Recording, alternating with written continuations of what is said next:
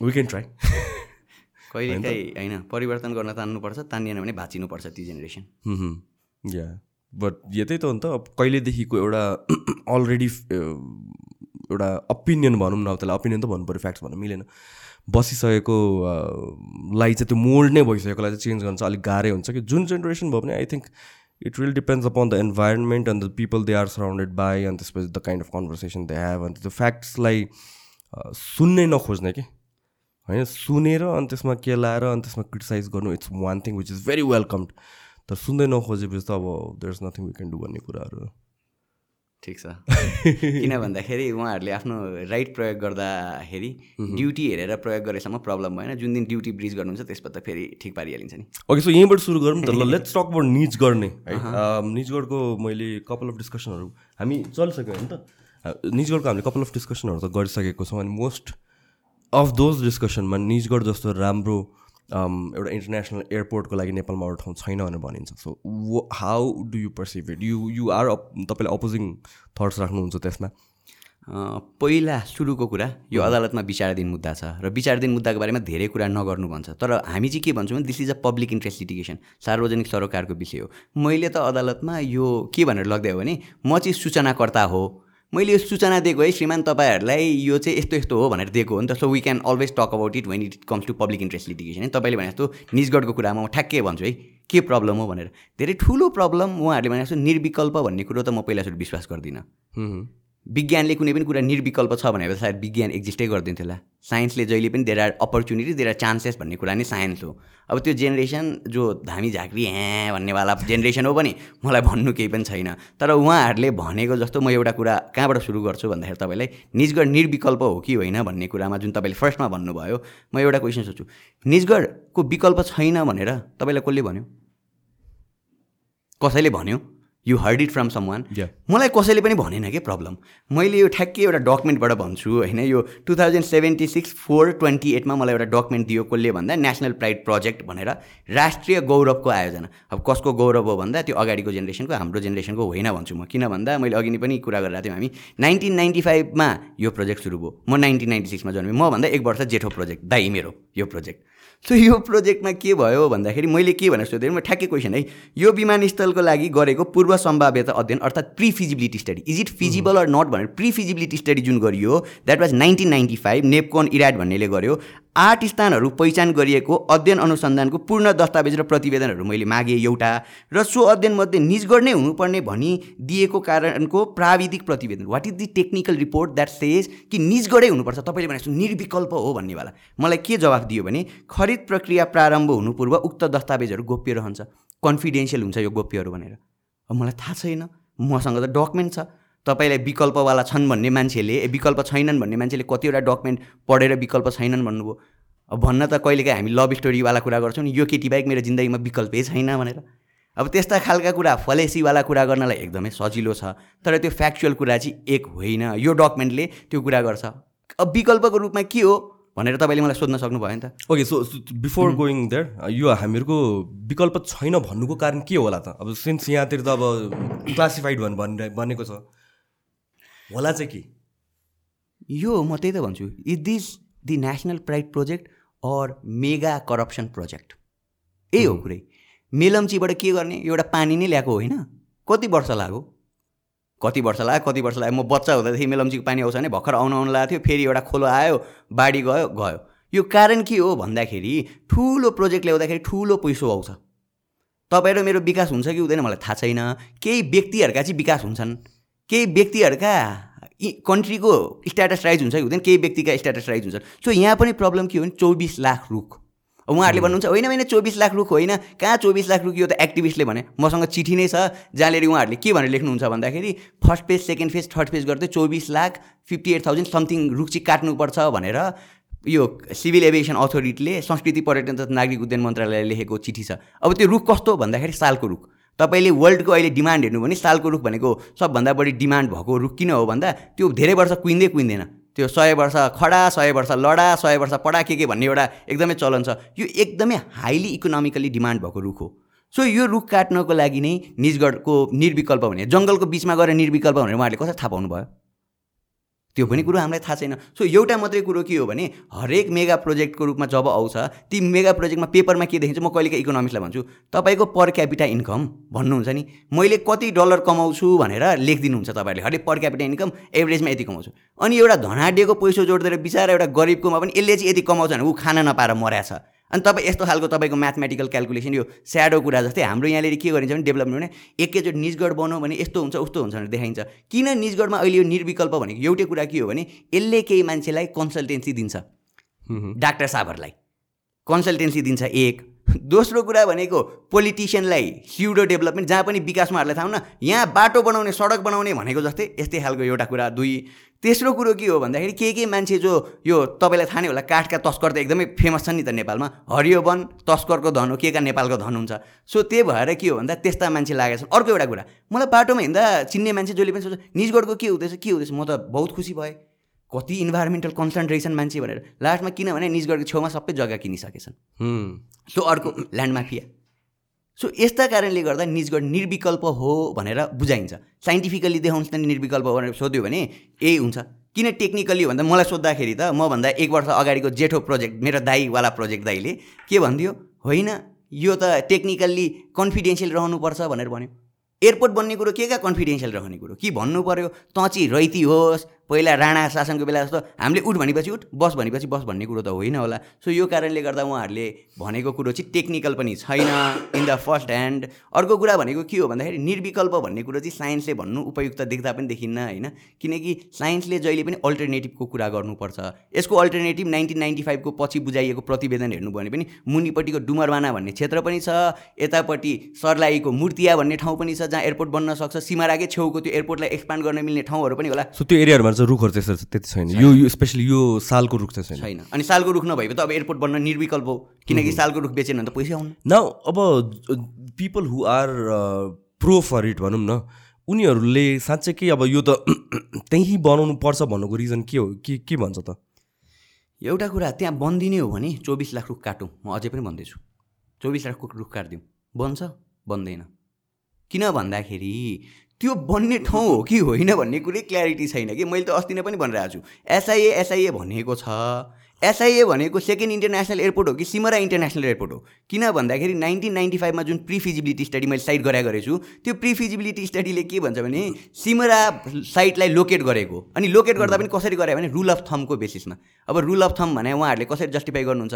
मलाई त पढाइएको rule of थम भनेको के हो भने यसो मेरो इन्ट्युसनले हेऱ्यो मेरो पहिलाको एक्सपिरियन्सले अनि मलाई यो ठिक लाग्यो भनिसकेपछि मैले सब्जेक्टिभली गरेको कुरा there is no objectivity in rule of thumb so केही पनि कन्भिन्सिङ म्याटर चाहिँ छैन अहिलेसम्म त्यो यहीँ गर्नुपर्छ भन्नेहरूको except for the fact that they are saying कि दिस इज कन्फिडेन्सियल यो एउटा हो कन्फिडेन्सियल अर्को एउटा कुरा पनि है निर्विकल्प निर्विकल्प भनिरहनु भएको छ नि। अब यो सायद यो विकास हामी त विकास विरोधी भयौँ त उहाँहरूको ट्याग लाइन विकास विरोधी बिरालो बाँधेर हुन्छ भन्नेवाला हामी मान्छेहरू।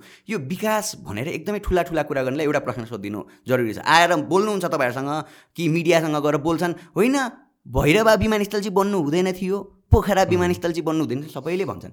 यो रिपोर्टमा टु थाउजन्ड इलेभेनको रिपोर्टसम्म के लेखिएको थियो भन्दाखेरि भैरवा विमानस्थल र पोखरा विमानस्थल चाहिँ जोग्राफिकल कन्टेन्टको कारणले गर्दा बन्न इम्पोसिबल छ भन्ने शब्द प्रयोग गर्छ। इम्पोसिबल इम्पोसिबल भने कहिले पनि बन्दैन भन्यो नि अहिले बन्यो। गो क्यानको टु थाउजन्ड एट्टिनको रिपोर्टमा के लेखेको छ भन्दा Pokhara regional airport Bhairahawa international airport भनेको छ। रिजनल कुन हो? पोखरा हो। अब यहाँ हेर्नुहोस् है उहाँहरूको साइन्सको पारामा तपाईँहरू हामी लाग्यौँ भने उहाँहरूका कग्निसन यस्ता डकुमेन्ट देखाइदिएको आधारमा मात्रै उहाँहरूले भने सुन्यो भन्दा। पोखराको विमानस्थल बनाइयो। अब अहिले के भन्दै हुन्छ? डाँडा काट्नुपर्छ भन्दै हुन्छ। अनि पहिलो त्यो एयरपोर्ट बनाउँदाखेरि चाहिँ डाँडा काट्नुपर्छ भन्ने चेतना नभएर के धामी उफारेर त्यहाँ गएर थाहा पाएको उहाँहरूले एयरपोर्ट बनाउनुपर्छ भन्ने। अहिले मैले यो कहाँ जोडिरहेको भन्दाखेरि भैरवा इन्टरनेसनल एयरपोर्ट बनिसकेपछि हाम्रो क्यापेसिटी केही न केही हिसाबले बढेको छ। सो हिजोसम्म इम्पोसिबल दुई हजार एघारमा इम्पोसिबल भने त आज पोसिबल भयो त। सो अब सरकारले के भन्न पाउँदैन नि? त्यो इम्पोसिबल हुँदाहुँदै पनि बनाएको हो भने जो जो कर्मचारीले त्यो बनाउन गरे भक् भैरवा विमानस्थल र यो पोखरा विमानस्थल हाम्रो करबाट तलब लिने बेलामा यत्रो धेरै कर काटेको भेटिन्छ जहिले पनि। मेरो करबाटको पैसा तिमीले हावामा हचुवामा उडायो तिनीहरूलाई कि कारवाही गरौँ? भैरवा र पोखरा बनाउनेलाई कारवाही गरौँ अनि निजगढ निर्विकल्प हो भनौँ। यदि निजगढ निर्विकल्प होइन भन्ने कुरा भन्नुहुन्छ भने उहाँहरूले दुईवटा एयरपोर्ट बनिसक्यो। अब म यो कहाँ जोड्छु भन्दा निर्विकल्प हुनुपर्छ भन्ने किन भने थाहा छ? यो वन ऐन भन्ने एउटा हाम्रो ऐन छ कि वनलाई संरक्षण गर्नको लागि। त्यसको सेक्सन फोर्टी टूले के भन्छ भन्दाखेरि यदि कुनै पनि नेसनल प्राइड प्रोजेक्ट यस्ता यस्ता कुराको लागि वन प्रयोग गर्ने बाहेक अन्य विकल्प नभएमा भनेर लेखाएको छ कि कानुनले। अब अन्य विकल्प छ भन्यो भने त कानुनले त्यसलाई छुनै दिँदैन सर्वोच्च अदालत छुनै दिँदैन अनि उहाँहरू के भन्नुहुन्छ? निर्विकल्प निर्विकल्प। त्यसमा एउटा लाइन पनि उहाँहरूले बिर्सिनुहुन्छ। अब बिचरा कतिजना त डाक्टर साहबहरू अरू अरूको एक्सपर्टिज हो नि त उहाँहरूको। अनि उहाँहरूले के बिर्सिनुहुन्छ भन्दा त्यही कानुनमा के लेखेको छ भने निर्विकल्प हुनुपर्ने र त्यसले चाहिँ एडभर्स इम्प्याक्ट इन्भाइरोमेन्टमा पार्नु नहुने भनेर लेखेको छ। अहिले निजगढमा चौबिस लाख रुख काट्दाखेरि एडभर्स इम्प्याक्ट पर्दैन भन्ने कुरा उहाँहरूले भन्न सक्नुहुन्छ? सक्नु हुँदैन के के विज्ञले के उदाहरण दिनुहुन्छ भने तपाईँलाई एकदमै अवगत हुनुहुन्छ स्मरण फेरि मैले गराएँ। निजगढ त यो नेपालभरिको वन कति पैँतालिस पर्सेन्ट कति कति वन पुगिसक्यो zero point something something something something मात्रै त हो भनेर भनिन्छ। तर उहाँ के बुझ्नुहुन्न भने उहाँ त्यसको विज्ञ होइन। फेरि त विज्ञ होस् भनेर सोध्नुवाला उहाँले। म पनि विज्ञ होइन म साइड गर्छु। Professor Keshav Bhattarai central Missouri university of central मिजौरीमा पढाउने प्रोफेसर जोग्राफीको प्रोफेसर जो यहाँ लेडीको सचिव पनि हुन्थ्यो उहाँले एउटा आर्टिकल लेख्नुभयो त्यहाँ बस्दा बस्दै उहाँले के भन्नुभयो भने किन इम्प्याक्टफुल छ भने जङ्गल भनेको त यताउता राखेको त्यो यसो नक्कली बोर्ड जस्तो त होइन।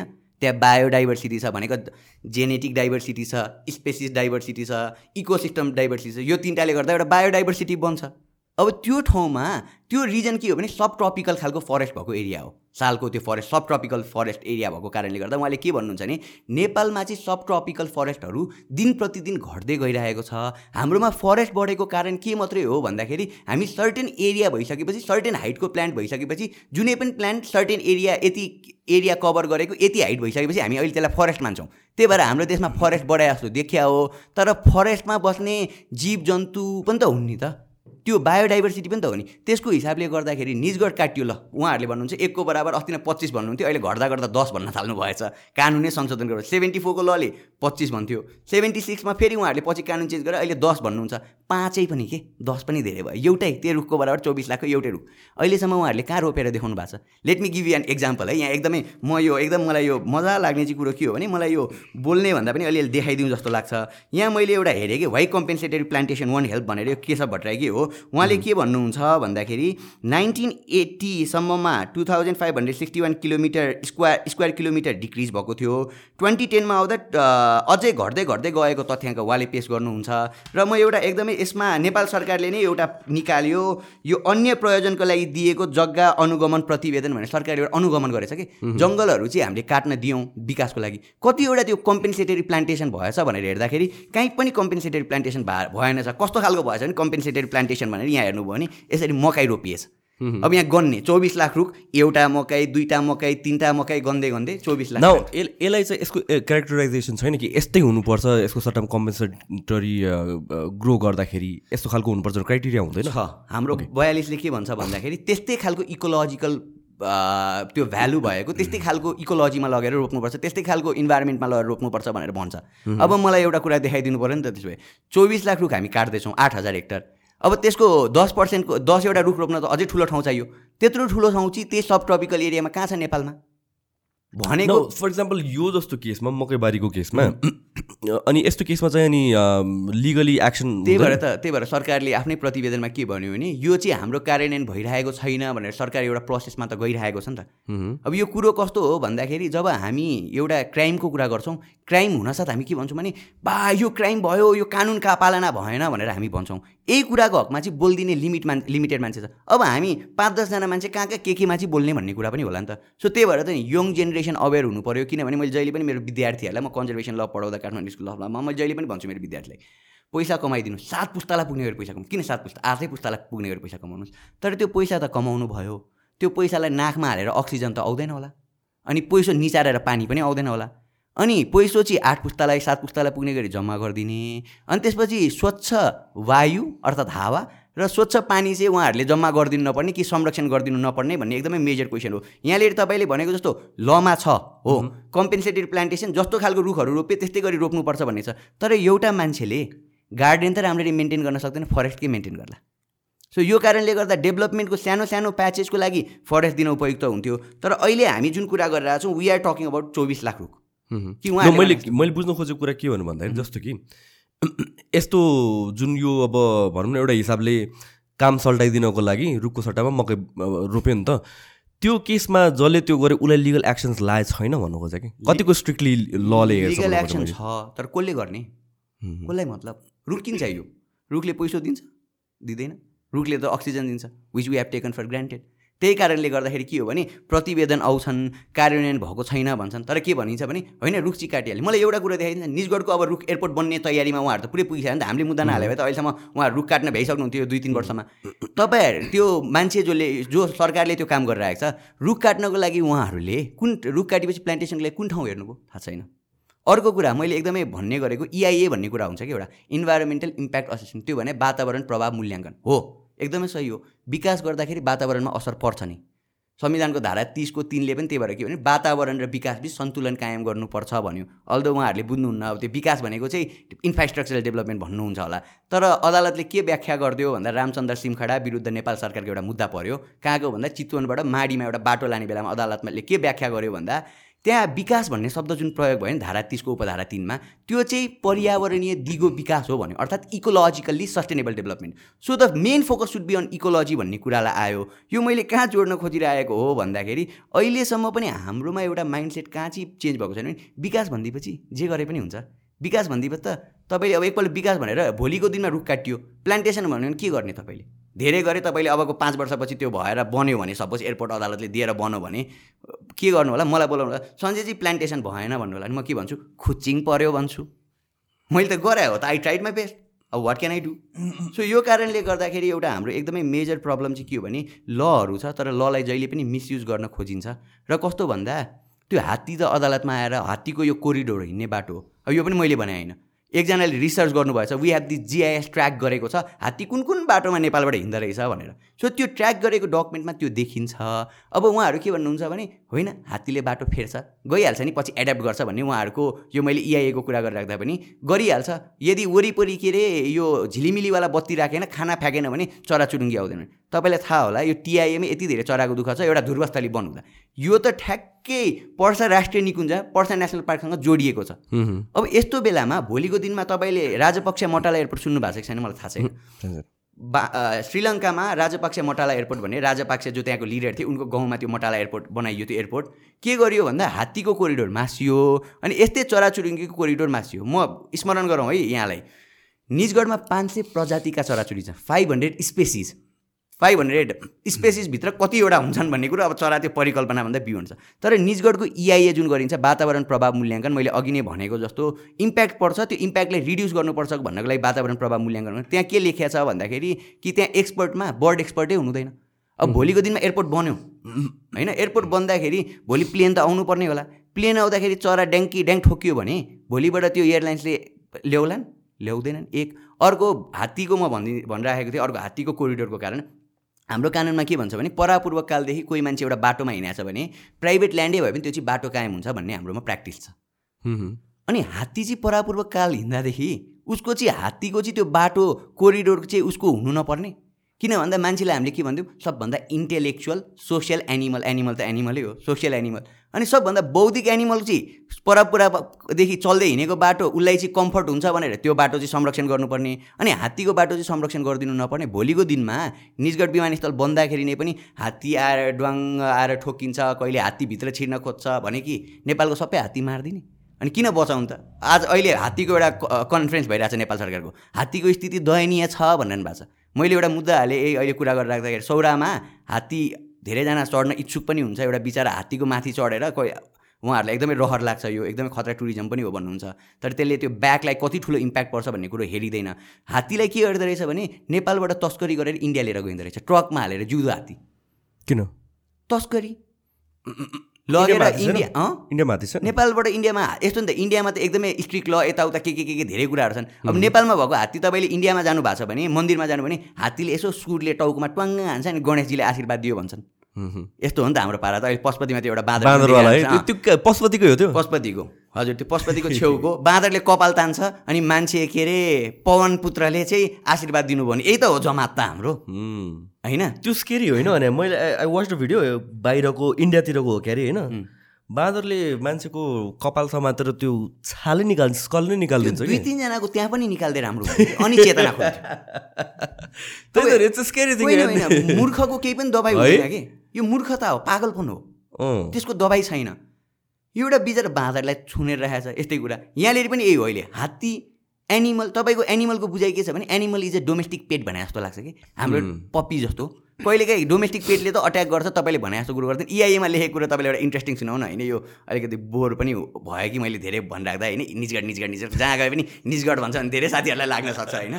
तर अब यो कस्तो भन्दा एउटा निजगढकोमा के भनेर लेखाएको छ भने कसरी यो वातावरणमा पर्ने प्रभावलाई घटाउने भन्दाखेरि निजगढ विमानस्थल बन्ने ठाउँमा जङ्गल काटिसकेपछि त्यहाँका जनावरहरू चाहिँ कहाँ जान्छन् भनेर त अब जिज्ञासा भयो नि त। कहाँ जान्छन् रे भन्दा पर्सा राष्ट्रिय निकुञ्ज जुन छ त्यसको छेउछेउको त्यो भित्र बााउन्ड्री एरियामा जङ्गल त छ नि त बााउन्ड्री साइडमा पहिला जान्छन् अरे जब प्लेन उड्न थाल्छ बस्न थाल्छ त्यसपछि चाहिँ त्यो जङ्गलभित्र छिर्छ अरे मलाई थाहा छैन यो जनावर यसरी रियाक्ट गर्छन् कि गर्दैनन्। हिँडेर अब उहाँहरूले ट्रेनिङ पनि पो दिनुहुन्छ कि?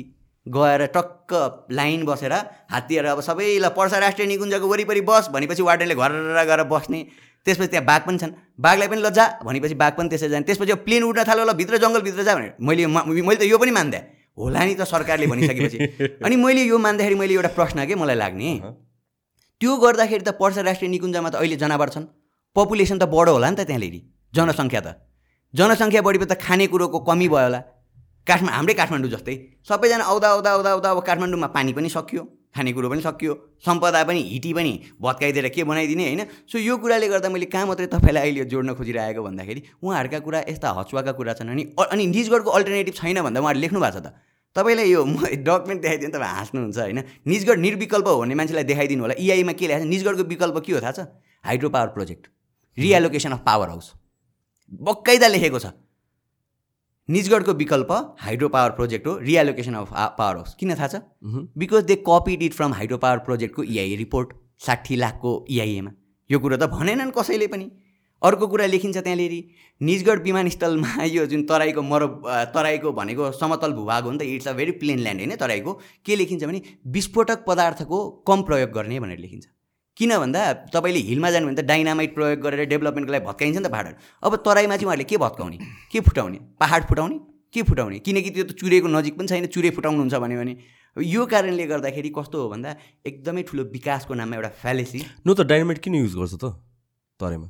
त्यही त कपी पेस्ट ए ए त्यो छ। त्यो लेखेको छ। त्यसमा चाहिँ मिटिगेटिङ मेजर के हो भने डाइनामाइट पड्कायो भने त इन्भाइरोमेन्टमा साउन्ड पल्युसन हुन्छ नि त। साउन्ड पल्युसन घटाउनको लागि चाहिँ कम डाइनामाइटको प्रयोग गर्ने भन्ने उहाँहरूको यो इन्भाइरोमेन्टमा पर्ने इम्प्याक्ट घटाउने कुरोमा चाहिँ उहाँहरू त्यो लेख्नुहुन्छ। अब अब मलाई कसैले सोध्यो भने के हो आजकल मैले के भन्नु निजगढको विकल्प कि hydro power project relocation of power हो साठी लाखको इआइएले त त्यही भन्छ साठी लाख। ओके। सो रिएलोकेसन गऱ्यो भने कसरी अल्टरनेटिभ हुन्छ त त्यो? किन भन्दाखेरि उहाँहरूले त्यही भन्नुहुन्छ किनकि हाइड्रो पावर प्रोजेक्टबाट चोरेर ल्याउनु भयो त्यो कुरा। अनि त्यो त उहाँहरूले भन्ने होला नि त। रियालो यो अल्टरनेटिभ छैन अल्टरनेटिभ छैन भन्दा त इआइएमा त हाइड्रो पावरलाई पनि अल्टरनेटिभ देखाउनु भएको छ उहाँहरूले। सो मैले यो जोकको पार्टमा यो जुन उहाँहरूको कपी पेस्टको पार्ट कहाँ भन्न खोजेँ भने हामी कलेजमा पढाउँछौँ। विद्यार्थीले एउटा शब्द कपी पेस्ट नगरोस् भनेर हामी चाहिँ त्यो सबै प्लेगरिजम चेक गर्नलाई हालिदिन्छौँ। अनि इआइएको हकमा चाहिँ केही पनि हेर्न पनि साठी लाख। कसको पैसा? तपाईँ र मेरो पैसा। एउटा मरिमरि बिहानदेखि गएर कलेजमा पढायो पढायो पढायो अनि तल पाउँदाखेरि यो कति के सेवा सुविधाको के वाला भनेर के के के भनेर कर यति धेरै काटिन्छ। एउटा सामान किन्न जानुहोस् कर काटिन्छ। उहाँहरूको त केही पनि गएको छैन नि त। सो यो कारणले गर्दाखेरि हाम्रो निजगढको हकमा चाहिँ के हो भन्दा यति धेरै प्रब्लम छ। मैले यो भन्यो भने त भनौँ न म हरेक क्लासमा निजगढको कुरा गर्छु। वर्षभरि निजगढकै कुरा गरिरहेको छु आजकल दुई एक दुई वर्षदेखि त। पुरै क्लास जान्छ होइन? सो यो कारणले गर्दाखेरि एकदमै मैले सिम्पली तपाईँलाई कन्क्लुड निजगढकै कुरा गर्दाखेरि चाहिँ के हो भन्दा एउटा कुरा प्रिफिजिबिलिटी स्टडी कहिले गरेँ भने नाइन्टिन नाइन्टी फाइभ मैले किन अघिदेखि यो बुढो प्रोजेक्ट भयो भने म तपाईँले अब तपाईँको म एज सोद्धिनँ होइन? तर के हो भन्दाखेरि तपाईँले पक्कै पनि देख्नुभयो एउटा समय थियो जब महाभारत भन्दै आउँथ्यो एन्टिना मिलाउनु पर्थ्यो। अहिले के छ? We have this hitech things होइन? आई वाचदेखि लिएर के के के के आइसक्यो। त्यतिखेर मान्छेले सोचेको थियो होला र आई वाच आउँछ भनेर। थाहा थिएन। पेजर थियो नि त। हाम्रो बाआमाले त पेजर बोक्नुहुन्थ्यो। नम्बर आयो अनि घरमा गएर फोन हेर्नु पर्थ्यो विज्ञान मैले देख्दा देख्दै कहाँबाट कहाँ पुगिसक्यो? अनि यो नाइन्टिन नाइन्टी फाइभको प्रतिवेदन त्यतिखेर निजगढ निर्विकल्प हो भने उहाँहरूले त्यही प्रतिवेदन साइड गर्नुहुन्छ तर डुमरबानालाई पनि भाइबल अप्सनको रूपमा त्यसमा हेरिया छ निजगढभन्दा तलको ठाउँलाई। तर यदि उहाँहरू भन्छ निजगढ निर्विकल्प भने कहिले निर्विकल्प थियो भने नाइन्टिन नाइन्टी फाइभमा निर्विकल्प निर्विकल्प थियो। टु थाउजन्ड इलेभेनसम्म निर्विकल्प थियो। जब भैरवा विमानस्थल बन्यो त्यति पछि निर्विकल्प होइन एक। तर यदि भैरवा विमानस्थल यसको विकल्प होइन भने भैरवा विमानस्थल बनाउनेलाई पहिला सुरु कारवाही गरियोस् भन्ने कुरा हो। र अर्को कुरा के हो भने नाइन्टिन नाइन्टी फाइभको रिपोर्टलाई अहिले आधिकारिक किन मान्न मिल्दैन? मैले अघि पनि भने साइन्स किप्स अन चेन्जिङ। अहिले साइन्स परिवर्तन भइसक्यो। साइन्स परिवर्तन हुँदाखेरि पनि उहाँहरूले परिवर्तनको हिसाबले हेर्न सक्नु भएको छैन। त्यही भएर हजुरबुवाहरू बिचरा नाइन्टिन नाइन्टी फाइभको बाजेहरू नाइन्टिन नाइन्टी फाइभको त्यो भूत अझै पनि छ कि उहाँहरूलाई? उहाँहरूले बिर्सिसक्नुभयो। पहिला पहिला त्यो स्नेक खेल्नेवाला फोन आउने र अहिले दे आर युजिङ त्यो स्मार्टफोन पटक पटकवाला फोन। होइन? सो यो कारणले गर्दा साइन्स परिवर्तनशील छ। त्यही भएर निजगढ हिजोका दिनमा निर्विकल्प भए पनि अहिले निर्विकल्प किन भनेर भने त्यही सेक्सन फोर्टी टू ढाट्नको लागि भनिरहेको। सो त्यो रिभिजिट अहिलेसम्म गरिएको छैन? It's all based on nineteen ninety फाइभको कुराहरू मैले के सोचेँ भने डिपिआर गर्नुपर्छ भन्ने हाम्रो कानुनी व्यवस्था छ कि? भनेको डिटेल प्रोजेक्ट रिपोर्ट ओके कुनै पनि डिटेल प्रोजेक्ट के कहाँ बनाउने भनेर गर्नुपर्छ। मैले त त्यो बनाएँ होला भनेर सोचेँ नि त। मैले के भने यही पत्रमा मैले सोधेँ। सो विमानस्थलको निर्माणको लागि गरिएको डिपिआर भनेर मैले मागेँ। अनि के भन्छ सरकार सुन्नुहोस् है। विमानस्थल निर्माणको सम्बन्धमा पर्याप्त रूपमा अध्ययन भइसकेको हुनाले डिपिआर आवश्यक नरहेको। पर्याप्त रूपमा अध्ययन भएको भने कि? नाइन्टिन नाइन्टी फाइभको रिपोर्ट अनि यो गरेको कारणले गर्दा अब डिपिआर पनि नचाहिने भन्नुहुन्छ उहाँहरू। सो कुरो के हो भन्दाखेरि सुशान्तजी एउटै कुरो के हो भने दे वान्ट सालको रुख। अनि मैले भने अर्को एउटा एकदम इन्ट्रेस्टिङ फ्याक्ट मैले तपाईँले यहाँ देखाउनु भन्नुपर्ने हुन्छ। नाइन्टिन नाइन्टी फाइभसम्म यो अहिलेको जुन क्षेत्र छ नि पर्सा राष्ट्रिय निकुञ्जभन्दा कति टाढा थियो भनेर सोध्नुहुन्छ भने लगभग बिस किलोमिटर टाढा थियो। नाइन्टिन नाइन्टी फाइभ पछि हामीले यहाँ के गऱ्यौँ भने let me read out to you होइन यो किन भन्दाखेरि एकदमै इम्पोर्टेन्ट पार्ट छ कि नाइन्टिन नाइन्टी फाइभ पछि के परिवर्तन भयो तैँले भने जस्तो टिभीको कुरा गरेर यहाँ एयरपोर्टको कुरामा मिल्छ र भनेर भन्नुहुन्छ उहाँहरूले। के हो भन्दा नाइन्टिन नाइन्टी फाइभ पछिको यहाँनिर तपाईँले पिक्चर हेर्नुभयो भने पहिला यो यहाँसम्म मात्रै थियो पर्सा निकुञ्ज। यो पर्सा निकुञ्ज पनि थिएन पर्सा नेसनल नेसनल पार्क थिएन।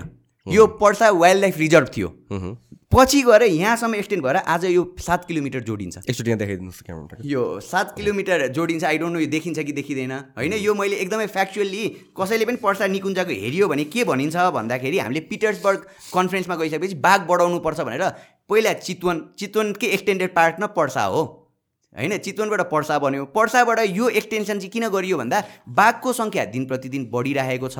त्यो बाघको सङ्ख्या बढिरहेको कारणले गर्दाखेरि के हो भन्दाखेरि यदि हामीले अहिले काम गरेनौँ भने चाहिँ बाघले बाघलाई अट्याक गरेर खान थाल्छ। कि सेर त जङ्गलमा त एकै सेर रेता आयो भन्नेवालै छ नि त होइन हाम्रो। अन्ली वान किङ लिभ के अरे लायन टाइगर लिप्स इन जङ्गल भन्ने पारामा। सो यो के हो भन्दाखेरि टु थाउजन्ड सेभेन्टी टूमा हामीले पर्सा वन्यजन्तु आरक्षण क्षेत्रलाई विस्तार गरे टु थाउजन्ड सेभेन्टी टूमा। यो सेभेन्टी टूमा विस्तार गरिसकेपछि सेभेन्टी फोरमा चाहिँ यो नेसनल पार्कको रूपमा अपडेट भयो वाइल्ड लाइफ रिजर्भबाट। अब आजको दिनमा नाइन्टिन नाइन्टी फाइभमा हेर्दाखेरि होला यो बिस किलोमिटर टाढा भएको कारणले गर्दा यसले नेसनल पार्कलाई इम्प्याक्ट गर्दैन थियो वाइल्ड लाइफ रिजर्भलाई इम्प्याक्ट गर्दैन तर यही कुरा है मैले भन्नै पर्छ। चितवनमा नजिकै भयो चितवन नेसनल पार्कको नजिक भएको कारणले गर्दाखेरि त्यहाँ एयरपोर्ट बनाउन पाइँदैन भनेर यो त्यही नाइन्टिन नाइन्टी फाइभको प्रिफिजिबिलिटी स्टडीले भन्छ। चितवनमा चाहिँ नि स्याङ वाइल्ड लाइफ सेङ्चुरीको कारण नजिक भएको कारणले गर्दा बनाउन नपाइने। नाइन्टिन नाइन्टी फाइभमा त्यो वाइल्ड लाइफ सेङ्चुरीको नजिक थिएन त्यही भएर ठिकै थियो होला। तर आज वाइल्ड लाइफ सेङ्चुरीको नजिक भइसकेपछि हामीले बनाउनु पाएनौँ दुईवटा कुरा। कि हामीलाई नेसनल पार्क चाहिँदैन। हामी यो नाटक नगरौँ। बाघ बचाए अहिले कन्फरेन्स भइरहेछ हात्ती बचाउने कन्फरेन्स नगरौँ। मैले भने। संविधानको धारा तिस पार्लियामेन्टले बनाएको हो जुनले के भन्छ भने स्वच्छ वातावरणको हक भनेर भन्छ त्योभित्र र एकाउन्नको छ जुनले चाहिँ वातावरण यस्ता प्राकृतिकहरू कुराहरूको संरक्षण गर्नुपर्छ भनेको छ त्यो कुरालाई यदि संरक्षण नगर्यो भने संविधानको धारा तिस खारेज गरिदिउँ पार्लियामेन्टबाट।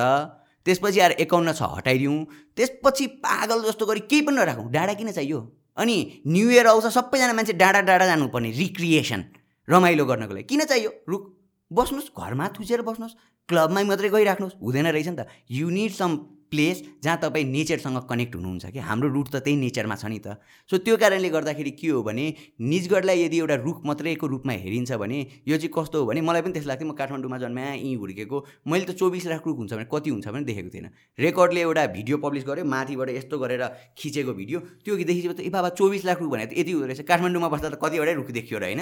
सो यो कारणले गर्दाखेरि के हो भन्दाखेरि निजगढलाई निर्विकल्प भन्ने मान्छेले एउटा जस्टिफिकेसन चाहिँ के दिनुपर्छ भन्दा त्यतिखेरको टाइममा थियो होला अङ्कलहरूको पालामा हजुरबाहरूको पालामा हजुरआमाहरूको पालामा। हाम्रो पालामा चाहिँ दिस इज नट निर्विकल्प। न अर्को पोइन्ट के भनिन्छ भनेपछि because it is away from मान्छेहरूको घरहरू एन्ड लिभिङ प्लेसबाट टाढा छ आइसोलेटेड छ त्यो कारणले चाहिँ न्युजहरूलाई बेस्ट प्लेस भनेर भनिन्छ। भेरी गुड इन्ट्रेस्टिङ विकासको लागि त मान्छेका घर पनि मास्नु पऱ्यो होला नि त। विकास हो नि त। त्यो जनावरको पनि त घर हो नि। तपाईँ कि त्यो मान्छे कस्तो कुरा गरिरहेको छ भन्दा यति त्यो ह्युमन सेन्ट्रिक कुरा गरिरहेको छ। मेरो घर मास्नलाई चाहिँ एक आना जग्गा पनि मेरो सरकारले बाटोको लागि लान लाग्यो भने चाहिँ म बिस वर्ष पनि मुद्दा लड्छु। अनि ती जनावर बिचरा बोल्न सक्दैन नि त। मैले अघि नै पनि भने हात्तीले आएर श्रीमानलाई श्रीमान यो मेरो घर हो मेरो हिँड्ने बाटो भनेर मुद्दा हालिदिन सकेको भए त यो प्रकाश मणि शर्मा सञ्जय अधिकारी जस्ता मान्छे अदालतमा जानै पर्दैन थियो होला। हामी त के भनिरहेको छौँ हामी यो बोल्न नसक्ने होइन। यिनीहरू बोल्छन्। यिनीहरू आफ्नो तरिकाले एक्सप्रेसन गर्छन् तर त्यो कुरा तिमीहरूले बुझ्दैनौ। त्यही कारणले गर्दाखेरि हामी के भनिरहेको छ भने हामी यिनीहरूको तर्फबाट एउटा पिटिसन लिएर आएको हो भनेर हामी अदालतमा गएको हौँ कि। सो मैले यो कहाँ जोड्न खोजिरहेको भन्दाखेरि तपाईँले भने जस्तो बस्ती चाहिँ विकासको लागि हटाउनु हुँदैन भनेर मान्छेहरू हुने कुरा गर्ने बस्तीबाट टाढा छ उहाँहरूको रिजनै त्यही हो। तर यदि विकास हो भने त त्यो बस्ती जुन छ त्यो बस्तीलाई पनि त हटाउनु पर्ने होला नि त। त्यो डक्ट्रिन अफ प्लेजर लाग्दैन कि? उहाँहरूले भनेको विकास जङ्गलमा गर्दाखेरि चाहिँ विकास विकास हुने। अनि बस्तीमा गर्दा चाहिँ विकास विकास नहुने भन्ने कुरा होइन। म तपाईँलाई स्मरण गराउन चाहन्छु स्टक होम कन्फरेन्सदेखि हामीले आजको दिनसम्म आउँदाखेरि सिकेको कुरा एउटा के हो भने तिनवटा पी हुन्छ। एउटा प्लानेट एउटा पिपल एउटा प्रफिट कम्पनीले प्रफिट हेर्ने हो। सरकारले जुन यो के अरे प्लानेटको कुरा गर्ने हो वेलफेयरको कुरा गर्ने हो। There government should always work for welfare पिपलले युटिलिटीको कुरा गर्ने हो। आज हामी सरकारसँग डिल गरिरहेछौँ। वेलफेयरको कुरा गरिरहेछौँ। ल ठिक छ। अझै पनि म अझै पनि के हो भने म इन्भाइरोमेन्टलिस्ट पनि होइन। इन्भाइरोमेन्टको कुरा पनि छोडिदिउँ। अस्ति अस्ति एकजनाले भन्दै हुन्थ्यो इन्भाइरोमेन्टलिस्टहरूले यस्तो भन्छ भनेर। किन? उहाँलाई चाहिँ अक्सिजन चाहिँदैन। उहाँ चाहिँ के? वातावरण विरोधी हो। होइन? Every one is an environmentalist मैले यो कहाँ जोड्न खोजिरहेको भने वातावरणको पक्षलाई छोडिदिउँ। अहिले यो आर्थिक मन्दी आइरहेछ नेपालमा। यो बेलामा पैसो कसले दिन्छ? एयरपोर्ट बनाउन। एउटा मेलम्ची बनाउन कहाँ कहाँबाट पैसा खोज्नु पऱ्यो उहाँ पोखरा बनाउन चाइना कसले पैसा दियो भैरवा बनाउनु त्यस्तै पैसा दियो। अनि अघि नै मैले भनेको राजापाक्सा मटाला एयरपोर्ट र अर्को एउटा कुन चाहिँ पोर्ट बनायो त्यसपछि श्रीलङ्काको अर्थतन्त्र ढलेर म फ्रेन्ड्स अफ अर्थ भन्ने एउटा हाम्रो अर्गनाइजेसन छ। त्यो अर्थ फ्रेन्ड्स अफ अर्थभित्रको साथीहरू श्री श्रीलङ्कामा पनि छन् भन्नुहुन्छ यो केरा नै कति सय रुपियाँ पुगो भनेर? अनि भोलिबाट what are you trying to give to the generation to come ऋण मैले मलाई यस्तो गर्दै पनि हुन्छ अर्को पनि कुरा। यो देशले ऋण बोक्योस् त्यो ऋणको भार मलाई नगरोस् मेरो ट्याक्सको पैसा त्यहाँ लगेर नहालोस्। पोसिबल छैन होला। भार त भोलि मलाई पनि आउला। हामीलाई पनि होला अनि हामी नेपाल छोडेर भाग्न सक्दैनौँ। उहाँहरूका सन्तति जसले यो पैसो खान्छ त्यो त छोडेर हिँड्ला। हामी त जान सक्दैनौँ। सो यो कारणले गर्दाखेरि पनि के हो भन्दाखेरि तपाईँले भने जस्तो बस्ती उठाएर विकास गर्न सकिन्न भन्ने उहाँहरूको यदि पर्सपेक्टिभ हो भने जनावरको पनि त्यो बस्ती हो घर हो इट्स अ कम्युनिटी त्यही भएर हामीले के भन्यौँ? जेनेटिक डाइभर्सिटी स्पेसिस डाइभर्सिटी र इकोसिस्टम जेनेटिकले स्पेसिसलाई बनाउँछ स्पेसिसले इकोसिस्टम बनाउँछ। त्यो सबैको स्म मिलन मात्रै बायोडाइभर्सिटी हो। त्यही भएर रुख भनेको यसो ठिङ्गिङ्ग उभिएको यो घर जस्तो होइन कि? It's a living place it's a breeding place it's a त्यो फिडिङ प्लेस त्यो कारणले गर्दाखेरि त्यसरी हेर्नुपर्छ। र मैले के भनिरहेको छु भने यो बस्ती उठाएर विकास गर्ने कुरोको पनि म विरोधी हो। त्यही भएर हामीले के हो भने पहिला सुरु प्लानेट हामीले के भन्यो भने बुलसाई मोडल भन्दाखेरि planet should be the major concert अघि नै मैले भने रामचन्द्र सिमखडाको मुद्दा कि भनौँ प्रकाश मणि शर्माको गोदावरी मार्बलको मुद्दा जहाँनिर गोदावरीलाई चाहिँ के भन्यो भने अदालतले बोलेको कुरा यो। अब योभन्दा उहाँहरूले कोही कोहीले भन्नुहुन्छ अदालतै विकास विरोधी छ भन्ने पनि होला। त्यस्ता अब रेकर्डेड भएको भए त लगेर मुद्दा चलाउनु हुन्थ्यो तर के हो भन्दाखेरि अदालतले भनेको कुरा गोदावरी मार्बलकोमा जनहित संरक्षण मञ्चले हालेको मुद्दा जहाँ म काम पनि गर्छु होइन? त्यहाँनिर हामीले भनेको त्यतिखेरको मुद्दाको कुरो के हो भने जैविक विविधताको सम्बन्धमा त त्यहाँनिर हिरा खानी र सुन खानी अदालतले प्रयोग गरे शब्द है आइएम कोटिङ फ्रम दि त्यही मुद्दा। हिरा खानी र सुन खानी भए पनि जैविक विविधता भएको ठाउँमा त्यस्तो खालको त्यत्रो हटस्पट भएको ठाउँमा त हिरा खानी खुन सुन खानी भए निकाल्ने त के खोस्रिन समेत पाइँदैन भनेर अदालतले बोलेको कुरा हो। त्यही भएर मैले अघि नै भने नि धारा तिस खारेज गरिदिउँ एकाउन्नको छ खारेज गरिदिउँ अनि त्यसपछि विकास भनेको कसको लागि? भन्दाखेरि ठेकदारको लागि अरूका लागि। अब तपाईँले यहाँ सुन्नुभयो होला हामी कति टाइम लड्यौँ त्यसको लागि। काठमाडौँ भ्यालीमा आदिवासीका घर सबै उठाइयो। बाटो विस्तार सडक विस्तार कसको लागि सडक विस्तार? हिटी मासिन्छन् हाम्रा। ढुङ्गेधारा हाम्रो मासिनु पर्ने। त्यसपछि आएर हाम्रो फल्चा मासिनु पर्ने। अनि भन्न चाहिँ के भन्ने? Kathmandu valley world heritage site. हामीले भने आजकल पनि मान्छेलाई धेरै कन्फ्युजन म विद्यार्थी छु कतिवटा वर्ल्ड हेरिटेज साइट छ भन्यो भने दसवटा बाह्रवटा भन्छन्। यो तिनवटा दरबार स्क्वायर अनि यो के अरे बौद्ध स्वयम्बु पशुपति चाङ्गु नारायण यसलाई सबैलाई एउटा एउटा विश्व सम्पदा भनेर मान्छेहरूको यो माइन्ड सेट छ। तर होइन। हाम्रोमा एउटा विश्व सम्पदा के हो भने काठमाडौँ उपत्यका विश्व सम्पदा हो अर्को लुम्बिनी विश्व सम्पदा हो अर्को भनेको हाम्रो चितवन नेसनल पार्क एउटा नेचुरल हेरिटेजको हिसाबले हो भने सगरमाथा नेसनल पार्क हो।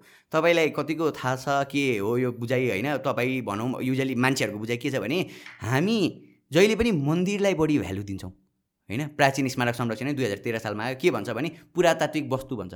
तपाईँ र मेरो भगवान् त उहाँहरूको लागि के हो? वस्तु हो। मेरो लागि त भगवान् हो। अनि त्यसपछि अब उहाँहरूले यही कुरा गरिराख्दा अहिले जुन तपाईँले बस्तीको कुरा गर्नु भने यो काठमाडौँ भ्यालीसँग एकदमै मिल्दोजुल्दो छ कि? काठमाडौँ भ्यालीमा यो भने विकास विकास विकास। ए बाबा यो काठमाडौँ भ्यालीलाई विकास चाहियो होइन? व्यवस्थापन चाहियो हो कि? विकास गरेर गर्नुहोस् न अरू ठाउँमा धेरै ठाउँमा छ कि बाटो बनाउनु पर्ने ठाउँ? अनि बाटो बनाउनुहुन्छ उहाँहरू डोजर लगेर कता कता खोसिरहेको डोजरको ड्राइभर चाहिँ विकासवादी उहाँहरूको। हामी त विकास विरोधी बिकज वी टक अबाउट इका इकोलोजिकली सस्टेनेबल डेभलपमेन्ट पर्यावरणीय दिगो विकास गर्न त हामी विकास विरोधी नि त उहाँहरूको लागि। सो यो के हो भन्दाखेरि बस्ती उठाएर विकास गर्ने कुरो पनि गलत हो। अब भोलिको दिनमा तपाईँले यो एयरपोर्ट साँच्चीकै निड हो कि वान्ट हो? मलाई थाहा छैन। टिआईको एक्जाम्पल देखुँदै गर्नुहुन्छ टिआईमा भरियो पपुलेसन तपाईँहरू बस्नुभएको छ नि टिआईबाट उड्नु हुँदैन कति टाइम हावामा उड्नुपर्छ अब भैरवा बनेपछि त केही हदसम्म त्यो सहज होला नि त। मलाई त के लाग्छ भने नेपालमा एउटा सिपोर्ट चाहिन्छ। किन भन्दाखेरि समुद्रको एउटा त्यो आउने बन्दरगाह जस्तो हामीलाई चाहिन्छ। किन कलकत्ताको प्रयोग गर्ने? समुद्रको लागि बन्दरगाह चाहिँ कलकत्ताको प्रयोग गर्न हुने एउटा ठुलो समुद्र बनाऊ हेर्नुहोस्। सुशान्तजी। किन भन्दाखेरि चाहियो नि विकासको लागि। बरु समुद्र बनाऊ। अब अनि भन्यो भने के भन्छ? हाँस्छन् होला नि त मलाई सुनेर। काहीँ समुद्र बनाउन पोसिबल छ? हो सबै इन्फ्रास्ट्रक्चर एउटा देशभित्र बनाउन सम्भव हुन सक्दैन। यो नेपाल कत्रो छ? एउटा इन्डियाको प्रान्त जस्तो? त्यत्रो होला नि। होइन? अब फेरि नेपालले भन्दा हाम्रा मुटु ठुलो छ। होइन? यो सानो के के के के यस्तो आउलान् तर के हो भन्दा देशको जोग्राफीको हिसाबले पनि हामीले के हेर्नुपर्छ भने ऱ्यासनालिटी नै के हो भने स्टक होमदेखि आएको कुरा। We need to learn to be rational we need to learn to be scientific त्यही कारणले गर्दा मैले के भने समुद्र बनाउने कुरा जति इरेसनल सुनिन्छ मान्छेलाई सुन्दा मलाई आज निस्क निजगढ बनाउने कुरो पनि यति नै इरेसनल सुनिन्छ। र बिक एउटा बस्तीलाई पुरै विस्थापित गरेर यदि उसलाई राम्ररी कम्पेन्सेसन दिन्न भने यदि त्यो इलिगल्ली बसेको बस्ती होइन भने अब इलिगल्ली बसेको बस्ती हो भने त अर्कै कुरो होला। तर यदि बस्तीलाई हटाएर विकास गरिन्छ भन्ने कुरा गर्दाखेरि कसको लागि विकास? आउने पुस्ताको लागि विकास भनिन्छ।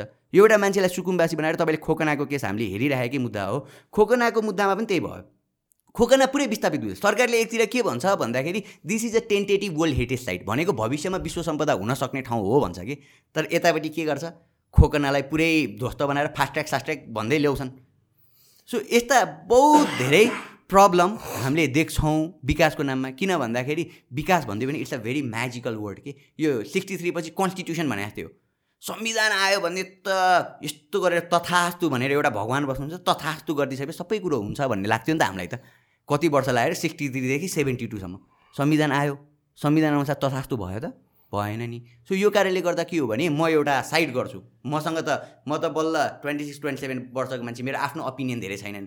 एउटा अमर सिंहे भन्ने एकजना इकोनोमिस्ट फ्रम श्रीलङ्का जो वर्ल्ड ब्याङ्कमा पनि काम गर्नुहुन्थ्यो उहाँले एउटा कुरा भन्नुहुन्छ कि एउटा आर्टिकल छ project project everywhere but no one knows how to run it भनेर उहाँले लेख्नु भएको छ एकदम इजिली एक्सेसिबल आर्टिकल हो। उहाँले के भन्नुहुन्छ भने कुनै पनि विकास मोनोकजियालिजम हुँदैन। एउटा कजले मात्रै चाहिँ एउटा एउटा मात्रै कजले गर्दा चाहिँ विकास यहाँबाट यहाँ खुद्रुको उब्रिन्छ भन्ने कुरो हुँदैन। फर्स्ट थिङ सेकेन्ड कुरा भनेको के हो भन्दाखेरि विकास भनेको एउटा स्ट्रेट लाइनमा जाँदैन। देयर आर कर्प्स कहिले काहीँ नेचरले गर्दाखेरि हुँदैन। हुन्छ। होइन तपाईँले जस्तै कृष्णवीरको सुन्नुभयो होला नि। कृष्णवीरको पहिरो आकुवाई आकुवाई गर्थ्यो सरकारले कति पैसा खर्च गर्यो? अहिले बिस्तारै कृष्णवीरको पहिरो चाहिँ कन्ट्रोल भयो भन्छ।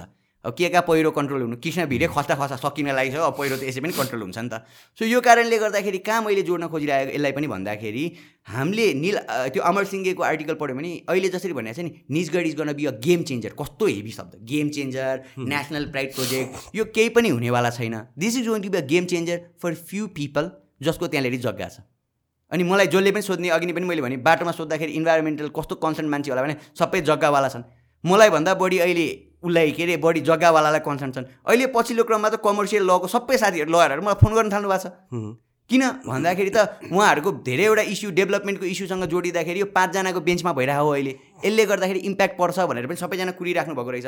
सो मैले भन्ने कुराको के हो भने जहिले पनि हाम्रो डेभलपमेन्ट के मैले भने अब मैले भने त नमाने पनि भयो नि त। सर्वोच्च अदालतले भनेको कुरो चाहिँ के हो भन्दाखेरि जहिले पनि विकास भनेको पर्यावरण रूपमा दिगो विकास हुनुपर्छ भनेर अब तपाईँहरू मान्नुहुन्न भनेको के हो भने मैले त गर्ने म त कानुनको अब लयर भएको कारणले गर्दा अझै लयर पनि भन्नु इन्ट्रेस्टेड छु होइन पब्लिक इन्ट्रेस्ट लिटिगेटेड भएको कारणले गर्दाखेरि संविधानको धारा एक सय अट्ठाइस बमोजिम तपाईँहरूलाई अवहेलनाको सजाय हालेर एक वर्षसम्म तपाईँहरूलाई जेल सजाय हुनुपर्छ भनेर निवेदन लिएर जाने हो। अब भोलि अदालत अदालतले तपाईँले एक वर्ष जेल सजाय हाल्छ हाल्दैन त मेरो कुरा होइन।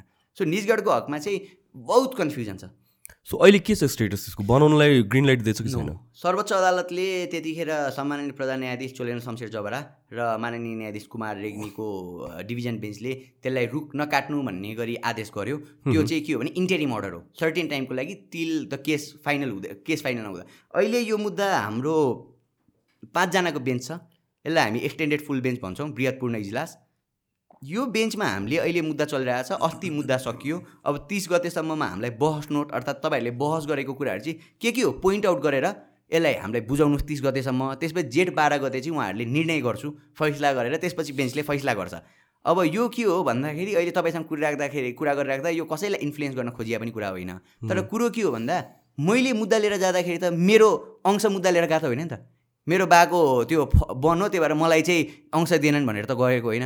एउटा कुरा के मात्रै हो भन्दाखेरि हामी जति पनि निवेदकले मुद्दा लिएर अराउन्ड आठजना हामी लयरहरू गएका हौँ त्यो मुद्दामा। सबै इन्भाइरोमेन्टमा काम गर्ने लयरहरू यसको लिड चाहिँ प्रकाश मणि शर्माले गर्नुभएको थियो। सो हामी यस्ता मान्छेहरू जाँदाखेरि हाम्रो एकदमै सिम्पल कुरा त्यतिखेर तपाईँले भने जस्तो अहिले हाम्रो स्ट्याटस चाहिँ के हो भन्दा बेन्चले बहस नोट मागेर अब हामी बहस सबैले गरिसकेको कारणले गर्दा अब हामी फैसलालाई कुरिरहेका छौँ।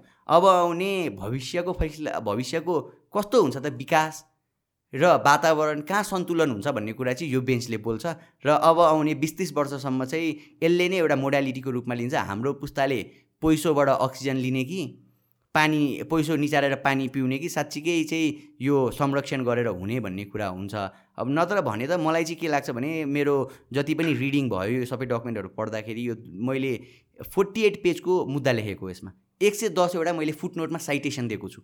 हरेक टाइम नेपाल डकु सरकारकै डकुमेन्ट साइड गरेको छु। मैले सबै डकुमेन्ट पढ्दा मलाई के लाग्छ भन्दाखेरि यदि यो निजगढ विमानस्थल बन्ने हो भने मधेसमा हामी सिभिल र पोलिटिकल राइटको धेरै कुरा गऱ्यौँ राजनैतिक अधिकारको धेरै कुरा भयो। तर एउटा यस्तो दयनीय अवस्था आउने मलाई डर छ कि त्यहाँनिर जब पानी पर्छ यो त भावर क्षेत्र हो चुरेको सबै पानी बगेर भावरमा आउँछ भावरले स्टोर गर्छ। सालको रुख भएको कारणले गर्दा त्यो रुटले एकदमै पक्रेर राखिरहन्छ र जब पानी सुखायाम हुन्छ त्यतिखेर बिस्तारै पानी जान्छ।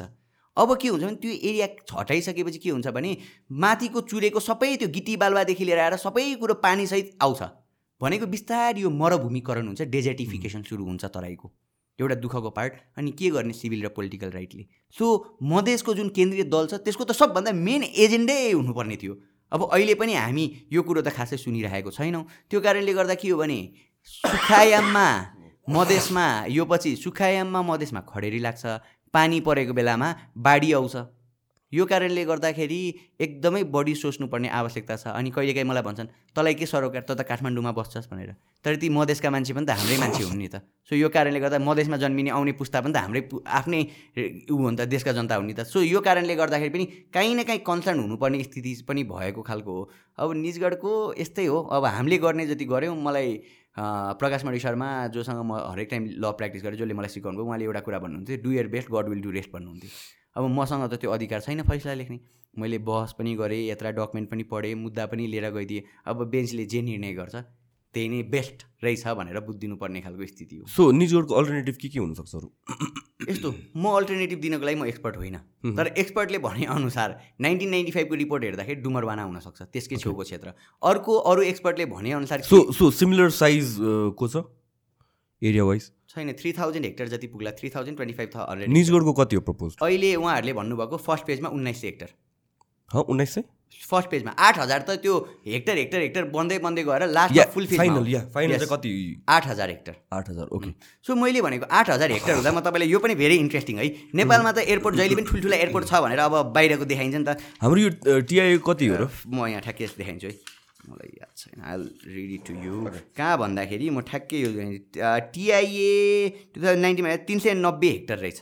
तिन सय नब्बे हेक्टर। अँ। ओके है त्यो ठ्याक्कै यही पार्ट तपाईँको। मलाई किन पागलपन जस्तो लाग्छ भनेर। किङ फहाद इन्टरनेसनल एयरपोर्ट भन्ने एउटा एयरपोर्ट रहेछ। यसको चाहिँ कति रहेछ भने hectare one ten hundred thousand ten thousand seventy eight thousand hectare रहेछ। ओके होइन? यसमा मान्छे कति आउँदो रहेछन् भने ninety six point nine lakh passenger आउने रहेछन्। पर डे यो पर इयर पर इयर होइन? सेभेन्टी एट थाउजन्ड हेक्टरमा है। अब रेट मी रिड यु वर्ल्डको बिगेस्ट एयरपोर्टहरू होइन? यो त अहिले हामीले बिगेस्ट भन्यौँ। यहाँ मैले बिगेस्ट अँ ओके यो ज्याक्सनको यो एटलान्टा इन्टरनेसनल एयरपोर्ट यो चाहिँ कति रहेछ भन्दाखेरि वान टेन्स हन्ड्रेड थाउजन्ड। एक lakh uh sorry one tens hundred thousand one thousand nine hundred two हेक्टरमा रहेछ। One thousand nine hundred nine hundred मात्र। हजुर ओके नाइन्टिन हन्ड्रेड हेक्टरमा रहेछ। यसमा चाहिँ लगभग थाउजन्ड लगभग एकदमै यो यसको कम्पेरिजनमा लगभग करोडौँमा पेसेन्जर आउँदो रहेछन्। त्योभन्दा बेसी? Okay despite being smaller yes किनभने यो म म फेरि पनि भनिरहेको छु म एयरपोर्टको विज्ञ होइन है. तर मैले के भनिरहेको आएको भने कुनै पनि इन्फ्रास्ट्रक्चर बनाउँदाखेरि ठुलो बनाएर त काम हुने होइन होला नि त। त्यो कुन लोकेसनमा छ भन्ने कुरा हो। यतापट्टि चाइना छ यतापट्टि इन्डिया छ। चाइना र इन्डिया भरपुर रूपमा इन्टरनेसनल एयरपोर्ट बनाइरहेका छन् होइन पहिलासम्म त्यो गोरखपुरमा पनि अहिले एउटा इन्टरनेसनल एयरपोर्ट आउन थाल्यो। अनि चाइना र इन्डियाले सबै कुरो छोडेर नेपालमा चाहिँ इन्टरनेसनल एयरपोर्टमा चाहिँ हब हुन्छ भनेर उहाँहरूले जुन भन्नुहुन्छ मैले यो मैले होइन है प्रोफेसर भट्टराईकै आर्टिकलबाट म साइड गर्छु। उहाँले के भन्नुहुन्छ भने नेपाल चाहिँ इन्टरनेसनल ट्रान्जिट हब हुन किन सक्दैन भन्दा नेपालको पहिलो जोग्राफिकल टेरेनको हिसाबले हामी एकदमै गाह्रो खालको फ्लाइटवाला ठाउँमा छौँ। अर्को दोस्रो कुरा भनेको के भन्नुहुन्छ भने प्रोफेसर भट्टराई र अर्को युवराज बस्नेत भन्ने जसले चालिस वर्ष प्लेन उडाउनु भएको छ उहाँले के भन्नुहुन्छ भने हाम्रो लोकेसनबाट जति गरे पनि उहाँहरूले भन्नुहुन्छ नि यहाँ अहिलेको ठाउँबाट चाहिँ इन्डियामा जानु पर्दैन इन्डियाको पर्मिसन लिनु पर्दैन। कहिलेका इन्डियाको पर्मिसन लिनुपर्ने अवस्था हुन्छ भनेर उहाँहरूले भन्नुहुन्छ। सो यो कुरा के हो भन्दाखेरि नेपालमै विमानस्थल च विमान चढ्न आउने चाहिँ के पर्यटकलाई विमान चढ्न बोलाउने? नेपालमा आउनुहोस् आउनुहोस् भन्ने। अनि अर्को एउटा केशव भट्टराईले भने एकदम इन्ट्रेस्टिङ इक्जाम्पल छाङ्गी इन्टरनेसनल एयरपोर्टको त्यो सिङ्गापुरवाला एयरपोर्टको उहाँले भन्नुहुन्छ। एकपल्ट त्यो चाङ्गी इन्टरनेसनल एयरपोर्ट बन्द हुने अवस्थामा पुग्यो किन भन्दाखेरि सिङ्गापुरमा त्यो प्लेनको कमी भयो अरे कि प्लेन के हो ट्रान्जिट भने त एउटा प्लेन जाने त्यो मान्छेलाई त्यहाँ ल्याउने त्यहाँबाट कार्टर एक ठाउँमा जम्मा गरेर कहीँ लिएर जाने। अब नेपालले चाहिँ जम्मा गरेर लिएर कहाँ जाने? अनि नेपालको कतिवटा प्लेन छ अरे त्यो पनि स्मरण होस् न फ्याक्ट पनि हेर्नु पऱ्यो नि भने। एकैचोटि ठुलो अब मैले अस्ति अघि नै पनि भने नि इच्छा त जे पनि हुनसक्छ नि। होइन? इच्छा त कतिजनाले एकैचोटि सलमान खान जतिकै खतरा हौँ भन्ने पनि होला तर सबैजना त सलमान खान हुँदैन नि त। तर आवश्यकता के हो भन्ने कुराले डिटर्माइन गर्छ। फेरि पनि मैले अगाडिको कुरो जोडेँ। मलाई त इच्छा त एउटा समुद्र पनि नेपालमा भइदिए बिचमा सुतेर कति रमाइलो हुन्थ्यो होला। होइन? तर इच्छाले हुँदैन रहेछ नि त। आवश्यकता त्यो होइन। सो सो नेपालमा चाहिँ प्यासेन्जर्स कति आउँछ इयरली रफली नेपालमा यो त्रिवेणी इन्टरनेसनल एयरपोर्टको अस्ति टु थाउजन्ड नाइन्टिनको यो डेटा हेर्दाखेरि सेभेन्टी थ्री लाख जति त्यस्तो सेभेन्टी थ्री लाख हजुर। सेभेन्टी थ्री लाख होइन? एटलान्टामा कति भन्नुभयो तपाईँले? यो एकछिन है one zero seven three lakh लेखेको छ यो document one zero seven three lakh. So यसरी यो त्यो भनेको इन्टु फिफ्टिन टाइम्स नै बेसी आउँछ। एकदमै। फिफ्टिन एक्स नै आउने भयो बेसी होइन? उन्नाइस सय दुई हेक्टर हुँदाखेरि है। उन्नाइस सय दुई हेक्टर। हामीहरू पुगेर proposing eight thousand hectare eight thousand hectare हुँदाखेरि कत्रो हुन्छ है यो इन्टरनेसनल एयरपोर्ट म तपाईँलाई वर्ल्डको उसमा पनि भनिदिन्छु पहिलो किङ फहाद सेभेन्टी एट थाउजन्डमा रहेछ। Denver international airport thou thirteen thousand seven hundred twenty six हेक्टरमा रहेछ। डिफ्रेन्स हेर्नुहोस् है seventy eight thousand thirteen thousand seven hundred twenty six hectare अनि डालास रहेछ seventy eight thousand uh sorry seven thousand eight hundred हेक्टरमा सात हजार आठ सय। हाम्रो छ आठ हजार। भनेको हामी थर्डको वर्ल्ड लार्जेस्ट एयरपोर्ट हुन्छौँ। र यो एयरपोर्ट भइसकेपछि हामी गिनिज बुकमा नाम लेखाउँछौँ। तर टुरिस्टहरू पनि आउनु पऱ्यो होइन। टुरिस्ट त एयरपोर्ट चढ्न आउँदैन र। त्यही त भन्नु? स्मार्ट सिटी हुन्छ। स्मार्ट सिटीमा आएर चट्ट बर्गर खाँदै पिज्जा खाँदै हेर्नलाई आउँछन् नि त। टुरिस्ट त नेपालमा त्यही गर्न त आउने हुन्। बुझाइ त त्यही छ। तर होइन लेट मी गिभ यु एउटा अर्को साइटे अर्को एउटा फ्याक्ट नेपालमा सबभन्दा बढी टुरिस्ट आउने भनेको हामी संस्कृति सम्पदा सम्पदा भन्छौँ। त्यसको लागि मात्रै होइन। यो परिय पर्यटन। इको टुरिज्मको लागि नै आउँछन्। हिमाल चढ्नलाई आउँछन् नेसनल पार्क हेर्नलाई आउँछन् अनि पार्स पर्सा राष्ट्रिय निकुञ्जको छेउमा एयरपोर्ट चढेर एयरपोर्टबाट ग्रुपको उफ्रेर प्लेनबाटै चट्ट पर्सा राष्ट्रिय निकुञ्जमा चढ्ने। अनि झर्दाखेरि चाहिँ के हुन्छ भन्दा जनावर चाहिँ हुँदैन। यसो रुखहरू चाहिँ बाँकी हुन्छन्। किनकि एयरपोर्टको कारणले गर्दा जनावर त सबै त्यहाँबाट पनि डिस्प्लेस हुन्छन्। अब यति मात्रै हामीले चाहेको हो भने हाम्रो इच्छा हो भने मेरो समुद्र बनाउने इच्छा जस्तै बनाऊ। अब होइन भने मेरो समुद्र बनाउने इच्छा चाहिँ तेरो पागलपन हो भने तपाईँहरूको पनि पागलपन हो। त्यो जसले भनेर चाहिँ त्यसको पनि पागलपन हो सो एटलान्टाको डेटा हेर्ने हो भने इफ त्यसरी नै म्यानेज गर्न सक्यो भने त्यसरी नै म्यानेज गर्न सक्यो भने एट थाउजन्ड हेक्टरको एयरपोर्टलाई युटिलाइज गर्नु पऱ्यो भने अहिले जति टिआइएमा आइरहेछ त्योभन्दा सिक्सटी टाइम्स मोर टुरिस्ट आयो भने मात्र इट वुड एक्चुली मेक मलाई एउटा सुजनजी एउटा म कुरा भन्छु है भर्खरै इन्टरनेसनल हाम्रो त्रिवेणी इन्टरनेसनल एयरपोर्ट चौबिस घन्टा चल्ने भनेर भन्यो। पहिला चल्थेन? चल्थेन। ए हो र फिफ्टिन सिक्सटिन आवर्स चल्थ्यो। त्यो पनि पछि अझै थपियो योगेशजी हुँदाखेरि थपाए जस्तो लाग्छ मलाई को हुँदाखेरि थपायो मलाई ठ्याक्कै थाहा छैन तर पछि थपायो चौबिस घन्टा हाम्रोमा चल्दैन थियो मैले भने चौबिस घन्टा हाम्रोमा एयरपोर्ट चल्यो भने त्यत्तिकै लोड घट्यो एक है हेर्नुहोस् है अहिले टिआईको हकमा पनि। न तर त्यहाँ अर्को रनवे बनाउन सकिन्छ कि सकिँदैन त? यो वर्ल्ड ब्याङ्क कि एडिबीले एउटा बिचमा एउटा के गर्न खोजेको थियो त्यहाँ केही न केही एक्सपान्सनहरू गर्न चाहिँ खोजिएको थियो अब यो टेक्निकल पार्ट भयो यो मेरो एक्सपर्टिजको विषय भएन। म के भने म आफ्नो एक्सपर्टिज बाहेक अरू धेरै कुरो बोल्दिनँ। तर कहाँ हो भन्दाखेरि एउटा कुरो चाहिँ मलाई थाहा भएको कुरो के हो भने हामी जाँदाखेरि पनि प्रब्लम कहाँ हो भन्दाखेरि डोमेस्टिक एयरपोर्टको रूपमा पनि त टिआई युज भइरहेको छ it's not an international airport मात्रै। बरु डोमेस्टिक एयरपोर्ट चाहिँ अरूतिर बनाऊ न यसलाई चाहिँ इन्टरनेसनल एयरपोर्ट बनाइदिउँ न। अनि उहाँहरूले यो के ठुल्ठुलो बोइङ प्लेन आउन सक्दैन के के आउन सक्दैन भन्नेवाला कुरा गर्नुहुन्छ। सब सबै कुरो आउनुपर्छ भन्ने छैन कि नेपालमा। There are something called absolute advantage त्यो इकोनोमिक्सले त मैले भन्दा बढी इकोनोमिक्सले त मैले भन्दा बढी बुझ्नुपर्ने एउटा कम्पेरिटिभ एडभान्टेज हुन्छ एउटा एब्सोल्युट एडभान्टेज नेपालको एब्सोल्युट एडभान्टेज भनेको चाहिँ हाम्रो सांस्कृतिक सम्पदा र प्राकृतिक सम्पदा हो। त्यही कारणले गर्दा एयरपोर्टमा आउनको लागि हामीले अघि नै तपाईँले राइटली पोइन्ट आउट गर्नुभयो if we are able to manage यसलाई भैरवालाई हेरौँ पोखरालाई हेरौँ त्यसपछि हामी डिसाइड गरौँ न अर्को एयरपोर्ट चाहिने हो कि होइन। भैरवा फेलियर बनाउने बेला बनाउने बनाउने भैरवाको अहिलेसम्म इन्डियाले स्वीकृति दिएको छैन भनेर अस्ति नै बोलियो। ओके। अनि मैले भनेको ए बाबा आफ्नो छिमेकीलाई कन्भिन्स गर्न नसक्ने कन्भिन्स गर्नु पऱ्यो नि। भैरवा एयरपोर्ट कत्रो छ साइज साइज साइज चाहिँ म ठ्याक्कै? सक्दिनँ। तर एउटा कुरा म कहाँ चाहिँ भन्न सक्छु भन्दा भैरवामा उहाँहरूले भनेको प्रब्लम के हो भने हामी जब त्यो उड्छौँ उड्दाखेरि चाहिँ हामी इन्डियाको ठाउँमा जान्छौँ भन्नेवाला कुरा छ। तर कतिवटा एयरपोर्ट कस्ता छन् भने एकतिर एउटा देश एकतिर अर्को देश बिचमा बसेर पनि एयरपोर्टहरू बनेका इन्टरनेसनल प्र्याक्टिसेसहरू पनि रहेछन् भन्ने कुरा पनि सुन्नमा आएको छ। त्यही कारणले गर्दा के हो भने तपाईँ डिप्लोमेसी फेलियर हुने इन्डियासँग सहमति गर्न नसक्ने इन्डियालाई कन्भिन्स गर्न नसक्ने अनि त्यसपछि आएर निर्विकल्प निर्विकल्प भन्ने इन्डियालाई कन्भिन्स गर्ने हो भने त हामीले त्यसपछि त अरू ठाउँ अहिलेसम्म के भन्यो भने विज्ञहरूले के भन्नु हुँदो रहेछ भने युवराज बस्ने सर अरू अरूले विज्ञहरूको मैले सुनेको थिएँ अदालतमा बस पनि के भन्यो भन्दाखेरि विज्ञहरूले भन्दाखेरि अहिलेसम्म हाम्रोमा प्लेन जुन उड्छ त्यो त एउटा ठाउँबाट प्रवेश गर्नुपर्छ। त्यो प्रवेश गर्ने ठाउँ चाहिँ सिमरा हो भनेर भन्यो कि? ओके सो सिमराबाट प्रवेश गर्छन् बिस्तारै यतापट्टि आउँछ भन्ने खालको कुरा गरियो। टेक्निकल पार्ट मेरो पार्ट त होइन। तर के हो भने मैले भन्न सक्ने है यो मुद्दामा मैले भन्न सक्ने कुरा के हो भने पहिला सुरु हामी म्यानेजमेन्टलाई फोकस गरौँ। किनकि ठुलो घर बनाएर पनि म्यानेज गरिएन भने त्यो ठुलो घर बनाउनुको कुनै पनि तुक छैन। त्यही कारणले गर्दा अलिकति मैले रिक्वेस्ट गर्नुपर्ने सायद यङ जेनेरेसनलाई रिक्वेस्ट गर्नुपर्ने कुरो चाहिँ के हो भन्दाखेरि कग्निसनले मात्रै चल्दैन लजिकले मात्रै लाइफ चल्दैन। टू प्लस टू लाइफमा फोर हुँदैन जहिले पनि। त्यही भएर मैले कहिलेकाहीँ मेरो विद्यार्थीले मलाई सोध्छन् मैले काष्ठमण्डपको मुद्दा हालेँ। काष्ठमण्डपको मुद्दामा के भयो भने गुरु गोरखनाथको त्यहाँ मूर्ति थियो र चारवटा गणेशको मूर्ति थियो। ओके। धेरैजनाले भन्नुहुन्छ त्यो सतल हो त्यहाँनिर यो मूर्ति पछि राखिएको हो राणा शाहको बेलामा आएर राखेको हो यो चाहिँ नेवा आदिवासीहरूको होइन भन्नुहुन्छ। अनि होइन भने अहिले नयाँ बनाएर चाहिँ फेरि किन राखेको त? होइन भने त नराखे भए हुन्थ्यो नि त बरु। अनि त्यो पुरानो मूर्तिलाई चाहिँ कहाँ राख्ने रे भन्दाखेरि लगेर म्युजियममा राख्ने रे। फर द टाइम बिङ मात्र कि permanently permanently they have already replaced हो र? यस नयाँ मूर्ति बनाएर। अनि म गएँ ढोग्नलाई भयो अनि अनि काठमाडौँमा राख्ने चाहिँ के अरे काष्ठमण्डपमा उहाँहरूले अहिले के गर्नु नयाँ मूर्ति बनाउनु भयो। गणेशको ए के अरे गणेशको मूर्ति पनि चारवटा नयाँ बनाइसक्नु भयो। गोरखनाथको मूर्ति पनि बनाइसक्नु भयो। अनि उहाँहरूको रिजन चाहिँ के भन्दाखेरि यो शास्त्रले चाहिँ फुट्या मूर्ति पूजा गर्न दिँदैन मैले पनि शास्त्र हेरेँ। अब अलिअलि टुप्पी पनि छ। होइन?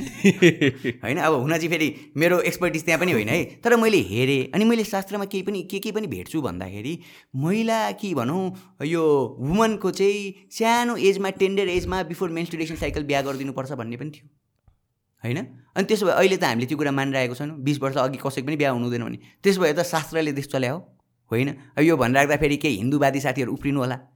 तैँले भनेर हुन्छ शास्त्रले देश नचलेको भनेर।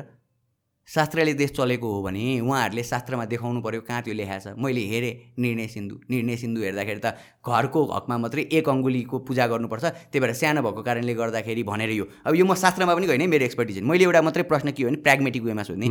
शास्त्र लेखिएको समयमा मूर्ति जोड्न मिल्ने विज्ञान थियो? थिएन। यो त भर्खर हामी मूर्ति जोड्न थालिरहेछौँ। सो कुरो के हो भन्दाखेरि मूर्ति जोड्ने विज्ञान आइसकेपछि त हामी प्रोग्रेसिभ भएर चेन्ज भयौँ नि त। त्यो कारणले गर्दाखेरि के हो भन्दाखेरि यदि पुरानो यो विश्व सम्पदा हो है जहाँ काष्ठमण्डप छ यो तपाईँ मेरो कि एक दुईजनाको मात्रै सम्पत्ति होइन यो त विश्व ब्रह्माण्डको अतुलनीय मूल्य बोकेको भन्छौँ हामी। Outstanding universal value this is a common property of the human kind यो कारणले गर्दाखेरि के हो भने मेरो मात्रै कन्सर्नको विषय होइन विश्वको कन्सर्नको विषय हो यो। त्यही कारणले गर्दाखेरि उहाँहरूले त्यो काष्ठमण्डपमा त्यस्तो गरिसकेपछि उहाँहरूले मूर्ति फेर्नु भयो। अनि म गएँ मलाई थाहा थिएन मूर्ति फेर्ने भनेर। अनि भूषण अ, जीले एउटा लेख्नु भएछ यो यस्तो यस्तो मूर्ति फेरियो के भयो भनेर। त्यसपछि मैले गएर हेरेँ अनि म भगवान् ढोग्न गएको थिएँ लिटरली हेरेँ मैले। मलाई भगवान् जस्तै लाग्दैन। कस्तो राम्रो आर्ट गरेछ जस्तो त्यो धन्यवाद त्यो जसले बनाउनु भयो त्यो मूर्ति। एकदम राम्रो डिजाइन राम्रो आहा भने जस्तो। मलाई चाहिँ त्यो कता कता आर्ट पिस जस्तो लाग्यो कि। अनि मैले गएर हेरेँ मलाई आस्था नै आएन। अनि मैले आस्था नआइसकेपछि मैले त्यो भगवान् खोज्दै गएँ। एउटा कोठामा फ्याँकेर राखिया रहेछ। म त फ्याँकेर इन द सेन्स अँध्यारो कोठामा बन्द गरेर राखेर रहेछ। न उसको नृत्य पूजा हुन्छ। उसलाई त मारिराखिया रहेछ। भक्तबाट टाढा भगवान् बस्नु भने त मारिनु हो नि। अनि मैले गएर हेरेँ अनि मलाई हेरिसकेपछि अनि मैले विद्यार्थीलाई क्लासमा पढाउने क्रममा के भने भन्दाखेरि म त हेर न गएँ हेर्नको लागि। मलाई त त्यो मूर्ति त ढुङ्गा जस्तो लाग्यो भनेर भने मैले। अनि कग्निसन विद्यार्थी। नयाँवाला। नयाँवाला। अनि कग्निसन साथीहरूको अनि ऱ्यासनल्ली अनि सर त्यो ढुङ्गाकै मूर्ति त हो नि? पहिलाको पनि ढुङ्गा हो यो पनि ढुङ्गा हो भनेर भने। अनि मैले उदाहरण दिएँ एउटा। मेरो दिदीबहिनी महिला हुन्। फिजिकल्ली हेर्दाखेरि त सबै महिला फिजिकल्ली एउटै होला नि। कि मेरो दाजुभाइ पुरुष हुन्। होइन? तर सबैजना मेरो दाजुभाइ पनि हुँदैनन्। अब मेरो बा पनि पुरुष हुन् तर सबै पुरुष मेरो बा हुँदैनन्। त्यही भएर मैले के भनेँ भन्दाखेरि एउटा कुरो मान्छेमा एक्जिस्ट गर्छ फिलिङ हामी कतिको नजिक छौँ भन्ने कुरो केले डिटर्मिन गर्छ फिलिङले गर्दा सुशान्तजीले मलाई आज कति पैसा दिनुहुन्छ भनेर आउने कुरो होइन कि? फिलिङले वाट इज डुइङ एउटा कुन चाहिँ कजको लागि उहाँले यो गरिराख्नु भएको कारण त्यो मैले फिलिङ बुझेँ भने म यहाँ आएर बोल्दाखेरि त्यसको भ्यालु पनि हुन्छ र त्यो दुईजनासँग कुरा गर्दाखेरि पनि मजा आउँछ नि त। नत्र त मैले सोच्नुपर्ने होला नि त। म यतापट्टि गएर मुद्दा हेऱ्यो भने यति पैसा आउँथ्यो यहाँ आउँदाखेरि कति पैसा आउँछ भनेर सोच्न थाल्ने हो भने त तपाईँकोमा त्यति खतरा खतरा मान्छेहरू आउँदै जानु पैसा मात्रै सोचेर आउने भने त्यति खतरा मान्छे नआउँदा पनि त हुन्थ्यो होला। सो के हो भन्दा there is something call feeling यही फिलिङ नहेरेको कारणले गर्दा म जहिले पनि भन्छु एम्पेथीको कमी छ हाम्रो एजुकेसनमा भनेको एम्पेथी भने म के भन्छु भन्दाखेरि कग्निसन छ। जतिखेर पनि अस्ति एकजना मलाई श्रीमानले सुनाएको थियो एकजना श्रीमान हुन्छ हाम्रो कलेजमा उहाँले मलाई भनिन्थ्यो हामीले कसरी कति टाइम पढायौँ भन्दाखेरि A P P L E apple भन्यौँ। एप्पल एप्पल भनेर देखायौँ त्यो ल्यायौँ पेपर सेपर देखायौँ। अनि एउटा विद्यार्थीलाई दियौँ त्यो। अनि बाबु यो के हो? भन्यो भने स्याउ भन्छ। सबाट स्याउ पनि पढाएको त होइन। एप्पलै पढाएको तर त्यो हातमा दिनसाथ उसको स्याउ भयो क्या एप्पल। सो भनेको जब तपाईँको फिल्डमा तपाईँले त्यो नलेज दिनुहुन्छ नि नलेज त छ नि फिल्डमा जानुहुन्छ नि एप्पल स्याउ उगिदिन्छ कि? सो यो कारणले गर्दा के हो भने हामीले कग्निसन धेरै कुरा गऱ्यौँ तर फिलिङ र कम्प्यासनलाई छोड्यौँ। हाम्रो कालो कोट लगाउने हामीहरूमा एउटा ठुलो प्रब्लम यही हो हामी कहिलेकाहीँ हामी इन द सेन्स मेरो कम्युनिटीका मान्छेले कति टाइम के गर्छन् भन्दा बहस गर्न जाँदाखेरि कति टाइम यो कुराहरू उठ्छ होइन हामी कति टाइम प्रोबोनो केसेसहरू पनि हेर्छौँ तर कति टाइम प्रोबोनो हेर्नुपर्ने केसेस पनि केही केही साथीहरूले हेर्नु हुँदैन। एउटा मान्छे भनौँ न गैर कानुनी रूपमा थुनामा हुन्छ उसँग पैसो छैन। के गर्ने? मैले मुद्दा नहेर्ने? म पन्ध्र मिनट बहस गरिदिँदा एउटा मान्छेको लिबर्टी प्रोटेक्ट हुन्छ भने मैले नगर्ने। सो यो कारणले गर्दा के हो भने we need to learn we need to teach आउने जेनेरेसनलाई के भन्दाखेरि कग्निसनले मात्रै होइन there need to be feeling there need to be compassion भन्ने कुरा हामीले सिकाउन सकेनौँ भने चाहिँ के हुन्छ भन्दाखेरि उही पैसो मात्रै कमाएर सात पुस्ताको लागि थुपारिन्छ। किनभने कग्निसनले त पैसो मात्रै जम्मा गर भनेर आएको छ नि त कि लजिकले त पैसो मात्रै चाहियो पैसो भयो भने के गर्न पाइन्छ? त्यो कालोवाला खालको पानी आउँछ आजकल त्यो पनि किनेर खान पाइन्छ। जे पनि पाइन्छ। पैसो भने तर कुरो के हो भन्दाखेरि पानी भएसम्म पो खाने होला त। त्यसपछि कसरी खाने होला भन्ने कुरो त फिलिङ भइसकेपछि हुन्थ्यो होला। यो पानीले मलाई जीवन दिइरहेछ भन्ने फिलिङ मान्छेले जब बोध गर्छ त्यतिखेर ऊ खोला बचाउन लड्छ। अस्ति बागमतीको एउटा मुद्दा थियो यही कुरा गरेर राख्दाखेरि पानी। यो मैले नै धेरै सबै कुरो सुनाइरहेको खालको त भाषा नै होइन? सो बागमतीको एउटा कुरा आइरहेको थियो होइन? बागमतीको कुरा आउँदाखेरि हामी बहस गऱ्यौँ कि त्यो बागमतीको मुद्दामा। अनि म आज पनि हरेक दिन बागमती हेर्छु। के भन्छ भने बागमती सुधार आयोजना बागमतीलाई सुधार। ए बाबा बागमतीलाई सुधार चाहियो होइन बागमतीलाई विकास चाहिएन बागमतीलाई संरक्षण चाहियो हो। अनि मैले श्रीमानलाई भनेँ त्यतिखेर पनि मैले बेन्चमा पनि भनेँ त्यतिखेर पनि भनेँ श्रीमान बागमती श्रीमानहरू पौडी खेल्नुभयो होला। अब म बागमतीतिर अहिले हेर्छु बागमती नै देखिन छोडो। मेरो अस्ति भाइबुहारी विराटनगरबाट आएको थिएँ अनि विराटनगरबाट आउँदाखेरि के भन्यो भने ए यो नहर यो नहर के हो यो नहरको नाम भनेर सोधेँ कि? भनेको तराईतिर त नहर भनेर यो सानो सानो खालको हुन्छ नि त। अनि they thought this is not river this is नहर। बुझ्नुभयो नि? अब मलाई त डर के छ भने बागमती मास्दा मास्दा मास्दा मास्दा सानो बाटो विकास के विकास के विकास भन्दा भन्दा बाटो त खाइयो। बाटोको नाममा के को नाममा खाइयो? थापाथलीबाट आउँदाखेरि घाट सम्पदा सबै मास्यौँ हामीले अनि अहिले तपाईँले हेर्नुभयो भने त्यो गुहेश्वरीको अगाडि पुरै घाटै घाट बनाइरहेको छ। के कसलाई बाल्नु त्यो घाटमा लगेर? यो कुरो मैले यो कहाँ जोड्न खोजिरहेको भन्दाखेरि जुन दिन तपाईँलाई त्यो बागमतीलाई देखेर पीडा बोध हुन्छ नि त्यतिखेर चाहिँ सायद हामीले पढेको शिक्षाले केही काम गरेछ कि भन्ने लाग्छ मलाई।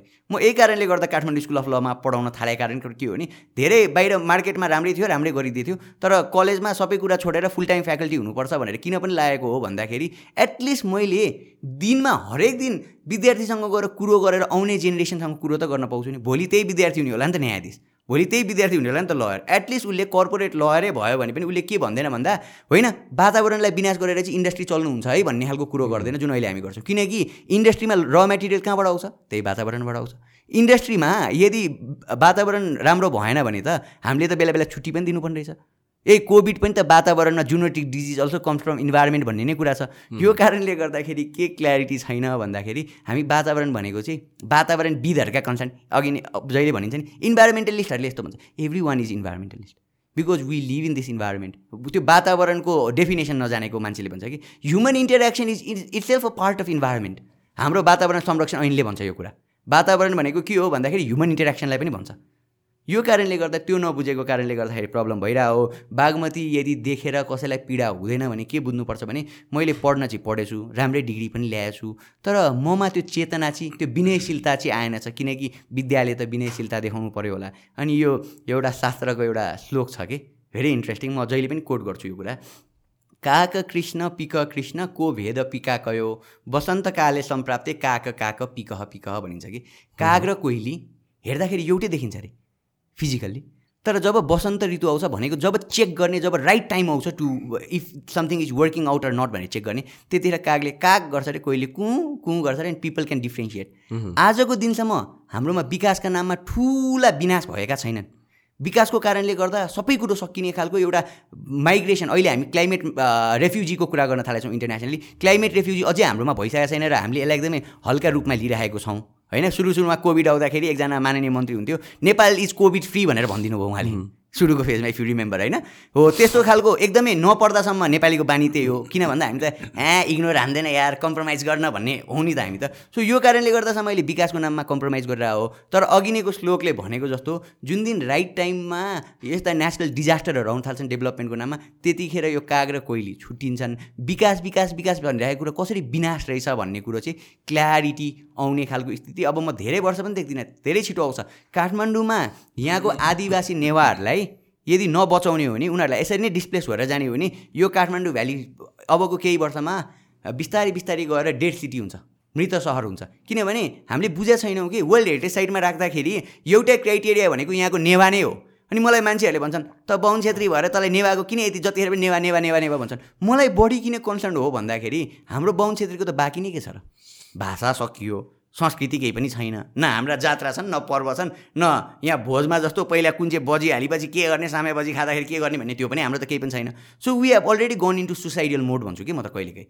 सुसाइडियल मोडमा गयो आफूलाई मार्न खोजिसक्यो। अब मार्न खोजिसकेपछि त अरूको पनि खासै धेरै माया हुँदैन त। आफ्नै ज्यानको माया नभएपछि अरूको के माया? So we are doing the same thing Kathmandu भ्यालीमा पनि। त्यही भएर वर्ल्ड हेरिटेज साइटको एउटा कम्पोनेन्ट यहाँको आदिवासी पनि भएको कारणले गर्दा यदि काठमाडौँ भ्यालीलाई हामी बचाउन चाहन्छौँ भने यहाँको आदिवासीलाई बचाउन जरुरी छ। एक यदि तपाईँले चितवनलाई बचाउन चाहनुहुन्छ भने त्यहाँको थारूलाई बचाउन जरुरी छ। सगरमाथालाई बचाउन चाहनुहुन्छ भने त्यहाँको शेर्पालाई बचाउन जरुरी छ। यो मैले भने होइन। तैँले भनेर बचाउने भनेर भन्ने होइन। नाइन्टिन सेभेन्टीको टूको कन्भेन्सन जुनले विश्व सम्पदा भन्यो convention for the world national and culture heritage site culture heritage होइन। त्यतिखेर हामीले विश्व सम्पदामा हाल्दाखेरि नै काठमाडौँ भ्यालीको हकमा नेवा चितवनको हकमा थारू र सगरमाथाको हकमा यो के अरे शेर्पाहरूलाई उहाँहरूको कल्चरहरूलाई राखेको कारणले गर्दा यो पार्टमा एकदमै इम्पोर्टेन्ट भ्यालु दिनुपर्छ। तर अब फेरि पनि है मैले भन्ने कुरा के का लागि संरक्षण गर्ने? पैसा दिन्छ संरक्षणले। अघि नै पनि भन्यो हरियो वन नेपालको धन के को हुनु? हरियो वन ठेकदारको धन हरियो वन माफियाको धन।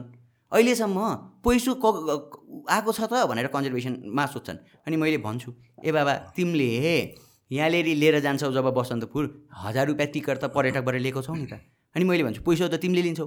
त्यो बिचरा आदिवासी जसको घर आठ फिट अन्तर्गत बनाउनुपर्छ तपाईँले कोर एरियाहरूमा हेर्नुभयो भने यत्रो हाइटको एउटा लिमिट छ माटोको घरमा बस्छ चुना सुर्कीको घरमा बस्छ उसले त्यहाँनिर त्यो बसे बापत उसले के पाइरहेको छ?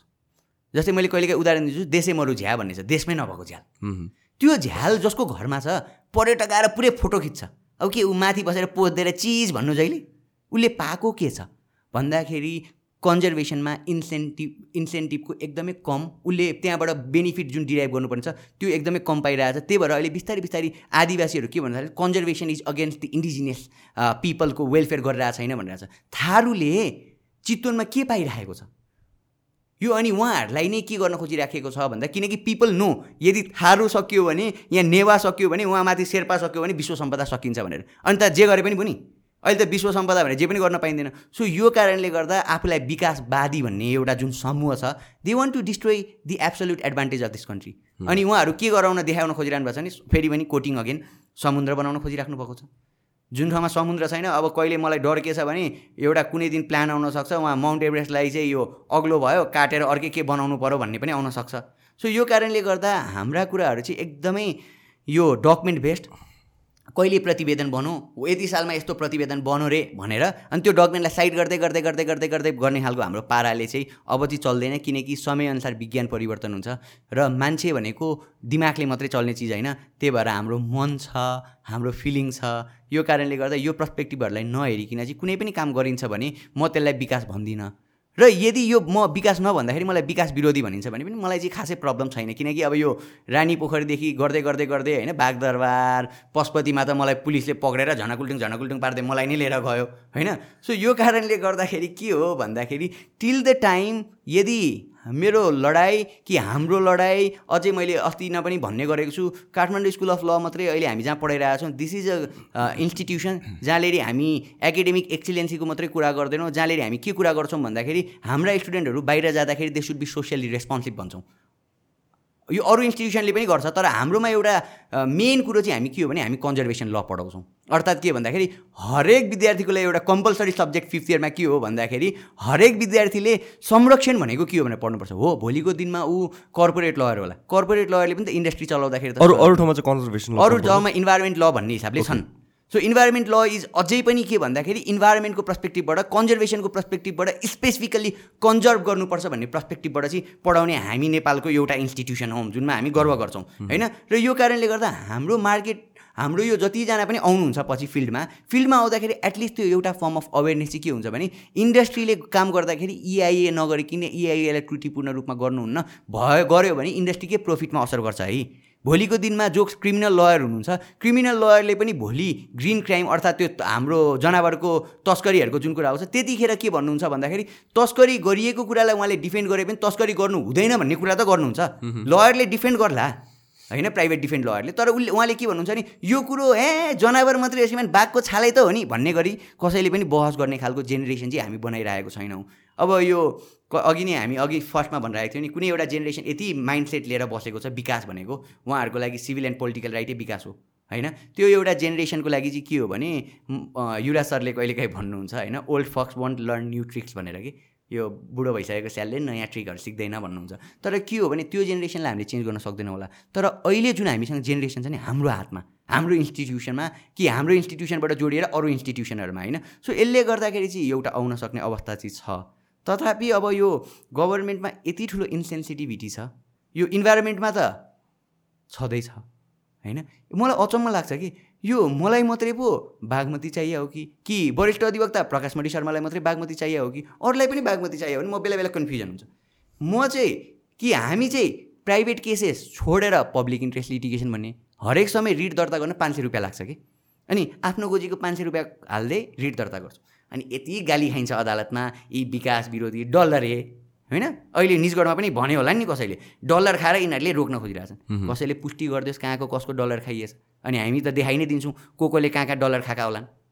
सो कुरा के हो भन्दाखेरि इन्सेन्सिटिभिटीको कुरो एकदमै इम्पोर्टेन्ट यहाँ अहिलेसम्म नबुझेको कुरा। अनि यो विकासको कुरो गर्न साथ होइन आज हामी एकदम विकास विकासै गरिरहेछौँ होइन? विकासको कुरा गर्दाखेरि एउटा मान्छेले के भन्छ भने युरोप चाहिँ विकास हुने जति विकास हुने। अनि हाम्रो देश चाहिँ विकास नभएर जहिले पनि गरिब भएर हामी रुख हेरेर मर्नुपर्ने भनेर आउँछन् के कुरा? युरोपले चाहिँ प्राकृतिक स्रोतको दोहन गर्नुसम्म गरो। अनि त्यसपछि मैले चाहिँ गर्न नपाउने भनेर भन्ने। अब मेरो घर छेउमा एउटाले श्रीमतीलाई भक्कु पिट्छ। अब त्यो घर छेउको मान्छेले आजकल के भन्न थाल्यो भने पुलिसले पक्रेर लिएर गइसकेपछि अब होइन श्रीमती पिट्नु हुँदैन रहेछ यो चाहिँ गैर कानुनी छ भनेर अब उसले बुझ्यो अरे। अब उसले मलाई के भन्दैछ भने होइन श्रीमती त पिट्नु हुँदैन यो गैर कानुनी हो यसरी फौजदारी कसुर हुन्छ भनेर हामीले जसरी अहिले डोमेस्टिक भाइलेन्स एकदमै नराम्रो कुरा हो भनेर भनिरहेको छौँ नि त्यो कुराले गरेर उसले मलाई बुझेर सम्झायो। अब मलाई मैले के भन्यो भने तैँले बुढी पिटेको जति म पनि पिट्छु पहिला। अनि मात्रै हुन्छु भन्ने हुन्छ कग्निसनले त त्यही होला नि त। तैँले बुढी यतिसम्म पिटिसकेस् म पनि गर्छु। हो what Europe did or what अरू देश डिड वेस्टर्न कन्ट्रीहरूले गरेको कुरा इट वाज रङ भनेर दे हेभ रियलाइज इट अहिले। र त्यही भएर उनीहरूले के गरिरहेको छन् भने हाम्रोमा अहिले रुख छ त्यही भएर तिमीहरूको रुखमा जति कार्बन सिक्वेन्ट्रेसन भएको छ त्यो अनुसार हामी रेड प्लस भनेर एउटा प्लान ल्याएर पैसा तिमीहरूलाई तिर्छौँ है भनेर there is principle called common but different के अरे common but differentiated responsibility common चाहिँ सबैको यो कमन अर्थ हो। कमन फ्युचर हो हाम्रो होइन? तर के हो भन्दाखेरि बचाउने चाहिँ डिफ्रेन्सिएटेड रेस्पोन्सिबिलिटी छ। फरक फरक हाम्रो दायित्वहरू छन् भनेर त्यही भएर हामीलाई पैसा आउँछ। अहिले नेपाल सरकारले वातावरण बचाएर के हुन्छ भने तपाईँ अस्ति मैले एउटा रिसेन्टली हेर्दै थिएँ नेपाल सरकारलाई यति ठुलो प्रोजेक्ट पैसा आएको रहेछ यो कन्जर्भेसनको लागि। ओके सो यो पार्टलाई त हामीले हेरेको छैन। कतिवटा इन्स्टिट्युसन छन् जुनले कन्जर्भेसनको लागि काम गरिरहेछन्। अब म त्यो इन्स्टिट्युसनको नाम त लिँदिनँ तर कन्जर्भेसनको लागि काम गर्ने आइएनजिओमा कतिजना नेपालीले जागिर पाएका होलान्। हामी तराई आर्क ल्यान्डस्केप भनिरहेको आएको छौँ अहिले ताल भन्छौँ हामी यो तराईको मुनिको जङ्गलहरू बचाउनको लागि। त्यहाँ कति धेरै पब्लिक अहिले हाम्रो भनौँ न कम्युनिटी फरेस्ट। होइन कम्युनिटी फरेस्टको कारणले गर्दा त धेरै मान्छेले रोजगारी पाछन् नि। त्यो इकोनोमीलाई किन गन्नु हुँदैन इकोनोमिस्ट भन्नेले? किन भन्दा उहाँ बुझ्नु हुँदैन। उहाँले बुझ्ने इकोनोमी चाहिँ के हो भन्दा ठुलो बाटो बनाउँदा त क्यालकुलेसन गर्न सजिलो छ नि त। सो यही हो मलाई बच्चामा यो गर्न दियो भने यो यो के अरे सिम्प्लिफाई गर्न दियो भने यो बोर्ड मास कि के भन्ने एउटा रुल हुन्थ्यो कि पहिला ब्राकेट के के के के गर भन्ने। अनि म चाहिँ त्यो क्वेसन नगरेर मुनिको क्वेसन गर्थेँ। जहाँले यो ब्राकेट स्याकेट केही पनि नहुने। किन भन्दा मलाई सजिलो त्यही हुन्थ्यो। अनि गरेर एउटा टिचरले एउटा ल तिमीहरू सिम्प्लिफाईको एउटा क्वेसन गरेर ल्याउँदा भने सबभन्दा सजिलो गरेर लिएर जाने हो। यस्तै उहाँहरूले सजिलो काम मात्रै गर्नुहुन्छ र यसलाई विकास भनिदिइसकेपछि पत्याउँछन्। सो यो प्रब्लम हो। अब यो त मैले वातावरणको हकमा भनिरहेको छु तपाईँले जहाँ तपाईँ हरेक दिन सास फेर्नुपर्छ। यस्तो तपाईँले यो हरेक दिन सास फेर्ने कुरो त मान्छेले बुझिरहेको छैनन्। हरेक दिन खाने पानी त मान्छेले बुझेन पानी झारको किनेर खाँदा पनि चेतना खुल्या छैन कि पानी चाहियो भनेर। यहाँको हिटी जसरी यो आदिवासीहरूले यहाँनिर बनाए पोखरी तिन तहको पोखरी बनाउने त्यसपछि तिन तहको पोखरी बनाइसकेपछि ढुङ्गे धाराहरू बनाउने भन्ने जुन यहाँको वाटर सप्लाईको एउटा पोलिसी थियो हाम्रो एउटा प्लान थियो त्यसरी गर्दाखेरि त त्यो हाम्रो दिमागमा आएन। हामीलाई के चाहियो? मेलम्चीबाट खोलाबाट पानी लिएर आउने। यहाँको हिटी बचाउने चाहिँ दिमागमा कहीँ पनि छैन। अनि चाहियो के? मेलम्चीबाट पानी ल्याउने। मेलम्चीको पानी ल्याउँदै गयौँ ल्याउँदै गयौँ ल्याउँदै गयौँ। कहिलेसम्म? इज इट सस्टेनेबल अनि भन्न चाहिँ सस्टेनेबल डेभलपमेन्ट भन्न चाहिँ के भन्ने? सो यो पार्टमा मैले एउटा इन्भाइरोमेन्टको पार्टमा तपाईँलाई भनेँ। अब अर्को एउटा पार्ट मैले अघि नै पनि भनेँ। Convention for the world natural र कल्चर हेरिटेज नेचुरल हेरिटेज मात्रै त होइन। हाम्रो देशमा त सांस्कृतिक सम्पदा पनि छ। पटक पटक बुद्धवास बर्निन नेपाल भनेर यति मान्छे जम्मा गर्छन् के साइन गराएको गराइ गर्छन्। जतिखेर पनि बुद्धवास बर्निन नेपाल भनेर जस्टिफाई गर्नु पऱ्यो भने साइन कलेक्सन त्यही साइन कलेक्सन अर्को कुनै एउटा राज राष्ट्रले चाहिँ बुद्धवास बर्निन नेपाल भनेर ठुलो राष्ट्रले गरिदिने भने त उसको हुने रहेछ नि त बुद्ध। हुन्छ? मान्छेको जमातले कराएर बुद्ध नेपालमा जन्मेको भनेको प्रमाणित हुने हो कि प्रमाणको आधारमा हुने हो? प्रमाणको आधारमा। प्रमाण के हो? अशोक स्तम्भ। अब म तपाईँलाई सुनाउँछु कथा यसको फेरि। अशोक स्तम्भ के भइरहेछ दिन प्रतिदिन मक्किँदैछ भनेर रिपोर्ट छ एउटा मेउसी भन्ने एकजना एक्सपर्ट आउनुभयो नेपालमा। यो युनेस्कोले ल्यायो त्यतिखेर। उहाँले के भन्नुभयो भने यो अशोक स्तम्भमा चाहिँ सानसाना सिमेन्टका सल्फर लगायतका के के के के एलिमेन्टहरू देखियो। यसले गर्दा चाहिँ अशोक स्तम्भ बिस्तारै मक्किँदै जाँदैछ है भनेर भन्यो। र विश्व सम्पदा तपाईँले त्यहाँ हेर्नुभयो भने अब यो धेरैजना मान्छे त्यहाँ जान्छन्। अनि त्यो एउटा सेतो खालको घर छ नि लुम्बिनीमा सेक्रेट गार्डनभित्र त्यसको छेउछेउमा त्यो मोनास्ट्रीको रिमेनिङहरू छ। त्यहाँ माथि बसेर पनि सेल्फी खिच्ने टिकटक बनाउनु त अहिले एकदमै ट्रेन्डमै छ होइन। तर त्यो चाहिँ के हो भने मोनास्ट्रीको पार्टहरू त्यो पनि बिस्तारै बिस्तारै इम्प्याक्ट परिरहेको छ भनिरहेको छ। अनि हामीले सर्वोच्चमा गएर मुद्दा हाल्यौँ यो मुद्दा पनि विचारै दिने छ होइन। हामीले के भन्यो भने हो इन्डस्ट्री इज भेरी इम्पोर्टेन्ट तर त्यहाँनिर नै सिमेन्ट उद्योग लुम्बिनी क्षेत्रमै सिमेन्ट उद्योग खोल्नुपर्ने कारण के?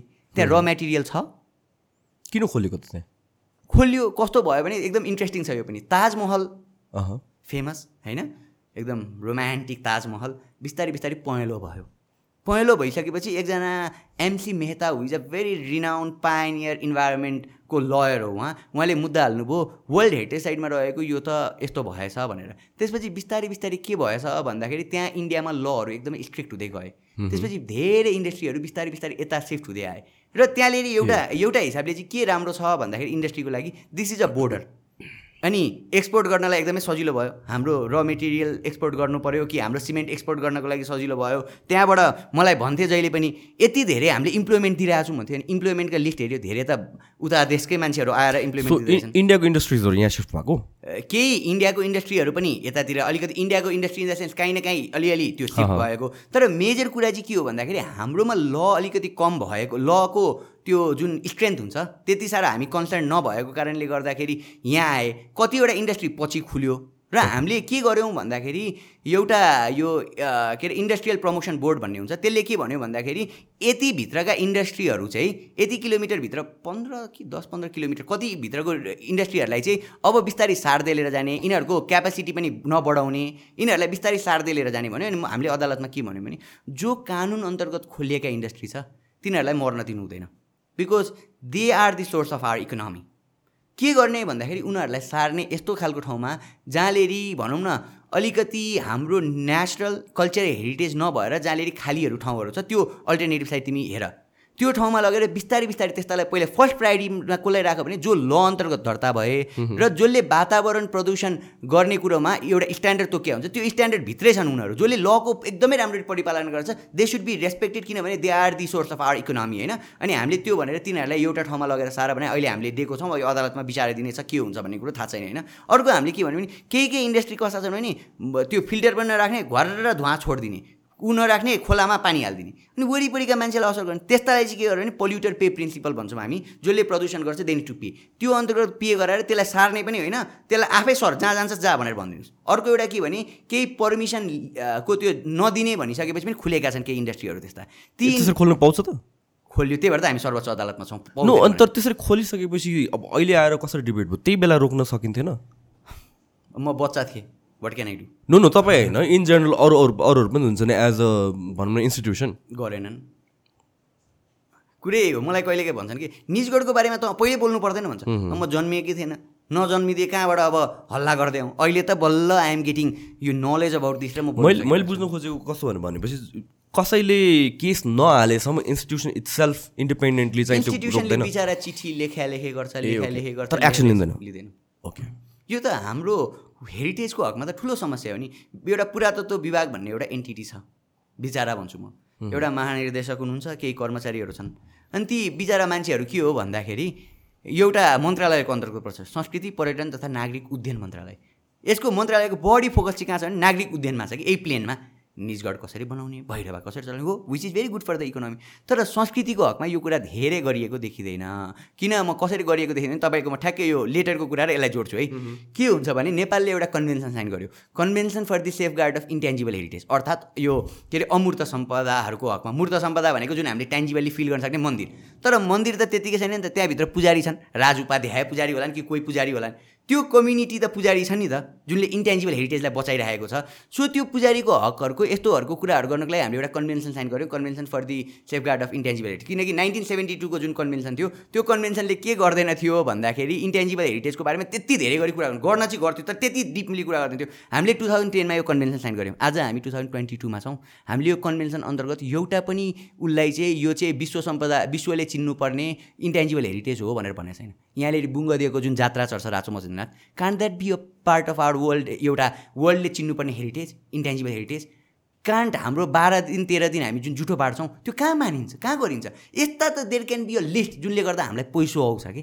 यो पार्टमा हामीले हेरेको छैनौँ। र चिठीको कुरो के हो भने म यो हाम्रो एउटा इन्स्टिट्युसन छ नेपाल हेरिटेज रिकभरी क्याम्पेन भन्ने योबाट चाहिँ हामी बाहिर विदेशमा बिक्री भएका भगवान्हरूलाई नेपाल फिर्ता ल्याउँछ एउटा सर्ट ब्रेक लिउँ मलाई एकदम बाथरुम जानुपर्छ मूर्ति चोरी हुन्छ कसरी पहिला कुरा? रिकभरी भन्दा पनि पहिला त चोर्न दिनु नहुने हो नि त। चोरी कसरी हुन्छ? यस्तो प्रोटेक्टेड ठाउँबाट त्यो नमि नमिलेर नमिलेरसम्म त हुँदैन होला। होइन यो एउटा ठुलो अर्गनाइज क्राइम हो।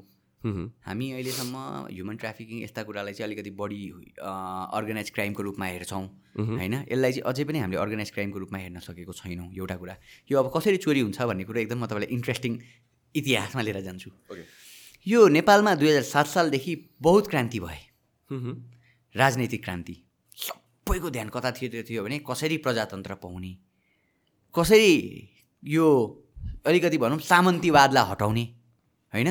भन्नेतिर हाम्रो ध्यान हुँदाखेरि हाम्रो ध्यान कतातिर चाहिँ गएन भन्दाखेरि हाम्रो देशको एब्सोल्युट एडभान्टेज के हो भन्ने कुरोतिर हाम्रो ध्यान गएन। त्यो भने हाम्रा भगवान् थिए। हाम्रा आस्थाका केन्द्र थिए अब कसरी चोरियो भन्दाखेरि एउटा हाम्रो परिस्थिति कस्तो भने फेरि पनि त्यही अहिले पनि के भन्दा एउटा पुरातत्व विभाग छ।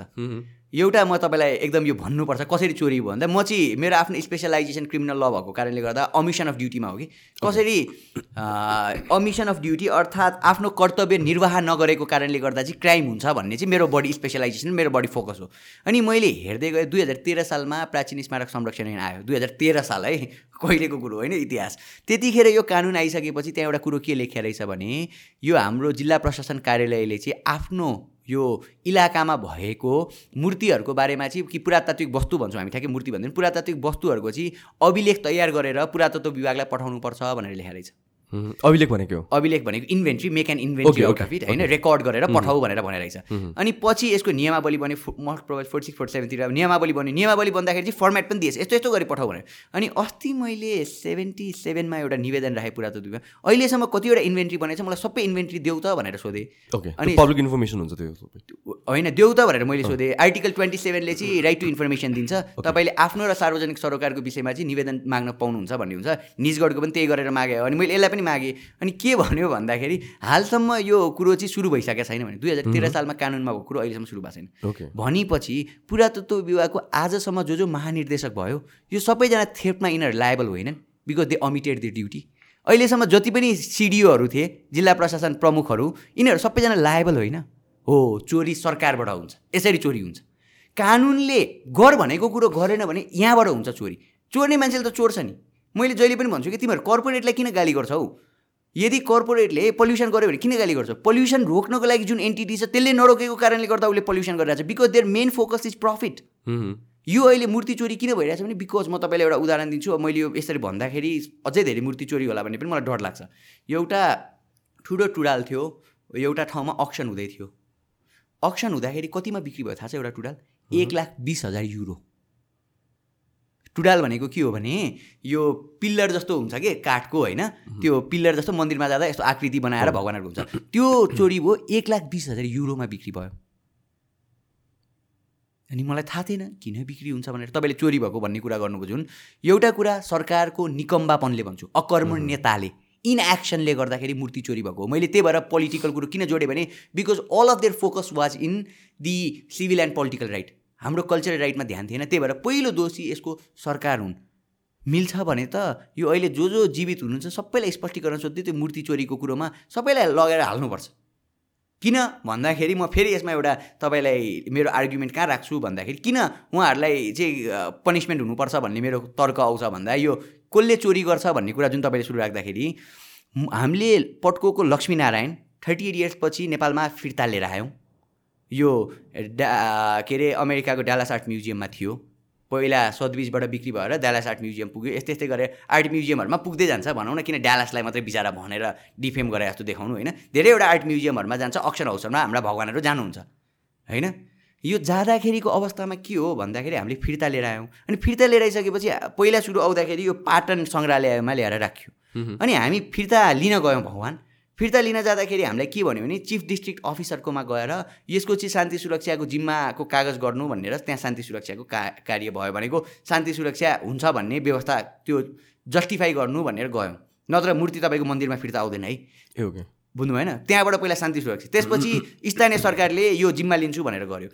फर्चुनेटली अब यो केही त्यतिखेरको मेयरज्यू लगायतका मान्छेहरूले यो हामी सरकारले के भन्यो भन्दा यसमा पनि भेरी इन्ट्रेस्टिङली कति टाइम मिडियामा के कुरा आयो भन्दा सरकारले यो पैसा तिर्न सक्दिनँ भन्ने जस्तो गरी कुरा गरिसकेपछि मेयरज्यूको कुरो के आएको रहेछ भने यो काठमाडौँ के अरे ललितपुर नगर महानगरपालिकाको कुरो हो। हामीले भए पनि पैसा तिरेर भए पनि ल्याउँछौँ हामी भन्ने गरी मिडियामा कुरा पैसा किन तिर्नु पऱ्यो अनि यहाँले त्यो भगवान् अब कसरी ल्याउनुहुन्छ त? पहिला त चोरेर लिएर गएको। त्यही पुग्ला त ए सो उता म्युजियमबाट त हामीले किनेर नै म्युजियमले- ल्याउनुपर्छ। होइन होइन किनेर होइन। म्युजियमले फिर्ता दिन्छ प्रोभिनेन्स भन्ने कुरा हुन्छ यसमा। भनेको मेरो हो भनेर जस्टिफाई गर्न सक्ने ग्राउन्ड छ भने उसले जस्टिफाई गरेर हामीलाई फिर्ता दिँदैन। यदि यो चोरीको हो भनेर पुष्टि गरिन्छ भने हाम्रो यो कन्भेन्सन छ नाइन्टिन सेभेन्टीमा यो convention for the illicit trade import export भन्ने एउटा कन्भेन्सन छ। त्यो कन्भेन्सन हामीले साइन गरिसकेपछि स्टेट पार्टीहरूले चाहिँ के गर्छ भन्दाखेरि त्यहाँनिरको फिर्ता दिनुपर्ने बाध्यता हुन्छ। यदि तपाईँले के गर्न सक्नुहुन्न भने जस्तै नेपालबाट चोरी भएको हो भनेर पुष्टि गर्नुपर्छ क्या। हामीले अनि लयङसिंह बाङदेल दिना बाङदेल होइन युलिक सिक जस्ता धेरैजना विज्ञहरू हुन्थ्यो जसले किताबमा के लेखिदिनु भने gods are leaving the country stolen images of Nepal यस्तो यस्तो भन्ने किताबहरू धेरै बने कि अहिले पछिल्लो क्रममा अझै धेरै राम्रो किताबहरू बन्न थाल्यो यो मैले कहाँ जोड्न खोजिरहेको तपाईँले भनेको जस्तो हामी जब ल्याउनु पर्छ नि एरोप्लेनमा ल्याउनु पऱ्यो होइन अब भगवान् त ओके सो ट्रान्सपोर्टेसन कस्टको कुरा आयो। ओके म एउटा कुरा सोधिहालेँ है त।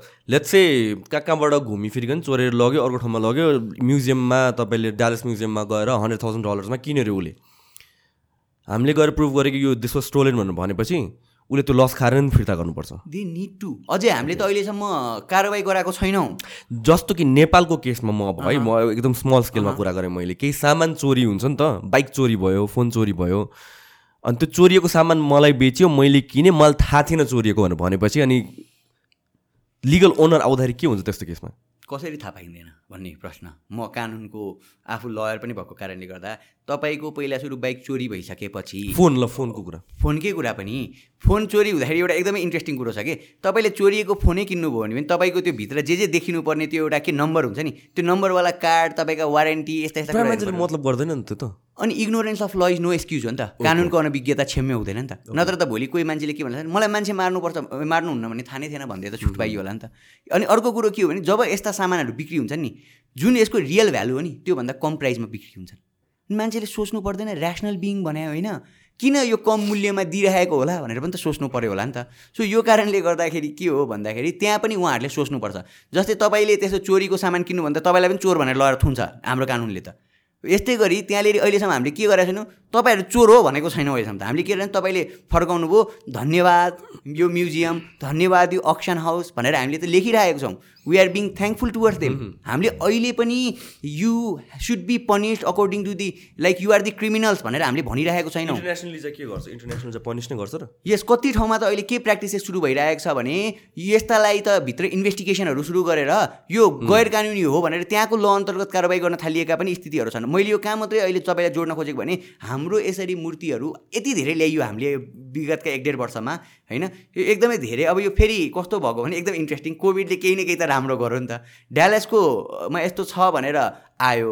त्यसपछि आइसकेपछि रविन्द्र पुरी भन्ने एकजना एकदमै रिनाउन्ड कन्जर्भेसनिस्ट हुनुहुन्छ। उहाँको म घर गएँ।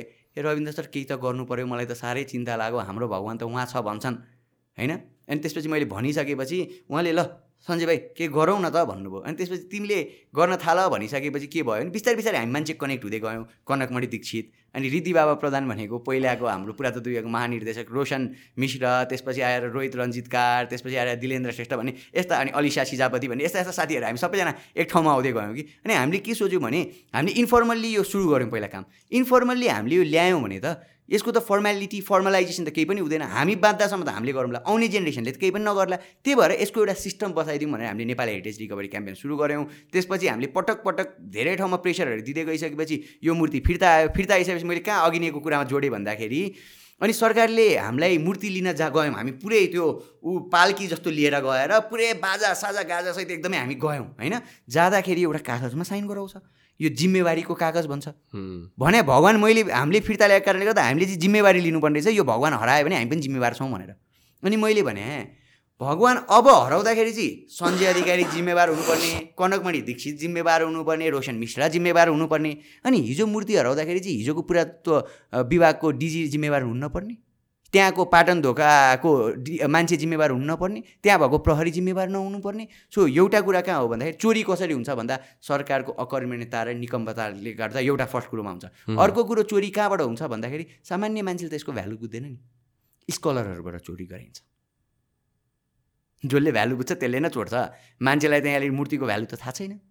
हो त्यही भएर एउटा ठुलो पार्ट चाहिँ स्कलरहरू त्यतिखेर आएका धेरै मान्छेहरू जो स्कलरको रूपमा आए तिनले लिएर गएका केही सामानहरू पनि छन् जुन भविष्यका दिनमा यो पाटो पनि खुल्दै आउने खालका स्थिति पनि छन्। अर्को कुरा इग्नोरेन्सले गर्दा तपाईँले भने जस्तो एकजना मान्छेले भन्नुभयो एउटा मूर्ति थियो म अहिले यो सबै कुरा भन्न सक्दिनँ किनकि इन्भेस्टिगेसनका क्रममा धेरै कुराहरू रहेका छन्। कस्तो भन्दा एउटा कुरा उहाँको घरमा रहेछ उहाँको घरमा हुँदाखेरि उहाँले रियलाइज गर्नुभयो यो यो स्टोरी न्युयोर्क टाइम्समा पनि आएको थियो कि Nepal heritage recovery campaign civil society चाहिँ एकदम एक्टिभ हुँदैछ नेपालमा भनेर न्युयोर्क टाइम्सले कभर गर्यो होइन? त्यतिखेर आउँदाखेरि someone read that news अनि त्यसपछि उहाँले के भन्नु भने मसँग पनि एउटा यस्तो छ I want to give it back to Nepal. म यसरी आउँदाखेरि अनोइङली मलाई त यो आर्ट पिस जस्तो लगाएर किनेको दिस इज यर गड भन्ने कुरा मलाई थाहा थिएन भन्नुभयो। यस्ता धेरै उदाहरण छन् जुन विदेशीहरूले आर्ट पिस भनेर आज पनि तपाईँ ठमेल जानुभयो भने आज पनि तपाईँ धेरै ठाउँमा जानुभयो भने you'll see a lot of hundred इयर्सभन्दा पुराना सामानहरू जुन मान्छेले इग्नोरेन्समा किनिरहेछ। सय वर्षभन्दा पुरानो भोटे छ। वाह क्या खतरा खतरा भनेर किनिरहेका हुन्छौँ हामी नै पनि। यो कारणले गर्दा अघि नै मैले भने नि इन्भाइरोमेन्टमा त मान्छे सास फेर्ने कुरोमा त अझै पनि सेन्सिटिभ भएको छैन। यो कुरो त एउटा भगवान् चोरी हुँदाखेरि केही मान्छेलाई फरक नपर्न सक्छ तर केही केही मान्छेलाई बहुत पीडा हुन्छ। यो मलाई रविन्द्रपुरी सरले भन्नुहुन्थ्यो यो उसमा हाम्रो फर्पिङको सरस्वतीको टाउको काटेर लिएर गयो मूर्तिको टाउको मात्रै काटेर लिएर गयो अहिले यो कहाँ छ भन्दा छाउनी म्युजियममा भएभरका मूर्तिहरू जुन चोरी गरेर नेपाल फिर्ता ल्याएछ त्यो मूर्तिहरूलाई प्रदर्शनीमा राखिएको छ ती भगवान्हरूलाई। मेरो लागि चाहिँ भगवान् हो धेरैका लागि वस्तु हुन सक्छन् होइन? ती ल्याउँदाखेरि मलाई रविन्द्र पुरी सरले भन्नुभएको कुरा एकदमै मनमा एकदमै लाग्छ यो कुरा के भन्दाखेरि त्यहाँको एकजना बुढी आमाले के भन्नुभयो अरे भन्दाखेरि यो मूर्ति म पूजा गर्न हरेक दिन पूजा गर्थेँ। यो मूर्ति पूजा गर्दाखेरि एक दिन आउँदाखेरि बिहान सरस्वतीको त टाउकै रहेन रहेछ भनेर उहाँलाई देख्नु पऱ्यो उहाँले। यति रुनु भयो अरे यति रुनु भयो अरे उहाँको श्रीमानको मृत्यु हुँदाखेरि पनि उहाँलाई त्यति पीडा भएको थिएन मलाई त्यति पीडा भएको थिएन यति पीडा चाहिँ मलाई यो भगवान्को टाउको काटेर लिएर जाँदाखेरि पीडा भयो भनेर भन्नुभयो अरे कि। त्यहाँबाट मैले के रियलाइज गरेँ म धेरै अक्सन हाउस म्युजियमहरूसँग कुरा गर्दाखेरि के भन्नुहुन्छ भने उहाँहरूले तिमीहरूको देशमा यसलाई राम्रो प्रोटेक्टै गर्दैनौ। हामी त यहाँ कन्ट्रोल्ड यो टेम्परेचर कन्ट्रोल गरेको रुममा आउने समय समयका लागि संरक्षण गरेर राख्छौँ भनेर भन्नुहुन्छ। त्यही भएर पनि मैले कहाँ जोड्न खोजेँ भने our god does not belong to the museum मैले म्युजियमलाई पटक पटक भन्छु हाम्रा भगवान्हरू अहिले म्युजियममा धेरै देखिन्छ। म हरेक दिन जाँदाखेरि आई फिल लाइक यो भगवान्हरूले मलाई के भनिरहेको छ भन्दाखेरि मेरो पूजा किन हुँदैन भनेर don't I have the right to dignified life भनेर भने जस्तो लाग्छ कि। एउटा भगवान्को एउटा मूर्तिको हाम्रो चलन के हो भने एउटा घरमा एउटा ढुङ्गै राखेको छ भने पनि हामी यसो गरेर ढोक्छौँ कि एउटा अक्षता एउटा फुल चढाउँछौँ। तर तपाईँ त्यो म्युजियममा भएको भगवान् हेर्नु त कहिले पूजा हुँदैन। त्यहाँ पहिला पूजा गरिएका अबिर छन्। यो पार्टमा हामीले अहिलेसम्म सेन्सिटिभिटी देखाउन थालेको छैनौँ सकेको छैनौँ किनभने हामीले के बुझिरहेको छैनौँ भन्दा हाम्रा घुमिफिरी हाम्रो अस्तित्व चाहिँ यही नेचर र कल्चरमा छ भन्ने कुरा बुझेको छैनौँ र यही नबुझेको कारणले गर्दा इग्नोरेन्सको कारणले एउटा किनिन्छ इग्नोरेन्सको कारणले गर्दा एउटा हराउँछ। मूर्ति नै त हराओ फेरि अर्को स्थापना गर्दै भइगयो नि। ढुङ्गै त हो। कग्निसनले त ढुङ्गा बाहेक केही पनि देख्दैन दिमागले त ढुङ्गा बाहेक केही पनि देख्दैन। यो कारणले गर्दा मैले अहिले तपाईँलाई तिनवटा कुरा गरेँ एउटा यो मूर्ति किन हराउँछ भन्ने कुरामा चोरी किन हुन्छ भने पुरा सरकारको इग्नोरेन्स। त्यसपछि आएर भनौँ न सरकारको इग्नोरेन्स के भन्नु? अमिसन अफ ड्युटी भन्छु म त। इग्नोरेन्स मात्र होइन इन्भल्भमेन्ट हुन्छ कि हुँदैन? यो चाहिँ इन्भल्भमेन्ट हुन्छ भन्ने कुरा चाहिँ म लयर भएको कारणले गर्दा मैले कसैलाई पनि इन्भल्भमेन्ट हुन्छ भन्ने मसँग त्यो अधिकार राख्दिनँ। त्यो चाहिँ अदालतले भन्ने कुरा हो होइन? इन्भल्भमेन्ट हुन्छ कि हुँदैन? मान्छेलाई यहाँ त त्यो भ्रष्टाचारी हो भनिदिन सजिलो छ म चाहिँ त्यो भन्न सक्दिनँ। किनभने म कोही पनि मान्छेलाई विदाउट एभिडेन्स गाली गर्दिनँ। म जहिले पनि मेरो गुरु युवराज अङ्ग्रेलाले भनेको कुरै सम्झिन्छु यो उज्यालोले मात्रै अँध्यारो हटाउन सक्छ। अँध्यारोको कुरो गरेर अँध्यारो कहिले पनि हट्दैन। त्यही कारणले गर्दाखेरि कुन पाटोमा चाहिँ हो भन्दाखेरि इन्भल्भमेन्ट हुन्छ भनेर भेटिएको अहिलेसम्मको पार्टमा हामीले चाहिँ भेटेका छैनौँ। यो एक डेढ वर्ष दुई वर्ष जति भयो तर कुनै दिनमा हुन सक्ला। तर भेटिए तर होइन पनि भन्न सकिँदैन। होइन कस्तो हो भने मैले आज हो र होइन भन्नु दुइटै मेरो इग्नोरेन्स हो किनकि I don't have evidence for it मैले अहिले तपाईँलाई ह्या सुशान्तजी कस्तो गरी चोर्दो रहेछन्? भनेर भनेर केही यसा यसो अलिकति मान्छेले बा यसरी पनि चोर्दो रहेछ भने सरकारलाई गाली गर्नलाई त होला। तर फेरि घुमिफिरी त्यो सरकार कसको हो? तपाईँ र मेरै त हो नि बिचरा। त्यो पुरातत्वमा काम गर्ने साथीहरू कसको हामी जस्तै जनता त हो जो उसको अलिकति केही स्पेसलाइजेसन छ। त्यही कारणले गर्दाखेरि के हो भन्दाखेरि म इन्भल्भमेन्ट त्यसरी चाहिँ देख्दिनँ। तर अमिसन अफ ड्युटीको पर्सपेक्टिभबाट चाहिँ यो एकदमै ठुलो त्रुटि हो। मैले अघि नै पनि भने जुन रेकर्ड मेन्टेन हुनुपर्थ्यो आजसम्म रेकर्ड भएन। अब यो अब फेरि भन्नु न उहाँहरू त ब्युरोक्रेसी हो। त्यही ब्युरोक्रेसीले काम गरेन भने जनप्रतिनिधि ल्याएको हो नि त। नेपालमा यति वर्ष चुनाव भएन चुनाव हुनुपर्छ हुनुपर्छ भनेर हामीले सेभेन्टी फोरमा के गऱ्यौँ भन्दाखेरि स्थानीय सरकार सञ्चालन ऐन ल्यायौँ स्थानीय सरकार ल्यायौँ होइन। हेर्नुहोस् है स्थानीय निकाय होइन सरकार। स्थानीय सरकार ल्यायौँ। स्थानीय सरकार सञ्चालन ऐनको दफा बाह्र जस्तो लाग्छ मलाई। त्यहाँ के लेखिया छ भन्दा स्थानीय सरकार सञ्चालन ऐनभित्र यसले पनि स्थानीय सरकारको वडाले चाहिँ यसको के राख्नुपर्छ? अभिलेख राख्नुपर्छ इन्भेन्ट्री राख्नुपर्छ एउटा स्थानीय सरकार त सक्यो नि। मलाई एउटा ठाउँ देखाइदिनु जहाँनिर इन्भेन्ट्री राखिएको छ। सो इभन स्थानीय सरकार पनि त कम्पिटेन्ट भएन। किन? म जहिले पनि भन्छु यो कसलाई गाली गर्ने कसलाई गाली गर्ने यो भएन ऊ भएन भन्नुको कुनै तुक छैन। किनकि पहिला सुरु तपाईँ र मै सुध्रिया छैनौँ कि? हामी सुध्रिया छैनौँ। हामीले आफूलाई दिएको दायित्व जुन छ नि त्यो दायित्व पुरा गरेका छौँ कुन दायित्व भनेर सोध्नुभयो भने नेपालको संविधानको अडचालिसको घ। नेपालको संविधानको अडचालिसको घमा के छ भने हरेक नेपाली नागरिकलाई केही दायित्वहरू तोकेको छ अडचालिसले। Every citizen has the duty भनेर तोकेको छ। के ड्युटी भन्दा सार्वजनिक सम्पत्तिको रक्षा गर्ने। To protect and promote the public property यो त पब्लिक प्रोपर्टी होला नि। हामी पब्लिक प्रोपर्टी प्रोटेक्ट गर्नलाई यो मलाई बेला बेला मैले अघि पनि भने नि एउटा कुरो हुन्छ पाँच सय रुपियाँ तिरेर जानुपर्छ। मलाई कहिले कहाँबाट मेल गर्छन् भने मेसेज आउँछ क्या फेसबुकमा। यो रानी पोखर ए के अरे यो रानी महलमा चाहिँ हनीमुन डेस्टिनेसन बनाउनु लगाएर यो त गर्दाखेरि कहाँ बिग्रिन्छ भने मलाई I have received that message अनि मैले पछि चिट ल्याएर के के के भएर पछि हट्यो।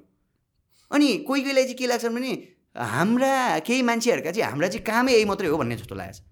हाम्रो सर्भाइभल कसरी गरिरहेको छौँ भन्ने कुरो त उहाँहरूको कन्सर्नकै विषय होइन यो देश त कस्तो हो भने अरूका छोराछोरीलाई चाहिँ सहिद बनाएर आफूले प्रजातन्त्र पाएको देश हो नि त। सो यो कारणले गर्दाखेरि आफूले चाहिँ केही पनि नगर्ने नेतालाई पनि गाली गरे गरे गर्ने अनि त्यसपछि आएर तैँले के गरिस्? भनौँ भने केही पनि नगर्ने। सो यो कारणले गर्दाखेरि के हो भने जबसम्म मूर्ति चोरी कहिलेसम्म रोकिँदैन भन्दाखेरि जबसम्म त्यो कम्युनिटीले त्यसको भ्यालु बुझ्दैन। त्यो कम्युनिटी भनेको पनि त्यही आदिवासी हो। किनभने उसको त पुर्खो पुर्खादेखि पूजा गर्दै आइरहेको छ नि त। हाम्रो लक्ष्मीनारायण भेट्दाखेरि त्यहाँको गुठियार यति खुसी हुनुभयो हामीलाई भेट्न आउनुभयो। उहाँले एउटा कवच हुँदो रहेछ त्यो ता पित्तल कि तामाको एउटा कवच थियो। त्यो कवच लिएर आएर उहाँले देखाउनु भयो भने के भन्नुहुन्थ्यो नि हामीले यो मूर्तिमा फिट गर्न खोज्थ्यौँ। अनि यो खस थियो। यो कवचै फिट हुँदैन थियो। अनि हामीलाई लाग्थ्यो किन यस्तो कवच फिट भइरहेको छैन भन्दाखेरि त यो मूर्ति त होइन रहेछ भने उहाँहरूले त त्यो बिर्सिनु भएछ कि मूर्ति चोरी भइसकेको थियो भनेर एक टाइम अनि अर्को मूर्ति आइसक्यो अर्को मूर्ति आइसकेको छ। अहिले पनि तपाईँ लक्ष्मीनारायण पटकोमा जानु भने धेरै अनदर मूर्ति साइडमा पनि। अनि हामीलाई के भन्यो भने लक्ष्मीनारायणको पनि हात भाँचिएको थियो। म फेरि पनि त्यो तपाईँलाई कास्टमार सम्झाउँछु। हात भाँचिएको थियो लक्ष्मीनारायणको अनि उहाँहरूले के भन्नु भने विदेश गइसकेको मूर्ति त अब त्यो पूजा योग्य हुँदैन भनेर त्यहाँ पनि कुरा आउँथ्यो। तर कम्युनिटीले के भन्यो यो त हाम्रो भगवान् हो। हाम्रो फिलिङ हाम्रा पिता पुर्खादेखि यो पूजा गर्दै आएको हो। हात भाँच्यो भनेर मेरो बाआमा बुढो भयो भने डोकोमा हालेर फ्याँक्ने त होइन। बाआमाले बुढो भएपछि त केही पनि काम नगर्ला नि। अहिले दिएका जस्तो पैसा पकेट भने त दिँदैनन् होला। भनेको लगाएर फ्याँक्दिने। त्यो त होइन। त्यही कारणले गर्दा उहाँहरूले ल्याएर स्थापना गर्नुभयो। हात भाँचिए पनि यो हाम्रो भगवान् हो। एउटा हात भाँचिदिएमा भोलिबाट भगवान् नहुने भन्ने हुँदैन रहेछ भन्ने in case of unrepairable damage भयो भने चाहिँ के भन्छ? के भनिन्छ? केलाई भन्ने अनरिपेयरेबल ड्यामेज भन्ने कुरा हो कि? झ्याराम झुर्मै भयो भने? होइन झ्याराम झुरुमै हुँदाखेरि त हाम्रो आस्था किनभने हामी आफूलाई जीवित सम्पदा जीवित संस्कृति भन्छौँ। त्यो कारणले गर्दाखेरि अर्को मूर्ति रिप्लेस गर्ने होला। तर म उदाहरण दिन्छु कतिवटा टाइम फुट्दाखेरि पनि हामीले के हो भन्दाखेरि आजकल रिपेयरेबल छ। साइन्सलाई विश्वास गर्न थाल्नु पऱ्यो कि? यो धर्म भन्न साथ संस्कृति भन्न साथ चाहिँ साइन्सलाई विश्वास नगर्ने मान्छे भनेर हामीलाई बुझिदिनु भएन। हामी त्यो विकास विरोधी भनेका जस्ता साँच्चीकै विकास विरोधी होइनौँ कि? उहाँहरू चाहिँ मैले अघि नै पनि त्यो कोट गरेँ नि संस्कृतको श्लोक जब राइट टाइम आउँछ त्यतिखेर त यो कुरो आइहाल्छ। अब यो मूर्ति चोरीको हकमा भयो। अब चोरी भएर त गइसके। अब के गर्ने त? छोडिदिने? भन्दाखेरि आज यो जेनेरेसनले काम गरेन भने अगाडिको जेनेरेसनलाई त थाहा छ नि त त्यो मूर्ति चोरी भएको। यो जेनेरेसनले काम गरेन भने त्यो मेमोरी जुन छ नि अर्थात् त्यो पहिलाको चोरी भएका मेमोरीहरू त्यो चोरी भएका इन्सिडेन्टका मेमोरीहरू त्यो बिस्तारै हराएर जान्छन् र भोलिका दिनमा क्लेम गर्ने बेला हामीसँग रहँदैन। I give you a very good example Taleju को हार चोरी भयो। आर्ट इन्स्टिट्युट अफ सिकागोले अहिले राखेको छ। दे रोट अ लेटर के भन्यो भने छब्बिस वर्षदेखि हामीसँग छ। अहिले तिमीहरू किन यो हाम्रो हो भनिरहेको छौ भनेर भन्यो।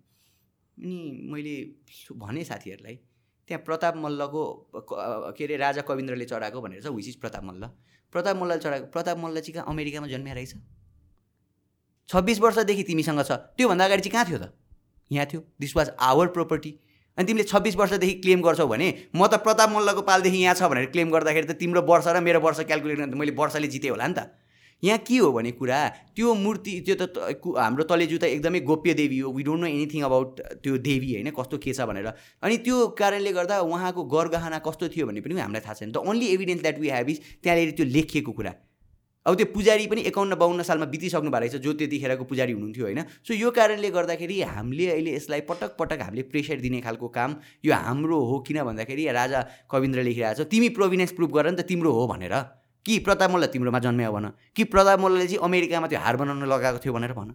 यु क्यान जस्ट यो अनि अहिले आएर चाहिँ कस थाहा पायो? यो लाइक हामीले त मन्दिर त्यो के भयो भने अब बिस्तारै अवेरनेस आउँदैछ कि? मैले अघिदेखि भनेको सिभिल एन्ड पोलिटिकल राइट मात्रै अब हाम्रो राइट होइन। त्यो मात्रै हाम्रो फोकस होइन। होइन आई मिन लाइक यो यही मूर्तिबाट चोरिएको भनेर चाहिँ कस्तो थाहा भयो? किन हामीलाई त्यसको बारेमा त किनकि श्री श्री यो तलेजुको भनेर तिनवटा श्री देवीलाई चढाएको हो भन्ने खालको हिसाबले त्यहाँनिर अभिलेखमै यो चाहिँ तलेजुको हो भनेर लेखिएको छ।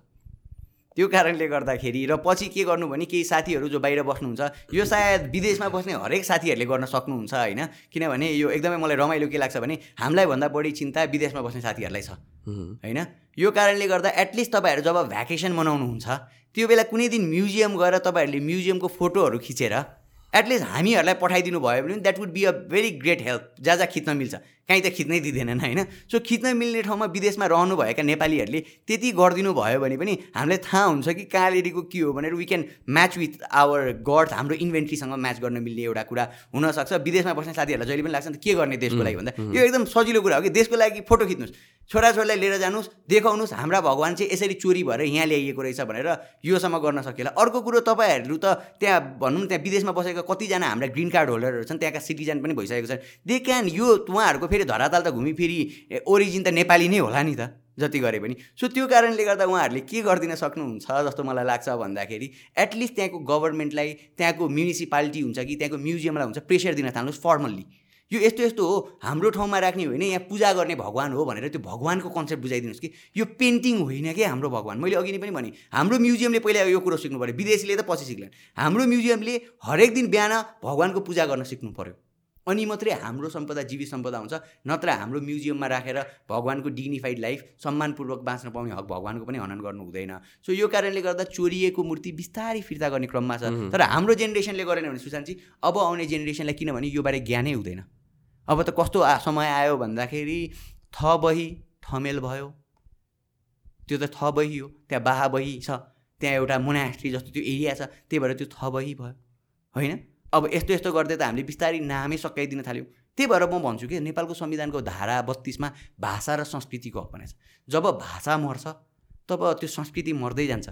आजको नेवाहरूको हकमा भएको प्रब्लमै यही हो। हामीले अङ्ग्रेजी पढायौँ भेरी गुड इन्टरनेसनली कम्पिटेन्ट हुनुपर्छ। तर आफ्नो अस्तित्व नेपाल भाषालाई कहाँ पुऱ्यायौँ? रञ्जना लिपिलाई कहाँ पुऱ्यायौँ?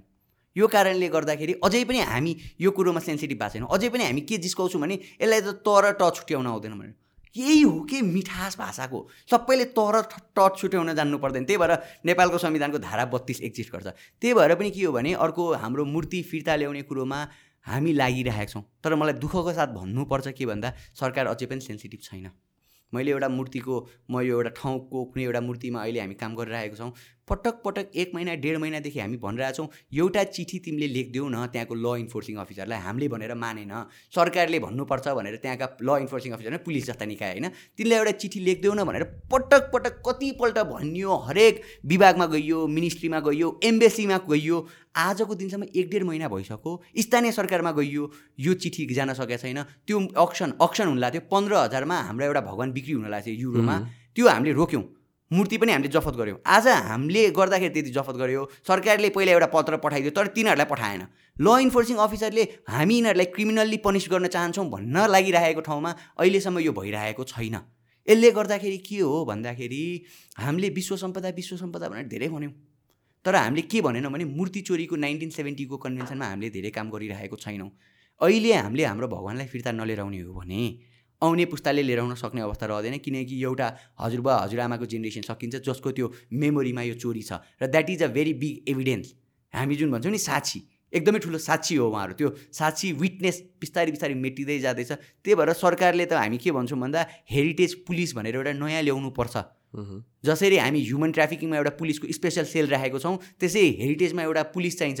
किनभने यस्ता पुरातात्विक वस्तु पटक पटक चोरी हुने खतरा हुन्छ। स्थानीय सरकारले अभिलेख बनाउन थाल्नु पऱ्यो जिल्ला प्रशासन कार्यालयले अभिलेख बनाउन थाल्नु पऱ्यो यो नगर्ने त साँच्ची भन्दाखेरि यो मिल्ने हो भने खोजी खोजी यतिखेर अहिलेसम्म अभिलेख नबनाउनु सबैलाई लगेर छुन्नुपर्छ किन भन्दा चोरी कुनै कुरा यो हाम्रो फौजदारी संहिताले के भन्छ भने कुनै गर्नुपर्ने कार्य नगर्नु नगर्नुपर्ने कार्य गर्नु। यो दुइटै के हो भने अफेन्स हो। हामीले अहिलेसम्म के हेरिरहेको छौँ? नगर्नुपर्ने कार्य गऱ्यो भने जस्तै मान्छे मार्नु हुँदैन थियो मान्छे मार्यो भने के हो? अपराध हो। तर यहाँ एउटा छेउमा पुलिस छ। मान्छे मार्नु रोक्नु त उसको काम होला नि त साँच्ची मान्छे मारिरहेछ पुलिस अब मेरो चाहिँ ड्युटी सक्यो भन्दै बस्यो भने के होला? His or she is equally liable त्यो कुरा हामी क्रिमिनल लमा भन्दा सबैजना बुझ्छौँ मर्डरको कुरामा। त्यही कुरा मेरो भगवान् चोरी हुँदाखेरि किन बुझिँदैन? भन्दाखेरि यस्ता खालका प्रब्लम यो जनताले बुझेनन्। जनताले नबुझिसकेपछि के भयो? ब्युरोक्रेसी पनि त्यही जनतै हो उसले बुझेन। त्यसपछि छानेर पठाउने पनि हामीले को हो? जनप्रतिनिधि हाम्रै जनप्रतिनिधि अब हामीले बेसबाट नबुझिसकेपछि कसले बुझ्ने?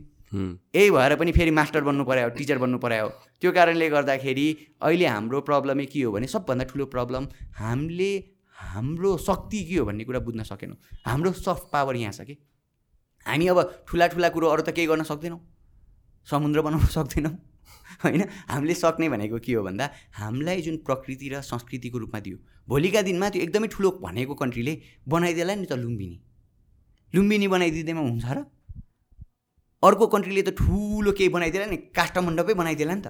तर हुँदैन। There is something called authenticity आधिकारिकता हुन्छ कि हरेक कुराको। सुशान्तजी भन्दाखेरि अरू साथीहरूले बोल्नु हुँदैन। सुशान्तजी भन्दाखेरि यहाँले नै बोल्नुहुन्छ।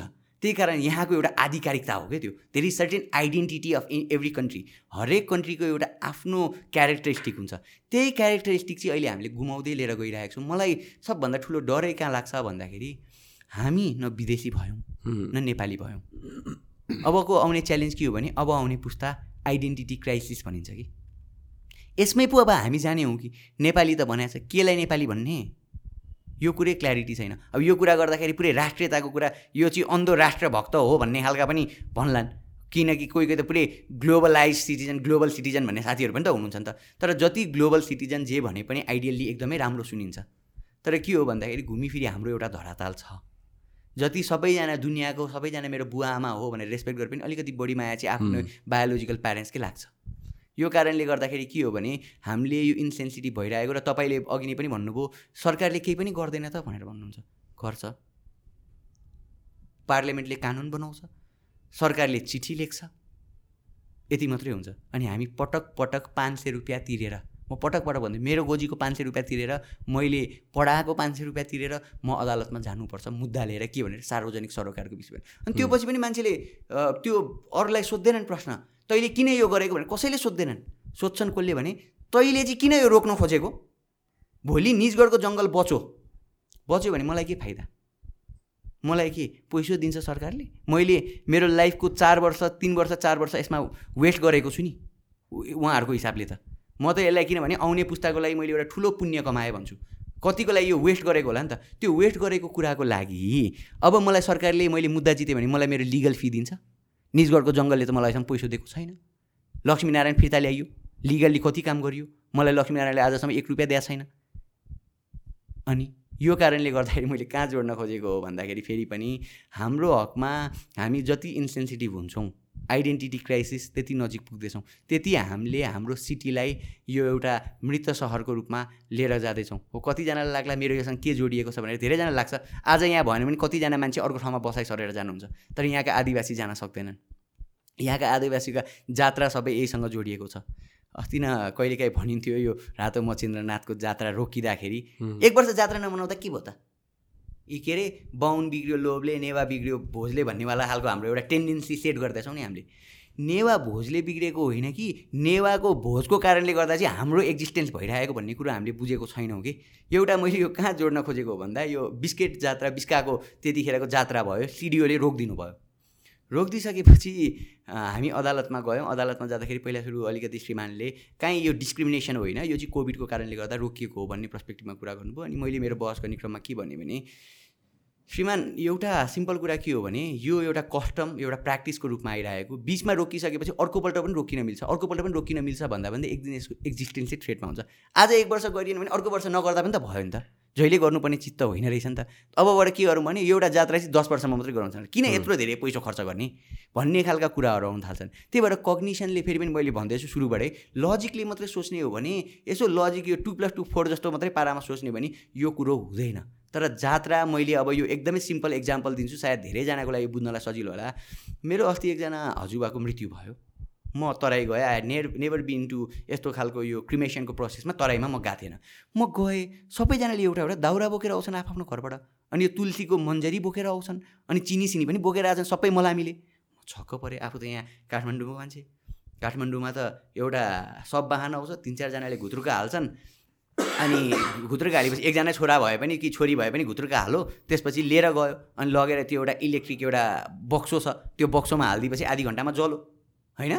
अब आफूले त्यो देखेको त्योभन्दा अलिकति पहिला देखेको गयो केही प्रोफेसनल मान्छे हुन्छन् त्यहाँ चट्ट लगेर घाटमा लगेर जलाइदिन्छन् अरू त यसो गफसफ गर्ने ओहो दुःखद साह्रै राम्रो मान्छे हुनुहुन्थ्यो। जति नराम्रो भए पनि साह्रै राम्रो त भन्नु पऱ्यो नि त। बहुत राम्रो मान्छे हुन्थ्यो जिन्दगीमा साह्रै राम्रो काम गरिरहेको छ भन्ने खालको कुरो गर्नु पऱ्यो। अब यहाँ हाम्रो त त्यही थियो त्यो देखाएँ आफूले। त्यहाँ मान्छे सबै जम्मा लिएर हुन्छन्। अनि मैले गएर हेरेँ अनि मलाई अचम्म के लाग्यो भने सबै गाउँ आएका छन्। सबै मान्छे आएको छन् एउटा एउटा काठ बोकेर कि एउटा दाउरा बोकेर। अनि के रहेछ भन्दै मैले हेर्दै जाँदा त यो त कति राम्रो सोलिडारिटी रहेछ कल्चरले त। कल्चरले त मान्छेलाई सँगै ल्याएको रहेछ नि त हाम्रो जलाउने कुराले त।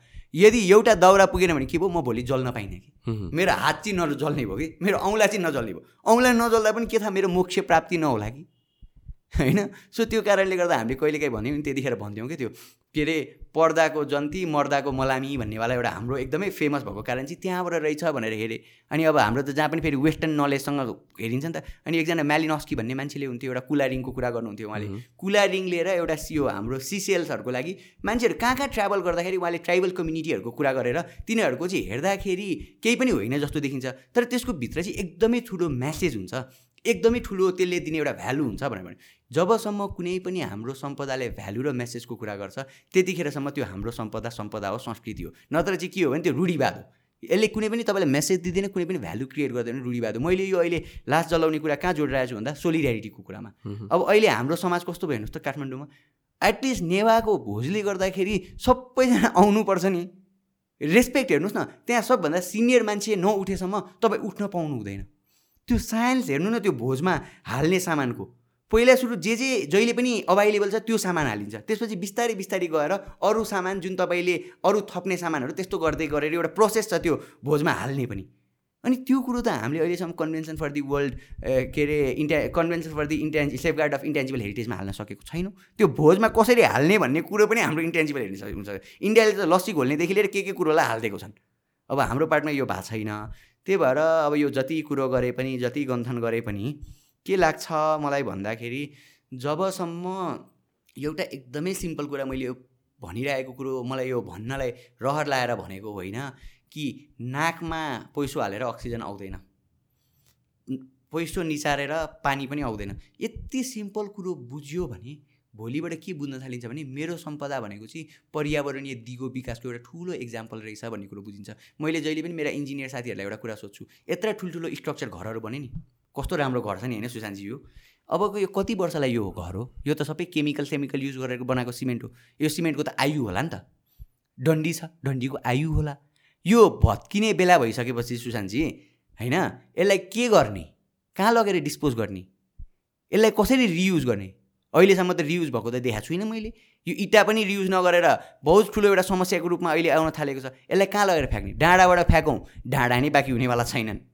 किनकि हामीलाई त विकास चाहिएको छ। डाँडामा पनि त बाटो भन्ला नि त सबै बाटै बाटो। या सो जुन यो बाटो भत्कायो नि त अघि हामीले कुरा गऱ्यौँ त डेभलपमेन्टको नाममा हेबिटेसन बिगार्नु हुँदैन भनेर। जुन यो रोड एक्सपेन्सनको प्रोजेक्टमा मान्छेहरू घर भत्कायो त्यो लिगल नै थियो? लिगल वेमा थियो कि? थिएन। सम्मानित सर्वोच्च अदालतले भन्यो कि तिमीले यदि एउटा मान्छेको घर भत्काउँदैछौ भने it's not just a settlement अदालतको यो बेन्चको पुरै फैसलै छ। बेन्चले के भने पहिला तिनजनाले गर्यो पछि पाँचजनाले पनि त्यसमा अग्री गर्यो यो एउटा फैसलामा। यो मुद्दामा सानो श्रेष्ठको मुद्दा हो यो। एकजना मान्छे सानो श्रेष्ठ भन्नेले हाल्नुभयो यो मुद्दा। उहाँले यो मुद्दा हाल्दाखेरि अदालतले के भन्यो भने घर भनेको चाहिँ बस्ने ठाउँ मात्रै होइन। त्यहाँ इट इज अ प्लेस जहाँनिर तपाईँको इम्प्लोइमेन्ट पनि जोडिएको छ। आज हामी आउँदाखेरि कस्तो लुगा लाएर आउँछौँ कसरी आउँछौँ भन्ने कुरालाई चाहिँ काहीँ न काहीँ घरले पनि इम्प्याक्ट पार्छ। तपाईँको इम्प्लोइमेन्ट तपाईँको तिनीहरू भनौँ न बिजनेस चलाउनुहुन्छ तपाईँले। यो सबै कुरो घरले दिने भएर एजुकेसन सबै कुरो घरसँग कनेक्टेड भएको भएर तपाईँले जब यसरी हटाउनुहुन्छ त्यतिखेर चाहिँ यो सबै कुरोलाई हेर्नुपर्छ भनेर अदालतले बोल्यो। तर हाम्रो सरकारले के गर्यो भन्दाखेरि इलिगल हो कि भन्दा हाम्रोमा जग्गा प्राप्ति ऐन भन्ने छ। त्यो जग्गा प्राप्ति ऐन गर्दा जग्गा प्राप्त गर्दाखेरि चाहिँ उसलाई रिहेबिटेट हुन सक्ने गरी जग्गा कि भनौँ न पैसा दिनुपर्छ भन्दा हाम्रोमा त्यो न यो सडक विस्तारमा गरियो न खोकनामा गरिँदैछ होइन? किनभने चाहिँ नेगेटिभ के छ भनेपछि यो जग्गा मिचिएर बनाएको घर हो भनेर त सबै घर त्यस्तै थियो र। बिलोङ्स टु द गभर्मेन्ट अनि just the government is taking it back अहिले अहिले त कस्तो पनि भन्छन् भने मन्दिरले बाटो मिचो भनेर पनि भन्न थालेछन् सो त्यो फ्याक्ट होइन होइन यो एउटा एकदमै मैले भने नि जसरी कस्तो भन्दा सजिलो के छ भने यो विकास विरोधी हो भने अहिले भनौँ न राम्रा मान्छेलाई भ्रष्टाचारी भनिदियो भने सक्यो नि मैले इक्जाम्पल दिने गर्छु कलेजमा प्लास्टिक जब इन्भेन्ट गरियो प्लास्टिकको सबभन्दा ठुलो के भन्ने रहेछ भने प्लास्टिक इन्भेन्ट गर्दाखेरि प्लास्टिक चाहिँ एकदम कलरफुलवाला कुरा हो। एकदमै राम्रो कुरा हो। यो किराले खान पनि सक्दैन। त्यही भएर यो चाहिँ लङ टर्मसम्म टिक्छ। तर आज हाम्रो लागि सबभन्दा ठुलो थ्रेड के हो? यो लङ टर्मसम्म टिक्नु यो हामीले यो अघि नै मैले भन्दै थिएँ कन्क्रिटको घर किन बनाइयो भन्दाखेरि लङ टर्मसम्म टिक्छ भनेर हो नि त माटोले पोत्नु परेन होइन गर्नु परेन भनेर बना तर भोलिको दिनमा यसको सबभन्दा ठुलो थ्रेड भनेको के हो भने यसको यो डिकम्पोज नहुने होइन बायोडिग्रेडेबल त होइन यो कन्क्रिट त प्लास्टिक पनि होइन। त्यो कारणले गर्दा जे कुराको एडभान्टेज हुन्छ त्यो कुराको डिसएडभान्टेज पनि त्यही एडभान्टेजै हुन्छ कि त्यसको स्ट्रेन्थ नै त्यसको विकनेस पनि हो। त्यही भएर जसरी हामीले एउटा राम्रा मान्छेलाई यो चाहिँ भ्रष्टाचारी हो डलर हो एनजिओको डलर खाएर बस्यो भनेर एउटा मान्छेको नैतिकतामा आक्रमण उसको नैतिकता नै हो नि त पावर नैतिकतामा आक्रमण गरेर सकेको जस्तै। यहाँनिर के हो भने तपाईँले जो मान्छेको पुस्ता पुस्तादेखि विकासको दिगो विकासको कुरा गरे किनभने माटो त्यही माटो प्रयोग गर्न मिल्थ्यो इँटा त्यही इँटा प्रयोग गर्न पर्थ्यो र धेरै जस्तो सालका प्रयोगहरू गरेका कारणले त्यही प्रयोग गर्न मिल्थ्यो। अब यो सबै कुरा हटाइदिए यो सबै कुरा प्रयोग गर्न मिल्ने कुरा भयो भने त फेरि मार्केट त नचल्ला। त्यो कारणले गर्दा के हो भने इजी विकास विरोधी जो सडक विस्तारको कुरो गर्छ विकास विरोधी हुन्। भन्ने खालको जुन हामीले न्यारेटिभ सेट गऱ्यौँ होइन? यो नेरेटिभ सेट गरेको कारणले गर्दाखेरि चाहिँ के भयो भन्दा सजिलो के भने घर मिचेको हो नि भन्दाखेरि एकदमै सजिलो भइदियो। सो त्यो it wasn't the case it wasn't भनेपछि अब त्यस्तो मेरो प्रब्लम के हो भनेपछि मलाई बेला बेलामा आई क्वेसन भनेपछि यहाँ नेपालमा जसले जे गर्न पनि पाइ पाइने भयो मेरो सिक्युरिटी भन्ने कुरा त भएन। मेरै ठाउँमा मैले नै बनाएको घर पनि बिगाडेर अनि त्यसपछि तिन करोडको घरको भ्याल्यु मलाई दस लाख दिएर सेटल गरिदिन्छ मानौँ न। त्यसरी सेटल गर्न मिल्छ भनेर भनेपछि त्यहाँ त अब यसले यसमा कसलाई ब्लेम गर्न मिल्छ? ल ललाई भन्न मिल्छ कि सिस्टमलाई भन्न मिल्छ कि पोलिटिक्सलाई भन्न मिल्छ कि? के हो यो केस चाहिँ? यसलाई कसरी हेर्नु पर्ला जस्तो मलाई लाग्छ भन्दाखेरि म चाहिँ कहिलेकाहीँ भन्छु क्या an activist a person who is running after the cause should not go into politics भन्छु। अब यो चुनाव आइराख्दाखेरि यो फेरि कसैलाई भने जस्तो नहोस्। मिल्न गएमा संयोग मात्रै हुनेछ भनेर बुझौँ यसलाई। होइन? म चाहिँ यो किन भन्छु भन्दाखेरि सर आइभर जेनिङ भन्ने एकजना कन्स्टिट्युसनल एक्सपर्टले के भन्नुभयो भने government is a necessary evil भन्नुभयो। आवश्यक दुष्ट हो। दुष्ट चाहिँ दुष्ट नै हो तर यो दुष्ट आवश्यक छ। यो भएन भने चल्दैन भने हामीले के गऱ्यौँ भने सेपरेसन अफ पावर गऱ्यौँ। पार्लियामेन्ट बनायौँ लेजिस्लेचर एक्जिक्युटिभ जुडिसियरी बनायो। यस्तो बेलामा एक्जिक्युटिभले यस्तो गर्दाखेरि लेजिस्लेचरभित्र कमिटीहरू हुन्छ समितिहरू हुन्छ कि त्यो समितिले हस्तक्षेप गर्न सक्ने खालको एउटा कुरो हो। त्यही भएर हामीले त्यस्ता समितिलाई पनि अलिकति मोटिभेट गरेर लिएर जाने खालको कुरो हो। अहिले हाम्रो समितिको पनि एक हिसाबले तपाईँ कसको फेलियर हो कहाँ फेलियर हो भन्दा समितिको फेलियर अर्को कुरो भन्दाखेरि के हो भने जुडिसियरीमा यो मुद्दा गइरहेको छ। तर प्रब्लम के भने जुडिसियरी पनि कन्टिन्यू भएर होइन यो मुद्दा त अब सकियो। सक्यो। तर मैले भन्न खोजेँ के भने अनि जुडिसियरले कम्पेन्सेसन दिनुपर्छ भनेर क्लियरली भनिदियो। त्यतिखेर त कम्पेन्सेसन दिएको थिएन अहिले बिस्तारै कम्पेन्सेसन कुरा गरेर अवहेलना लगायतको कन्टेन्ट भयो भनेर पनि मुद्दाहरू चलिरहेको छ। तर मैले भन्न खोजेको कुरा जुडिसियरीले अलिकति गर्नुपर्ने कुरा चाहिँ कहाँ भने हामी एकदमै our judiciary has been a role model internationally नै हेरिटेज र इन्भाइरोमेन्ट र सोसियल जस्टिसको हकमा। तर अझै पनि हामीले सायद भारतको जुडिसियरीबाट सिक्नुपर्छ। अब यो भन्दाखेरि फेरि मलाई भारत के भन्छ पक्षधर भन्ने पनि होला नि I don't even care about that होइन? जुनै पक्षधर त कसै न कसैलाई के भनिदिइहाल्छ। किनकि we need to give example होइन? भारतमा जस्टिस पिएन भगवती भन्ने एकजना न्यायाधीश हुन्थ्यो र जस्टिस भिआर कृष्ण अय्यर भन्ने एकजना दुईजना न्यायाधीश हुन्थ्यो। उहाँहरूले के गर्नुभयो भन्दाखेरि हेर्नुभयो जाँदाखेरि कैदीलाई त कति वर्षसम्म ट्रायलै नगरिकन न्यायाधीशकोमा नलगिकन थुनेर राखिराखेको रहेछ। ट्रायल कहिले हो कहिले? उहाँले के गर्नु भने सो मोटो मुद्दा चलाउनु भयो। सो मोटो भने के भने आफै सो विवेक प्रयोग गरेर मुद्दा चलाउनु भयो। हाम्रा सम्माननीय न्यायाधीशहरू प्रधान न्यायाधीश माननीय न्यायाधीशहरू त यही बाटो हिँड्नुहुन्छ। कति धेरै समस्या सरकारले नगरेका अकर्म नेता त छन् नि त। उहाँहरूले सो मोटो चलाउन थाल्नु पऱ्यो कि मुद्दा अबबाट। भनेको के भन्दाखेरि आफैले देखेको कुरामा यो तैँले किन गरिरहेको छ they need to learn to ask question जसरी भारतको अदालतमा पटक पटक हुन्छ। कोभिडको मुद्दामा यतिपल्ट भारतको अदालतले सोध्यो। हामीले ग हामी कोभिडको बेला हामी पनि यसरी नै थुनेर बसेको थियौँ। अनि मलाई आफैदेखि लाज लाग्यो कोभिडमा हेर्नुहोस्। मान्छे खाली खुट्टा हिँडेर गइरहेको छन्। कहाँ?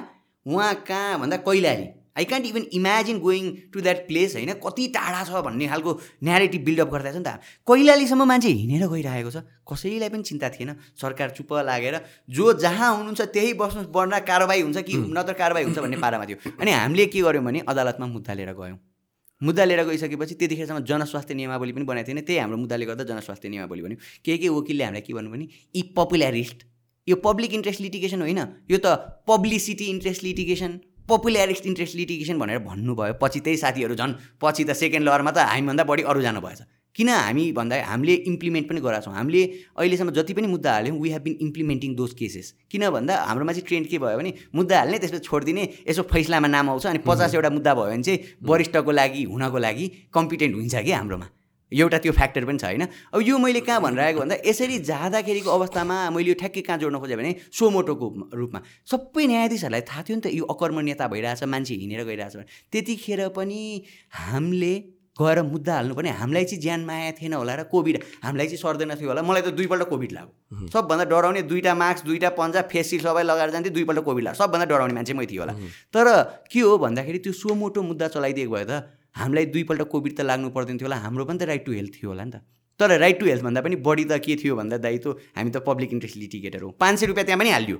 पाँच सय रुपियाँ हालेर कोभिडको बेलामा पाँच सय रुपियाँ हालेर मुद्दा हालियो हेर्नुहोस्। मुद्दा हालिसकेपछि अदालतले आदेश दियो। आदेश दिएर केही केही आदेश कार्यान्वयन भएन अनि हामी त्यसपछि त्यस्तै गरेर अनि हामी अहिले कन्टेम्पमा छौँ। होइन? यो हामीले त्यतिखेरको सम्माननीय प्रधानमन्त्री केपी शर्मा ओली लगायतलाई एक वर्ष जेल सजाय हुनुपर्छ भनेर मुद्दा कन्टिन्यू नै छ। त्यो अब मुद्दा विचाराधीन अवस्थामै रहेको छ। हो सो यस्तो केसमा मैले के भन्न खोजेको भनेपछि कतिको पावरफुल हुन्छ सुप्रिम कोर्ट? फर इक्जाम्पल एउटा केही कन्क्लुजनमा आयो ल यस्तो गर्नु पऱ्यो भनेर गभर्मेन्ट डिसाइड्स मलाई मतलब छ म गरिदिनु जा। यो केसमा के? यो अदालत कति पावरफुल छ भन्ने कुरा यो अदालत त्यही अदालत हो जसले गिरिजा प्रसाद कोइरालालाई अदालतमा आफै स्वयं उपस्थित हुनु भनेर बोलायो। अस्ति आफ्नै प्रधान न्यायाधीशलाई पनि अदालतमा बोलायो। आफ्नै प्रधान न्यायाधीश है भनेको आफ्नो प्रधान न्यायाधीश भने जो रिटायर्ड हुनुभयो चारजना प्रधान न्यायाधीश लाइनमा लागेर आउनुभयो। एउटा कुरा के भने अदालतको शक्ति भनेको तपाईँ र म हो, जनआस्था हो। जबसम्म अदालतमा हाम्रो आस्था रहन्छ त्यो विदेशमा भन्छ नि I see you on the court कि आई सु यु होइन. हो सो सो त्यो इट मेक्स सेन्स किनभने बाहिरको त्यस्तो पावरफुल छ भनेर देखाउँछ नि त। गभर्मेन्टले पनि के पनि गर्न सक्छ तर यहाँको केसमा फर इक्जाम्पल यही भनौँ न यो जग्गा मिचियो या जग्गा घर भत्कायो भन्ने केसमा यो त बन्द बन्दै भएर गयो नि त। होइन बन्द भएको छैन। अहिले पनि continue भइरहेछ। अहिले पनि अदालतले अवहेलनाहरू चलिरहेको छ। अहिले पनि अदालतमा मुद्दाहरू विचार दिन्छ अदालतले पटक पटक निर्देशनहरू दिइरहेछ तपाईँले भने जस्तो हो। सरकारले अकर्मण्यताको कारणले गर्दा त्यहाँ पनि सबै फैसलाहरू कार्यान्वयन भएको छैन। तर कुरो के हो भन्दाखेरि अदालतको भनेको कानुन र मौलिक हकको जुन रक्षा गर्ने हुन्छ त्यो दायित्व अदालतले अहिलेसम्म निभाउँदै आइरहेको छ। अहिलेसम्मका माननीय न्यायाधीश र सम्माननीय प्रधान न्यायाधीश लगायतका मान्छेहरूले अहिलेसम्मका ट्रेन्ड हेर्दाखेरि यिनीहरूकै कारण उहाँहरूकै कारणले गर्दाखेरि यो अहिलेसम्मको अवस्थामा बचेको हो। र एउटा मेन्टालिटी के पनि बनाइया भने सुशान्तजी हाम्रो अदालत काम लाग्दो छैन। पहिला सुरु हेर्नुहोस् है आक्रमण कहाँबाट भयो भन्दाखेरि पार्लियामेन्टबाट भयो। पार्लियामेन्ट काम लाग्दो चिजै होइन भन्नेबाट सुरु भयो। अनि एक टाइम फेरि भयो सरकारै काम लाग्दो चिज होइन भनेर। अब कुरो कहाँ आयो भने जुडिसियरी पनि काम लाग्दो चिज होइन भन्ने एउटा नोसन बनाउन खोजिराखेको छ। यो तिनवटा एन्टिटी सकिसकेपछि तपाईँ र मेरो रक्षा कसले गर्ने? या मैले बुझ्नु मात्र खोजेको फर इक्जाम्पल मेरो घर गयो अरे भत्केरे अब लेट्स चाहिँ कोर्टले भन्यो अरे होइन मलाई त्यस्तो गर्नु गर्नुहुन्थेन मलाई कम्पन्सेसन दिनुपर्छ गभर्मेन्टले भनेर भने। गभर्मेन्टले दिँदैन। हुँदैन। कोर्टले भनिसकेपछि अहिले हाम्रोमा धेरैवटा ठाउँमा कम्पेन्सेसन दिइराखेको छ। काहीँ न काहीँ त्यो प्रब्लम भइरहेको दिएको छैन अदालतले भन्दा पनि। त्यसमा अवहेलनाको मुद्दा चलिरहेछ। तर त्यो भन्नुको अर्थ के हो भन्दाखेरि म तपाईँले ठ्याक्कै एउटा एकदमै लेम्यानले बुझ्ने पारामा भन्छु ले पर्सनले बुझ्ने पारामा। हाम्रोमा क्रिमिनल लको मान्छे मार्नु हुँदैन भनेर त छ नि। त। तर हरेक दिन मान्छे मरिरहेछ नि। कानुनले भन्ने कुरो चाहिँ के हो भन्दाखेरि we are trying to go into एउटा आइडल सोसाइटी होइन? अदालतले गर्ने कुरा के हो त्यो आइडल सोसाइटीसम्म पुग्ने कुरा इन्टरप्रिटेसन गर्ने उसले एक्जिक्युट गर्ने होइन। उसले आदेश दिइसकेपछि सरकारले कार्यान्वयन गर्नुपर्छ। कोही तपाईँको घर भत्काउँदाखेरि अदालतले आदेश गर्यो त्यही पनि कार्यान्वयन गर्दैन। त्यही भएर संविधानको धारा एक सय अठाइसको चारमा के हो भने अवहेलनामा मुद्दा चलाउन सक्छ र एक वर्ष जेलसम्म सजाय हुनसक्छ भने यसरी धेरैजना मान्छेलाई अवहेलनामा मुद्दा चलाइएको खालको स्थिति छ। अघि नै मैले जोडेँ होइन? सात उसमा काष्ठमण्डपमा अदालतले नगर भनेको काम गरियो।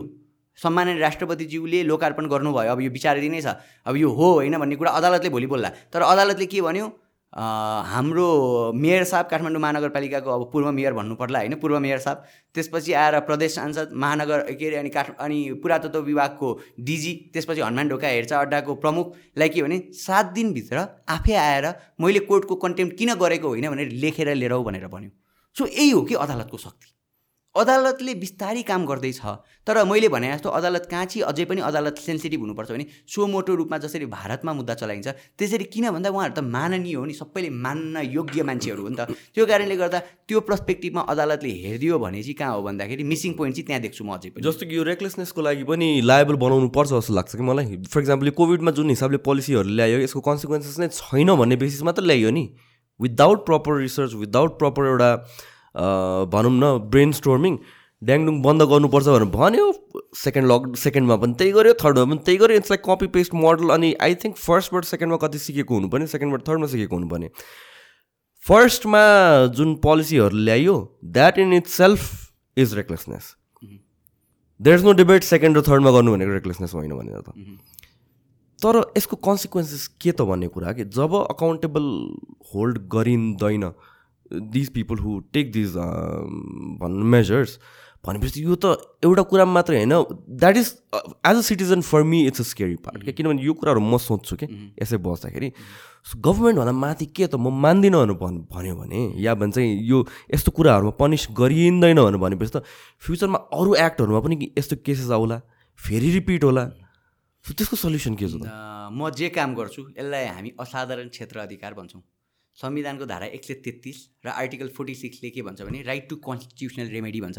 जब कुनै फन्डामेन्टल राइटहरू भायोलेट हुन्छ भाइलेट हुन्छ भनेर हाम्रो संविधानै हो कि? संविधानमा सिक्सटिनदेखि फोर्टी सिक्ससम्म भनौँ न फन्डामेन्टल राइटहरू राखियो फोर्टी फाइभसम्म भनौँ होइन। फोर्टी सिक्सले चाहिँ के भन्यो भन्दा फन्डामेन्टल राइटहरू कहिलेकाहीँ भाइलेट हुन सक्छन् because government is an necessary evil त्यो कारणमा के हो भने फोर्टी सिक्सलाई टेकेर हामी आर्टिकल हन्ड्रेड थर्टी थ्रीमा पुग्छौँ। त्यो भने के भने असाधारण क्षेत्र अधिकार एक्स्ट्रा अर्डिनेरी जुडिस्टिक्सन नत्र मुद्दा कसरी चल्छ भने पहिला जिल्ला अदालतमा जान्छ जिल्लाबाट उच्चमा जाला उच्चबाट सर्वोच्चमा जान्छ। तर एक्स्ट्रा अर्डिनेरी जुडिस्टिक्सनमा चाहिँ के हुन्छ भने तपाईँ डाइरेक्ट सर्वोच्च अदालतमा जानु पाउनुहुन्छ। तपाईँले भने जस्तो इन्सिडेन्टमा सरकारले गरेन भने चाहिँ कहाँ जाने? भन्दा चाहिँ त्यही भएर सर्वोच्च अदालतको ढोका खुल्ला छ कि तपाईँको लागि। त्यतिखेर हामी जस्तै मैले अघि नै कोभिडको इक्जाम्पल दिएँ अरू जति पनि निजगढका मुद्दा छन् सरकारले नगरेकै कारण गरे हो नि त। सरकारले त बायोडाइभर्सिटीको त प्रोटेक्ट गर्नुपर्छ भनेर एकाउन्नको छमा त्यसपछि आएर हाम्रो धारा तिसमा त भन्ने कुरा हो नि त। नगर्दाखेरि जाने बाटो भनेको चाहिँ सर्वोच्च अदालत नै हो। र उच्च अदालतलाई पनि अहिले यो क्षेत्र अधिकार दिएको छ उच्च अदालत नै हो। अब तपाईँले के हो भन्दाखेरि यो यसले गर्छ र भनेर सबैतिर अविश्वास राख्नुभयो भने त सायद त्यो डिप्रेसनै भएर मरिन्छ। गरेन भने पनि हामी युथले गर्न लगाउनु पर्छ भन्ने कुरै हो। किन भन्दाखेरि जहिले पनि गर्दैन भन्ने कुरा होइन। अदालतले गरेका कुरा यति एउटा तपाईँले मलाई क्वेसन सोध्नु भने मलाई भन्नुभयो भने म भन्न सक्छु अदालतले हामीले गरेको कुरामा जब सरकारको रेकलेसनेस भन्दा पनि जब सरकारले आफ्नो ड्युटी अमिट गर्यो त्यतिखेर सरकारलाई अकाउन्टेबल बनाउनुलाई कति एउटा काम गर्यो जस्तै एउटा अहिलेभन्दा धेरै वर्ष अगाडिको म तपाईँलाई कुरा गरौँ। यो योगी नारायणनाथ भन्ने एकजना नाथपन्थीको एकजना हुनुहुन्थ्यो। उहाँले के गर्नुभयो भन्दाखेरि यो हाम्रो चितवन नजिकै एक ठाउँमा सबै कुरालाई जङ्गललाई यसरी नै काटेर हस्पिटल बनाउने भन्ने कुरा। त्यतिखेरको समयमा हस्पिटल एयरपोर्ट के चिज हो? बाहन्न सालको कुरा गर्दैछु म। होइन? हस्पिटल त एकदमै भेरी इम्पोर्टेन्ट इन्फ्रास्ट्रक्चर नि त होइन? त्यो इन्फ्रास्ट्रक्चर बनाउँदाखेरि उहाँले गिरिजा प्रसाद कोइरालालाई मुद्दा हाल्नुभयो। उहाँ यसको लयर प्रकाश मणि शर्मा हुन्थ्यो। यो अनि अरू बालकृष्ण नेपाल लगायतका मान्छेहरू हुन्थ्यो। उहाँहरूले पक्षमा योगी नारायणनाथको पक्षमा बहस गर्दाखेरि एउटा कुरा गरियो। सरकारले गर्ने डिसिजन इरेसनल हुन सक्दैन। There should be rationality behind it arbitrary हुन सक्दैन। मलाई मन लाग्यो म जुरुक्क उठेँ ल यहाँ चाहिँ हस्पिटल बनाउनुपर्छ भनेर। त्यहाँ हस्पिटल नबनाउँदाखेरि अरू ठाउँमा हस्पिटलै नबन्ने भन्ने हुन्छ? कि जग हाल्नै मिल्दैन अरू ठाउँमा? भन्ने प्रश्न गरिसकेपछि यसरी अदालतले एउटा हस्तक्षेप गरेको उदाहरण हो। र हामीसँग हजारौँ उदाहरण छ जहाँ सरकारले नगरेको कुरोमा गर भनेर अदालतले नगरेको कुरा जुन कुरा गरेन त्यो कुरालाई गर्नु जस्तै काठमाडौँको भूमिगत जलस्रोत। मणि शर्माको एउटा मुद्दा भूमिगत जलस्रोत अन्डरग्राउन्ड वाटरबाट मजाले डिप बोरिङ खनेर मन परि निकालिन्थ्यो पानी। अहिले पछिल्लो क्रममा के छ भने लाइसेन्स लाइसेन्स धेरै ठाउँमा लाइसेन्स लिन थालेको छ if you're doing it commercially यस्तो गरेर यो अन्डरग्राउन्ड वाटरमा तिमीले लाइसेन्सिङको पोलिसीलाई इम्प्लिमेन्ट गर भनेर गरायो अदालतले। मैले अघि नै पनि भने यो बाटोको कुरामा कतिवटा कुरामा बहुत समय चाहिँ हाम्रो अदालतले के गरेको छ भन्दा यसरी रोल प्ले गरेको छ। र के हो भने प्रिन्सिपल्ली अदालतले हाम्रा यति धेरै मुद्दामा काम गरेको छ तर हाम्रो एउटा समस्या मैले अघि नै पनि भने नि अध्यारोको धेरै कुरा गर्ने। हामी के देखाउँछौँ? अदालतको यो फैसला चाहिँ कार्यान्वयन भने ए बाबु तिमी पहिला के के फैसला कार्यान्वयन भयो भनेर भन। अनि तिमीले फैसला मैले कलेजमा भन्छु साथीहरू हामीहरू विद्यार्थीहरूलाई हामी भन्छौँ के भन्दाखेरि तिमीले एउटा फैसला पढ्यौ। हामी त फैसलै पढ्ने त हो।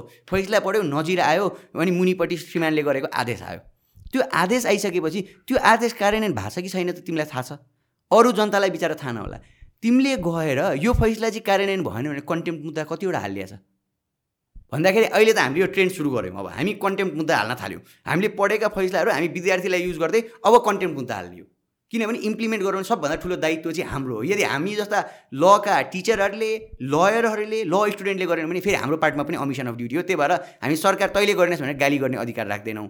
त्यही कारणले गर्दाखेरि के हो भने we need to learn to be hopeful तर होपफुल भन्ने भनेर हाँचीमा गरेर होपफुल भएर चाहिँ केही पनि हुन्न। वी निड टु एक्ट जनताले आफ्नो स्तरबाट हामीले हाम्रो स्तरबाट सबैजनाले आफ्नो स्तरबाट काम गऱ्यो भने के हो भन्दा जुन दिन हाम्रो एउटा यो चेतना आउँछ फेरि पनि प्राकृतिक र सांस्कृतिक सम्पदा नै यो देशको मेरुदण्ड हो।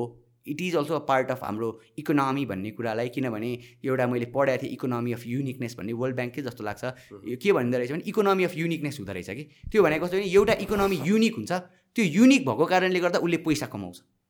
हाम्रोमा हेर्न आउने अघि पनि हामीले कुरा गऱ्यौँ नि त्यही विश्व सम्पदा हो। त्यही माउन्ट एभरेस्ट हो। एकपल्ट लाइन थियो नि माउन्ट एभरेस्टमा यत्रो लामो। त्यही हेर्न आउने हो। सो यो कारणले गर्दाखेरि के हो भने हामीले बचाउने कुरो चाहिँ यति नै हो। यो बचाइयो भने पुग्छ। उहाँ इन्डियामा तिरुपति बालाजी सबभन्दा धनी मन्दिर। होइन? कति मान्छे त्यो कपालै बेचेर कति पैसा कमाउँछ। भक्तले दिएको कपाले राखेर होइन? सो यो कारणले गर्दा के भने अहिलेसम्म हामीले मैले सुरुमा तपाईँलाई भन्दाखेरि देशै मरु झ्याको कुरा गरेर इन्सेन्टिभको कुरा गरेको थिएँ नि जसले पुरानो घर बचाउँछ। त्यसलाई सरकारले पैसा दिन थाल्नुपर्छ। जसले पुरानो सभ्यता गर्छ। हाम्रो जात्रा चलाउने गुठियारहरू होइन गुठियार हुन्छ नि त गुठीको गुठियार। आज पनि गुठियारहरू एक दा ए के अरे एक रुपियाँ पाँच रुपियाँ दस रुपियाँमा काम गर्न बाध्य छन्। एउटा गुठी संस्थान भन्ने एउटा अर्को एउटा संस्था छ। अनि उसको कर्मचारीको हकमा चाहिँ उसले के हो भन्दाखेरि यो हाम्रो लेबर एक्ट उहाँकोहरूको लागि त लागु हुन्छ। तेह्र हजार पन्ध्र हजार कति भन्दा मिनिमम स्यालेरी दिन पाइँदैन। हाम्रो गुठियारको हकमा चाहिँ के हुन्छ भन्दाखेरि होइन तिम्रो पिता पुर्खादेखि गर्दै आएको तिमीले गरेन भने त मासिन्छ सकिन्छ। तिम्रो रेप्युटेसनको कुरा भनेर इमोसनल ब्ल्याकमेलिङ गरिरहेछ। यहाँ चाहिँ ह्युमन राइट हनन नहुने। एउटा मान्छेको बेसिक स्यालेरी तोकिनुपर्ने यी गुठियार जसले यो देशको धर्म संस्कृति यो मेरुदण्डको रूपमा रहेको अमूर्त सम्पदालाई जीवन्तता दिने मान्छेको सर्टेन अमाउन्ट चाहिँ तिमीले यो गरेको कारणले गर्दा इन्सेन्टिभ हो तिमीले पाउँछौ भनेर भन्नुपर्ने। यसको बारेमा त कोही पनि मानव अधिकार कर्मी बोल्दैन। राष्ट्रिय मानव अधिकार आएको अहिलेसम्म बोलाइ मैले त सुनेको छुइनँ। अरू कसैले सुनेका छन् भने मलाई भनिदिनु होला। त्यही कारणले गर्दाखेरि के हो भन्दाखेरि हाम्रो सम्पदा सम्पदा सम्पदा भनेर मन्दिर बसाएर केही पनि हुँदैन। यदि हामीले गर्न चाहेको हो भने पहिला सुरु मैले भने जस्तो यहाँको आदिवासी बचाउँ त्यसपछि मन्दिर आफै बच्छ। यहाँका जिम्मेवारी धेरै कुरो यो डिल गर्ने डिसिजन मेकिङ कुरोमा यस्ता कुराहरूमा आदिवासीलाई बनाऊ गुठी संस्थान भन्ने कुरोले अहिलेसम्म हाम्रो हित गर्न सकेन। त्यही कारणले गर्दा गरौँ। अनि त्यसपछि अब यो गर्दै गइयो भने पछि राम्रो त राम्रै हुन्छ। अनि मलाई अब यो भनिराख्दाखेरि अब यो धेरैले सोध्ने यत्रो धेरै काम गर्दो रहेछ पैसो चाहिँ कहाँबाट आउँछ? भनेर भन्छन्। अनि मैले सिम्पल के भन्छु भने मान्छेलाई पैसो कति चाहिन्छ र?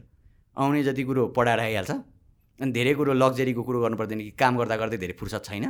त्यो कारणले गर्दाखेरि के हो भने म चाहिँ पैसो कमाएर होइन म चाहिँ पुण्य कमाउनेतिर लागेको छु भन्छु। किन पुण्य कमाउने भन्दाखेरि एकदम इन्ट्रेस्टिङ सुशान्तजी यो के हुन्छ भने हाम्रो अभिलेखहरू जुन हुन्छ भनेको इन्सक्रिप्सनहरू जुन मल्लकाल लिसेपिकालमा लेखे त्यहाँ चाहिँ के लेखिया हुन्छन् भन्दा जसले यो गुठीको जग्गाको संरक्षण गर्छ त्यो चाहिँ साठी हजार वर्षसम्म स्वर्गमा गएर बास गर्नेछ भनेर लेखाएको छ कि। जसले यो गुठीको संरक्षण गर्दैन त्यो चाहिँ आफ्नो पिता पुर्खासहित आफू मात्रै होइन पिता पुर्खासहित साठी हजार वर्षसम्म बिस्टाको किरा भएर नर्कमा बास गर्छ भनेको आचीको किरा भएर नर्कमा बास गर्छ भनेर लेखेको छ। सो यो पार्टले हेर्दाखेरि मैले कहाँ भनेको भन्दाखेरि यो कुरालाई फेरि पनि हाम्रो गुठीको हकमा चाहिँ यति इम्पोर्टेन्ट छ होइन गुठीको कल्चर हाम्रोमा यो गुठीको प्र्याक्टिसेस यो यदि गुठीलाई यदि मास्ने हो भने गुठीलाई नाश गर्ने हो भने त साठी हजार वर्षसम्म नर्कको किरा बिस्टाको किरा भएर नर्कमा बास गर्छस् भन्ने कुरा किन भन्यो? आजको हाम्रो कानुनमा जे हामी भन्छौँ नि त्यही कुरो अहिलेसम्म पनि यो लेगेसी कन्टिन्यू छ कि देवस्व र राजस्वलाई मिसाउनु हुँदैन। राजस्व भनेको राज्यको सम्पत्ति देवस्व भनेको देउताको सम्पत्ति। अब अहिले यो गुठी संस्थान भनेर राजा महेन्द्रको पालदेखि चलिआएको एउटा एन्टिटी छ। यसले गर्दाखेरि के हो भने आदिवासीले जुन पाउनुपर्ने इन्सेन्टिभ मैले गुठी यारको हिसाबले पाउनुपर्ने जग्गा राखिदिएको हो नि त त्यो जग्गा सबै कुरो भुस बनाउन थाले। त्यो कारणले गर्दाखेरि जबसम्म गुठियारमा यो कन्सियसनेस आउँदैन र जबसम्म हामीले गुठियारलाई अवेरनेस ल्याउँछ गुठी विधेयकको बेलाको आन्दोलन सबैलाई अवगत नै छ होइन? सो यो कारणले गर्दाखेरि के हो भने यो फेरि पनि हाम्रो क्यारेक्टरिस्टिक नै के हो भन्ने कुरामा जबसम्म हामी केयरफुल हुँदैनौँ जबसम्म अवेरनेस आउँदैन त्यतिखेरसम्म माथिपट्टि लिडरसिपमा जो आए पनि केही पनि फरक पर्दैन। र अघि नै तपाईँले भनेको जस्तो कहाँ यसको सल्युसन हो भन्दाखेरि देयर सुड अलवेज बी यो वाच ग्रुप्स मैले अघि नै पनि जोड्न खोजेको कुरा के हो भने किन एक्टिभिस्टहरू किनकि कुनै एउटा कजमा लागेका मान्छेहरू चाहिँ गएर पोलिटिसियन बन्नु हुँदैन भन्दा पोलिटिक्स गर्न साथ के हुन्छ भने त्यहाँ पैसाको कुरो आउँछ त्यहाँ बजेटिङको कुरो आउँछ। यो होमो होमिनस लुपस एसेट भन्ने थोमस हब्स भन्ने एकजना मान्छे हुन्थ्यो उहाँले त्यही भन्नुहुन्थ्यो होमो होमिनस लुपस एसेट भनेर के भन्नुहुन्थ्यो भन्दाखेरि मान्छे चाहिँ यताउता गर्दाखेरि फटै हो कि? मौका नपाएसम्म मात्रै हो अरे। मौका पायो भने चाहिँ हानिहाल्ने हो मतलब त्यो लिइहाल्ने हो भन्ने कुरा। त्यहाँ गइसकेपछि त्यो एउटा स्वार्थ आउन सक्छ। त्यही कारणले गर्दा बाहिर बसेर वाच ग्रुपको रूपमा काम गरेर त्यो विसल ब्लोवरको रूपमा काम गऱ्यो भने चाहिँ के हो भने गभर्मेन्टलाई जहिले पनि हामीहरूले अवेर गरिराख्न बचाइराख्न सक्छौँ। तर हाम्रा कहिलेकाहीँ डर के लाग्छ भने हाम्रा युनिभर्सिटी कस्ता भए हाम्रा प्रोफेसरहरू कस्ता भयौँ हाम्रा टिचरहरू कस्ता भयौँ भन्दा हामीले पढायौँ। धेरै पढायौँ विद्वान बनायौँ पिएचडी बना गरायौँ डाक्टर साहब लेखायौँ तर कस्तो गरी डाक्टर साहब बनायौँ कस्तो खालको गरायौँ भन्दाखेरि मैले फेरि पनि भन्ने लजिक धेरै गऱ्यौँ सबै कुरा धेरै गऱ्यौँ तर फिलिङ र कम्प्यासनको कुरालाई गरेनौँ। पानी भएन भने हामी बाँच्दैनौँ भन्ने कुरो समाज पनि सिकाउन सकेनौँ। यो कारणले गर्दा प्रब्लम हो। एउटा शास्त्रमा एकदम मिठो श्लोक के लेखिन्छ भन्दाखेरि यो न निर्मितम केन न दृष्टिपूर्व न श्रूयते हेममय खुरुङ्ग तथापि तृष्णा रघुनन्द स्यह विनाशकाले विपरीत बुद्धि भनिन्छ कि? राजा राम सबैले महापुरुष भन्ने यति महान कि सुनै सुनको उहाँको अयोध्यालाई छोडेर उहाँ बुवाको आदेशमा जानुभयो। वन वन जाँदाखेरि एउटा सुनको मृग देख्नु पऱ्यो। कसैले सुनको मृग बनाएको पनि थाहा थिएन। सुनको मृगको बारेमा सुन्दा पनि सुनिन्न थियो। सुनको मृग कसैले देखेको पनि थिएन। त्यही पनि उहाँमा के भयो? तृष्णा जाग्यो लोभ जाग्यो। वाह यो सुनको मृग पक्रेर लिएर जान पाए त मेरो प्रिय सीता कति खुसी हुन्थ्यो होला। जानुभयो सुनको मृग पक्रिनलाई। सुनको सुनको राज्य छोडेर आएको मान्छे सुनको मृग पक्रिन जानुभयो। त्यसपछि त्यही तृष्णाले पक्रेको कारणले गर्दाखेरि त्यो लोभले पक्रेको कारणले गर्दा उहाँको बुद्धि भ्रष्ट हुन गयो भनेर भनिन्छ। यही आजको हाम्रो परिस्थिति यही हो। तपाईँ if you go into politics as a एउटा कजको लागि हिँडिरहेको मान्छे एउटा विसल ब्लोवर त्यहाँनिर गयो भने कसले विसल ब्लो गर्ने कसले तैँले लिमिट क्रस गरिस् है भन्ने? किनकि लिमिट त क्रस हुन्छ नि त। लिमिट क्रस कहिले गरिस् भनेर भन्ने हुँदैन। त्यही भएर के हो भने यो मलाई बेला बेला डर के लाग्छ भने हामीसँग यत्रो सुनै सुनको भनौँ न त्यो धनी इकोनोमिकल्ली हेर्दाखेरि यति धेरै ठुलो प्राकृतिक र सांस्कृतिक सम्पदा छ। हामी चाहिँ अरू केही पनि नपाएर मृगको पछाडि राम दौड्या जस्तै दौडिरहेको छौँ। अब त्यतिखेर सीताको हरण भयो। अब यहाँ के को हरण हुने हो भन्ने कुरो मलाई एकदमै ठुलो डर लाग्छ। भने हाम्रो आइडेन्टिटीको हरण हुन्छ हाम्रो क्यारेक्टरिस्टिकको हरण हुन्छ। त्यही भएर के हो भने हाम्रो बुद्धि चाहिँ विनाशको बाटोतिर पो लागेको हो कि विकास देखाएर भन्ने खालको मलाई चाहिँ एकदमै डर लाग्ने खालको स्थिति छ। अब यो म भनाइ भने गर्छु म त थाक्दिनँ म त ठिकै छ। सो अर्को अर्को कुरा है त अब ल धराको कुरा गरौँ न त। होइन अब जुन हिसाबले अब अर्को त्यसको अल्टरनेटिभ जस्तो गरेर बनाइयो नि त अहिले। होइन? त्यो त्यो मोडर्नाइज हुनु हुने हो कि नहुने हो कि? त्यस्तै बनाउनु पर्ने हो कि? र त्यस्तै बनायो भने पहिला जस्तै बनाइयो भने फेरि भत्किने चान्सेस के कस्तो हुन्छ भन्ने कुराहरू आउँछ नि त। यो एकजना मान्छे हुन्थ्यो पुरातत्व विभागमा। एकजना सिनियर डिभिजन इन्जिनियर होइन? उहाँले के भन्नुभयो भने सुरुमा हामी तपाईँलाई बुझाइदिन्छौँ। तपाईँ बुझ्नै हुन्न थियो भन्नुहुन्थ्यो। पछि हामीले उहाँलाई बुझाइदियौँ। के भयो भन्दाखेरि रानी पोखरीमा हामी गयौँ सुरुमा सेभेन्टी टूको कुरा। मैले अघि नै पनि भने नि होइन रानी पोखरी अब पुरै पोन्ड बनाएर एकदमै राम्रो हेर्दाखेरि युगल जोडीलाई चट्ट खुट्टा डुबाएर रात ठ्याक्क सनसेट हुँदाखेरि युगल जोडीलाई खुट्टा डुबाउँदै कफी चटक्क खाँदै बस्ने खालको एउटा परिकल्पना हुँदै गएको थियो। अब त्यो त बिचरा प्रताप मल्लले तीर्थस्थलका जल ल्याएर बनाएको पवित्र ठाउँको रूपमा रहेको खालको ठाउँलाई त्यहाँ बनाउन खोजियो। त्यतिखेर एकजना त्यही सिनियर डिभिजन इन्जिनियरले के भन्नु तपाईँहरूले बुझ्नु भएन कि? यो माटो यो चुनाचुर्की अझै माटो भनौँ न यो उसको के हो स्ट्रेन्थ कसरी तपाईँहरू भन्नुहोस् त ल माटो बलियो हो भनेर भन्नुभयो भने मैले के भनेँ सर मलाई एउटा कुरा मैले बुझिनँ। म त इन्जिनियर पनि होइन। मलाई कन्क्रिटले बनेको दुई सय तिन सय वर्ष बसेको कन्क्रिटको स्ट्रक्चर देखाइदिनु न भने। छैन। होइन कन्क्रिट भर्खर इन्भेन्ट भएको भर्खर डिस्कभर भएको भर्खर इन्भेन्ट भएको अनि how can you trust something that is invented भर्खरै? किनकि तपाईँसँग त थाहा छैन यो कति वर्ष टिक्छ भन्ने कुरो पनि।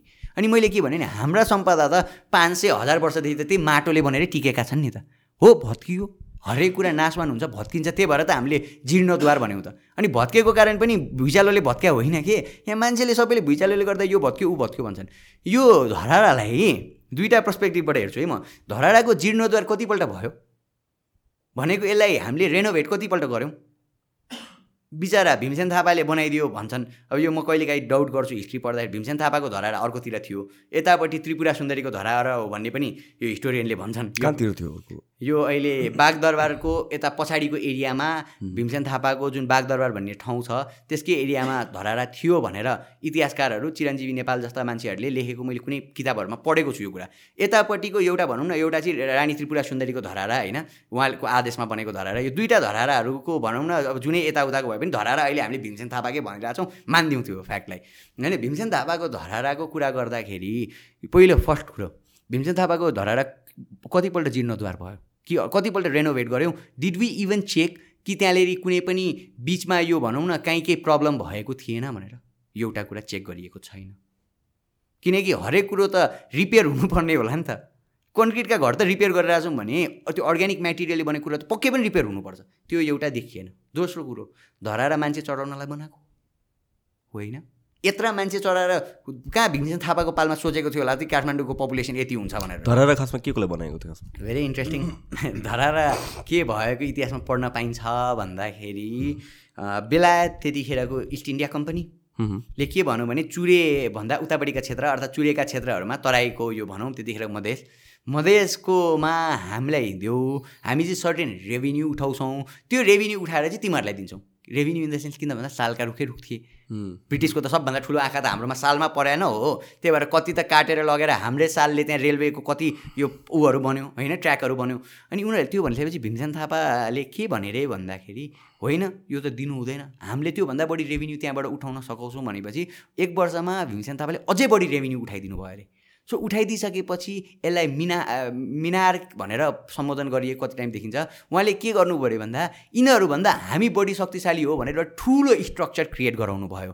To show that we uh we have dominated you किनकि पहिला पहिला त स्ट्रक्चरले डोमिनेट गर्थ्यो नि त। त्यही भएर राणा शासनमा तपाईँले हेर्नु भने ठुला ठुला न्यु क्लासिकल बिल्डिङ भनेर ठुला ठुला बनाइए। अब यो एकदमै चित्त दुख्छ किन अलिकति ढिलो जन्मियो भन्ने चाहिँ यहाँ फिल हुन्छ। यो के अरे हाम्रो राष्ट्र ब्याङ्क थापाथलीको त्यत्रो ठुलो श्रीमहलदेखिको होइन भने त्यतिखेर त्यत्रो ठुला दरबारहरू भत्काइयो। अगाडिपट्टि कति मिठो गार्डन थियो त्यो गार्डन गयो। यतापट्टिको के अरे राष्ट्र ब्याङ्कको बिल्डिङ गयो। So one of the best classical बिल्डिङहरू त हामीले राणाकालको सबै सकायौँ। किन भन्दाखेरि केही केही मान्छेले के भन्छ राणाकालीन भनेको कालो इतिहास हो यिनीहरूको सबै इतिहास मास्नुपर्छ भनेर। तर इतिहास कालो होस् कि सेतो होस् इतिहास हुन् भन्ने कुरो बुझिएन यहाँ भीमसेन थापाको हकमा पनि के भयो भन्दाखेरि त्यसरी उहाँले एउटा फर्म अफ डोमिनेन्स गर्नको लागि बनायो भने केही केही हिस्टोरियनले यो पार्ट अफ द स्टोरी लेख्नुहुन्छ र अहिलेसम्म हामीले भेटेका एक कुरा हो। अब तपाईँले भनेको जस्तो जुन अगाडिको त्यो बिल्डिङ होइन त्यसलाई मैले प्राचीन स्मारक भन्न मिल्दैन कानुनी हिसाबमा पनि। एउटा बिल्डिङ बनाइयो। अब मलाई त्यो बिल्डिङ बनाउनुमा खासै धेरै चित्त दुखाइ र कराउनु पर्ने विषय चाहिँ म किन देख्दिनँ भन्दाखेरि एकजनाले हामी बनाउँछौँ हाम्रो धरारा भनेर एउटा एकदमै स्लोगन के भन्नुभयो भने हेर्दा उस्तै अनि के अरे बाहिरबाट के हेर्दा दुरुस्तै समथिङ एउटा एकदमै राम्रो टर्म उहाँले कोइन गरिदिनु भयो अनि त्यसपछि बनाउनु भयो त्यो धरारा। मलाई प्रब्लम कहाँ छैन भन्दाखेरि धरारा बनाउनु भयो प्रब्लम भएन। होइन तर प्रब्लम कहाँ हो? भन्दाखेरि फेरि त्यो धरारा त मेरो करबाट त बनाएको हो नि त। यत्रो धेरै लगानी गरेर यो भ्यू टावर देश जहाँ पनि भ्यू टावर बनाउनुपर्छ। डाँडामाथि पनि भ्यू टावर चाहिएको छ। किन? भनेर भन्दाखेरि अघि नै निजगढको कुरो जस्तो कि। It all comes to money होइन? यहाँनिर पनि गर्न खोजेको कुरो त्यही हो। अब यो म धराराको कुरोमा के हो भन्दाखेरि यहाँबाट धरारामा चढेर के हेर्ने? काठमाडौँको पल्युसन। कति पल्युसन भयो भने हेर्ने? यहाँबाट उति देखिन छोडिसक्यो पल्युसनले गर्दाखेरि। सो धराराको utilitarian पर्सपेक्टिभबाट what is the utility sorry धराराको यो अहिले मैले भनेको यो मोडर्नवाला भन्दाखेरि उहाँहरूले भन्ने मोडर्नै मलाई त्यो मोडर्न भन्ने समस्या एकदमै समस्या छ। केपी शर्मा ओलीको बेला भनेको धरारा होइन? उहाँले अस्ति नै एकपल्ट भन्नुभएको थियो नि भत्काउ धरारा पुरिदेऊ रानी पोखरी भने जस्तो होइन? त्यो उहाँको त्यो बेलामा बनेको त्यो बिल्डिङ होइन? त्यो बिल्डिङको युटिलिटी ट्याक्स पेयरको हिसाबले मैले क्वेसन गर्ने ठाउँ चाहिँ कहाँ भने what is the utility of that building कसै कसैले कन्टेम्पोरेरी हेरिटेज भन्लान् त्यस्तालाई कन्टेम्पोरेरी हेरिटेज भन्ने किनकि हेरिटेज हुनको लागि एउटा मेसेज र भ्यालु बोक्नुपर्छ। यसले के मेसेज दियो? This this give the message of solidarity थाहा छैन मलाई। धरारामा गएर कसले सोलिडाइटीको म्यासेज देख्छ थाहा छैन। बरु यतापट्टि भत्किएको जुन साँच्चीकै प्राचीन स्मारक संरक्षण ऐन अनुसार भत्किएको एउटा त्यो धराराको अवशेष छ त्यो चाहिँ धरारा हो। अब तपाईँले भने जस्तो बनाउने हो भन्दाखेरि बनाउँदाखेरि पनि फरक पर्दैन थियो। किनकि धरारा भत्किएको भनेको भुइँचालोले मात्रै होइन पहिला रिपेयर नभएको कारणले गर्दा र अघि नै तपाईँ सोध्नु के गर्नलाई बनाइन्थ्यो भन्दाखेरि त्यो त एक हिसाबले डोमिनेन्स गर्नको लागि र त्यतिखेरको अवस्थामा माथि गएर किनकि Kathmandu valley was very open त्यो कारणले गर्दाखेरि त्यो बनाइएको थियो। एक दुईजना मान्छेलाई चढेर हेर्नका लागि। यत्रजना मान्छे सबै कहाँ? अब यत्रो पपुलेसन बढ्छ भन्ने थियो त। त्यत्रो मान्छेलाई कतिजना मान्छे चढाएको थियो धराडामा धराडामा कतिजना मान्छे चढ्ने भने त लिमिट तोकिएको थियो नि त। त्यो किन हेरिएन? यो त्यतिखेरको महाधिवक्ता पावरफुल हुने हो नि त। यो ज्यान कसुरमा मुद्दा चलाएर लगेर थुन्नु पर्थ्यो त्यहाँ मान्छेहरूलाई। सो यहाँनिरको प्रब्लमै के हो भन्दाखेरि धराराको एउटा भत्किएको कुरोमा मलाई चाहिँ यो रिपेयरिङ नभएको कारणले गर्दा र अर्को कुरा भनेको के अरे हाम्रो यो मान्छे धेरै चढेको कारणले गर्दाखेरि हो भन्छु म एउटा फ्याक्टर अर्को कुरो तपाईँले भनेको जस्तो धरारालाई फेरि बनाउन सकिन्न भन्ने कुरा पनि हो। धरारालाई बनाउन सकिन्थ्यो अरू पुरातात्विक प्राचीन स्मारकहरू बनाउन सकिन्छ भने धरारालाई बनाउनु पनि सकिन्थ्यो। तर त्यतिखेरको पार्ले के अरे प्राइम मिनिस्टरलाई बनाउनुपर्छ जस्तो लागेन। अब बनाउनुपर्छ जस्तो त सिंहदरबार पनि लागेको थिएन। तपाईँलाई थाहा छ कि छैन? सिंहदरबार पनि भत्काइदिनु लागेको थिएँ। किन? भनियो। के भनियो भने यो युनिभर्सिटीका प्रोफेसरहरू आएर हल्ला गर्ने ठाउँ होइन यो फुटबल खेल्ने ठाउँ पनि होइन यो प्रधानमन्त्रीको कार्यालय हो त्यही भएर यो भत्काएर एकदमै फ्यान्सी एकदमै राम्रो खालको बनाउनुपर्छ भन्नेवाला आयो दिमागमा। अनि त्यसपछि पछि विज्ञहरूले गएर होइन यो भत्काउनु हुँदैन भनेपछि अहिले बल्ल रेनोभेसन सकिएको छ। अझै यतापट्टिको पार्टको रेनोभेसन त अझै पनि चलि नै राखेको खालको यस्तो नत्र सिंहदरबार पनि जसरी राष्ट्रिय के अरे हाम्रो यो राष्ट्रिय ब्याङ्कको भवन भत्काइ त्यसरी सिंहदरबार पनि जानेवाला थियो। हो अब यो के हो भन्दाखेरि प्रधानमन्त्रीले निर्देशन दिने त्यसपछि आएर पुरातत्व विभाग चुक्क पनि नबोलिदिँदै बस्ने बिचरा पुरातत्व विभागमा त एउटा उपसचिव लेभलको मान्छे नै हुन्छ। संस्कृति पर्यटन तथा नागरिक उद्यान मन्त्रालयको ध्यानै नागरिक उद्यानतिर बढी छ। संस्कृति त बिचरा एउटा सानो पाटो हो। होइन? अब सम्पदा त संस्कृतिको भित्र हो कि होइन भन्ने कुरो पनि हामी क्लियर छैनौँ जस्तो लाग्छ अझै पनि मलाई त। अल्दो हाइराइटकीमा आउँछ। सो के हो भन्दा धरारालाई अहिलेको अवस्थामा बनाउने नबनाउने भन्ने कुरा अब अर्को धरारा बनि त्यो अगाडिको बिल्डिङ बनिसकेपछिको अवस्थामा यो कुरा रहेन। तर हामीले त्यतिखेर उठाएको कुरो के हो भने ठिक छ लाइफ गयो होइन? भोलिको दिनमा यो जान सक्छ भन्ने अवस्था पनि होला। उहाँहरूले भनेको छ त्यो पनि एग्रिड तर के हो भने हेरिटेज भनेको चाहिँ हेर्नका लागि आँखालाई आनन्द आउनको लागि मात्रै होइन। इट हेज अ साइन्स मैले अघिदेखि भने हेरिटेज भनेको भ्यालु र मेसेज बोक्नुपर्छ साइन्स हुनुपर्छ यसको पछाडि। धरालाई त्यो समयमा बनाउँदाखेरि कसरी बनाइयो भन्ने त आर्किटेक्चर र इन्जिनियरहरूको लागि त एउटा ठुलो जिज्ञासाको र अध्ययनको विषय होला नि त रिसर्चरको लागि त। हो त्यो कारणले गर्दा अहिलेकै धरालाई हामी नबनाउँ। त्यत्तिकै राख्दाखेरि पनि के हो भने त्यसलाई संरक्षण गरेर आउने पुस्तासम्मको लागि यो अध्ययन र अनुसन्धान गर्ने विषयको रूपमा हुनसक्छ। अब धरालाई अहिले नै बनाउँदाखेरि पनि मलाई त्यो पछाडिको पार्ट बनाउँदाखेरि पनि प्रब्लम त हो जस्तो लाग्दैन। तर फेरि पनि दुईपल्ट धरारा भत्किसकेको कारणले गर्दा सायद त्यसको स्ट्रक्चरली बलियो छैन भनेर त्यो अब स्ट्रक्चरल इन्जिनियरले भन्ला मैले भन्ने कुरा होइन। फेरि अब प्रब्लम चाहिँ के भने हाम्रा स्ट्रक्चरल इन्जिनियर बिचरा धेरै टाइम कस्तो हुन्छ भन्दाखेरि स्ट्रक्चरल इन्जिनियरहरू हामी लयर जस्तै वेस्ट वेस्टर्न जुडिसप्रिडेन्स हामी पढ्छौँ। उहाँहरू पनि वेस्टर्न नलेजै धेरै पढेर आएका हुन्छौँ। हामी पनि त वेस्टर्न नलेजको धेरै कुरा गर्छौँ नि त होइन? अब त्यही भएर पनि के हो भन्दाखेरि त्यो सायद त्यो माटोको क्यारिङ क्यापेसिटीदेखि लिएर माटोका क्यापेसिटीहरू हेर्ने काम उहाँहरूको होला। तर के हो भने अब म एक्सपर्ट नभएको कारणले गर्दा झराएर बन्नुपर्छ बन्नु पर्दैन भन्दिनँ। तर के हो भने प्राचीन स्मारक संरक्षण ऐन त्यो कानुन मैले जान्ने र मेरो विज्ञताको विषय भएको कारणले गर्दा त्यसको संरक्षण हुनुपर्छ। त्यसलाई वरिपरिबाट आउने पुस्ताले कसरी हेरिराख्न सक्ने भन्ने कुरो हुनुपर्छ। र हामीले त एउटा सजेस्ट पनि के गरेका थियौँ भने म्यानमारतिर एउटा के प्रोसेस छ कहिलेकाहीँ वर्ल्ड हेरिटेज कहिलेकाहीँ यस्ता हेरिटेजहरू भत्किसकेपछि बनाउन पैसो पुग्दैन। नब्बे सालमा भुइँचालो गयो अहिले तपाईँले रानी पोखरीको जुन भेट देख्नुहुन्छ त्यो हामीलाई बहुत कष्टसँग काम गरियो त्यतिखेर। रानी पोखरी त न त डोम खालको शैलीमा थियो अर्कै शैलीमा थियो नि त पहिला हामीले हेर्दा त। अहिले त ग्रन्थकुट शैली भने प्रताप मल्लले जस्तो बनाउनु भयो त्यही शैलीमा हामीले फिर्ता गऱ्यौँ। होइन? किन त्यतिखेर जुद्ध शमशेरको बेलामा त्यो डोम खालको सिम्पल शैलीमा लगिदियो भन्दा पैसा थिएन। नब्बे सालमा भुइँचालोले सबै कुरो सक्यो कहाँबाट पैसा ल्याउनु हेरिटेज बनाउनु होइन? किनकि सबै हेरिटेज त एकैचोटि बनेको थिएन। त्यही कारणले गर्दाखेरि के हो भन्दाखेरि अहिलेलाई यसलाई यसरी नै यथास्थितिमा राखेर म्यानमार लगायतको धेरैवटा देशमा चाहिँ भत्केका सम्पदालाई बनाउन नसक्दा के गरिँदो रहेछ भने परपट्टि एउटा सिसा जस्तो राख्ने र त्यो सिसा जस्तो एउटा राखेर ट्रान्सप्यारेन्ट त्यो माथिपट्टिको जुन भत्केको छ नि त्यो पिक्चर चाहिँ तपाईँले त्यो टाढाबाट हेर्दाखेरि जोडिएको देखिने कि। त्यो गऱ्यो भने के भने धरारा कस्तो थियो भन्ने कुरो पनि देखियो त्यसले युटिलिटी पनि दियो। होइन? धरारा यस्तो थियो पहिरान धरारा भनेर। यति सिम्पल काम पनि भइरहेको छैन। बहुत धेरै सिम्पल काम हुँदैन हेर्नुहोस्। मैले के भनेको थियो भन्दाखेरि यो हामीले अहिले पनि कुरा गरिरहेको छौँ यो हरेक इन्टरनेसनल एयरपोर्ट नेसनल हाम्रो इन्टरनेसनल एयरपोर्ट र एयरपोर्टमा डोमेस्टिक एयरपोर्टमा के राखिदिउँ भने कुनै पनि टुटे फुटेका मूर्ति कि अबिर लागेका मूर्ति तपाईँले किन्नु र यसलाई बाहिर लिएर जानु चाहिँ यो फौजदारी कसुर हो। प्राचीन स्मारक संरक्षण दफा बाह्रको बमोजिम विपरीत हुने कसुर हो। त्यही भएर तपाईँलाई चाहिँ यस्तो गरेर पाँच वर्षसम्म जेल सजाय हुनसक्छ है भनेर एउटा एड जस्तो राखिदिउँ न। किन एउटा कुनैको एड मात्रै राख्ने? त्यो एउटा सिम्पल कुरो गर्नलाई त के गाह्रो छ? फेरि त्यो के भन्दा हाम्रै मन्त्रालय अर्थात् संस्कृति पर्यटन तथा नागरिक उद्यान मन्त्रालय अन्तर्गतै नागरिक उद्यान मन्त्रालय भएको कारणले गर्दा एयरपोर्ट पनि यतै आउने कारणले गर्दा यो त धेरै पैसा पनि लाग्दैन। सबैतिर राखिदिनु so that people become aware कि मैले यस्तो मूर्ति किन्नु हुँदैन रहेछ। नेपाल आउँदाखेरि विदेशी पनि अवेर हुन्छ नेपाली पनि अवेर हुन्छ। होइन त? पैसा के लाग्छ? केही पैसा लाग्दैन। यो अहिले भनेको मैले त्यो सिसाको राख्नलाई कति पैसा लाग्दैन? त्यो पनि पैसा लाग्दैन। अब यहाँ एउटा एकदमै ठुलो प्रब्लम कहाँ आयो भन्दाखेरि भुइँचालो गइसकेपछि मैले भन्नुपर्ने सार्वजनिक खरिद ऐन भन्ने हुन्छ कि? यो सार्वजनिक खरिद ऐनले चाहिँ के भन्छ भने एउटा स्ट्यान्डर्ड तोकिदिन्छ। स्ट्यान्डर्ड तोकेपछि जसले सबभन्दा कम बिड गर्छ नि त्यसले चाहिँ त्यो सम्पदा त्यो कुनै पनि कुरा कन्स्ट्रक्ट गर्नुपर्छ। अब यहाँ के भयो भन्दा पुल बनाउनेले पनि तपाईँ र मेरो मन्दिर बनाइदिए। पुल बनाउनेले त्यो पार्टी र पौवा पनि बनाइदिए। अब मैले भनेको सम्पदामा त जहिले पनि फिलिङ जोडिएको हुन्छ नि त। त्यो बिल्डिङ ठडाएर के गर्ने? मैले अस्ति एउटा कम्प्लेन गरेर बल्ल बल्ल बल्ल बल्ल कम्प्लेन गरेर एउटा शङ्कराचार्यको मठ छ पशुपतिमा त्योमा सिमेन्ट हालो मैले सबै निकालेर फ्याँक्न लगाएर पुरातत्व विभागले सबै फ्याँकिसकेपछि फेरि बन्यो मन्दिर। अनि म त अब गएँ भगवान् ढोग्न। होइन ढोग्न जाँदाखेरि शङ्कराचार्यको मठको छेउमा मन्दिर छ त्यो। अनि गएर भित्र यसो च्याएर हेर्छु अध्यारो थियो केही दिन यसो मोबाइल बालेर हेरेँ। शङ्कराचार्य त घुत्रुक्क लडिरहेको रहेछन्। भनेको मूर्ति भित्र मन्दिरमा लडिरहेको अवस्थामा थियो। अनि त्यो मन्दिर मात्रै ठडाएर के गर्ने भने मेरो भगवान् मैले पूजा गर्न पाउँदिनँ भने। त्यो मन्दिरको ठाउँमा त बरु त्यो मन्दिर मन्दिरको युटिलिटी भनेको पूजा गर्ने र भक्तले त्यो आफ्नो एउटा साइकोलोजिकल्ली आफूलाई जहिले पनि भनौँ न एउटा स्ट्रेस रिलिभ गर्ने ठाउँ पनि त हो नि। म जस्तो मान्छेको लागि त साइकोलोजिकल स्ट्रेस रिलिभ गर्ने ठाउँ पनि हो होइन? अब त्यहाँ जाँदा मलाई कति चित्त दुख्यो होला शङ्कराचार्य लडेको मूर्ति देख्दाखेरि। सो यो कुरो हो भन्दाखेरि अहिले पनि यो अब हाम्रो उसमा धराराको कुरा गर्नुहोस् यो कुरा गर्नुहोस् हामीले के मात्रै गऱ्यौँ भने सम्पदा बनाउने भनेर यो बिडरहरूलाई यो के अरे हाम्रो पब्लिक प्रोक्योरमेन्ट एक्ट अन्तर्गत जसले सबभन्दा बढी कम पैसामा काम गर्यो त्यसले गर्यो। तर समुदायलाई हामीले कहाँ जोड्यौँ? समुदाय जोडिनु पर्दैन। भोलिको दिनमा मेरो हजुरबाले यो मन्दिर बनाउँदाखेरि पसिना बगाएको थियो भन्यो भने पो मलाई यसको महत्त्व थाहा होला। जस्तै आई रियल्ली यो एकदमै मलाई अप्रिसिएट हाम्रो रोहित सरहरूको केबी केबिपिटीको कामहरू होइन?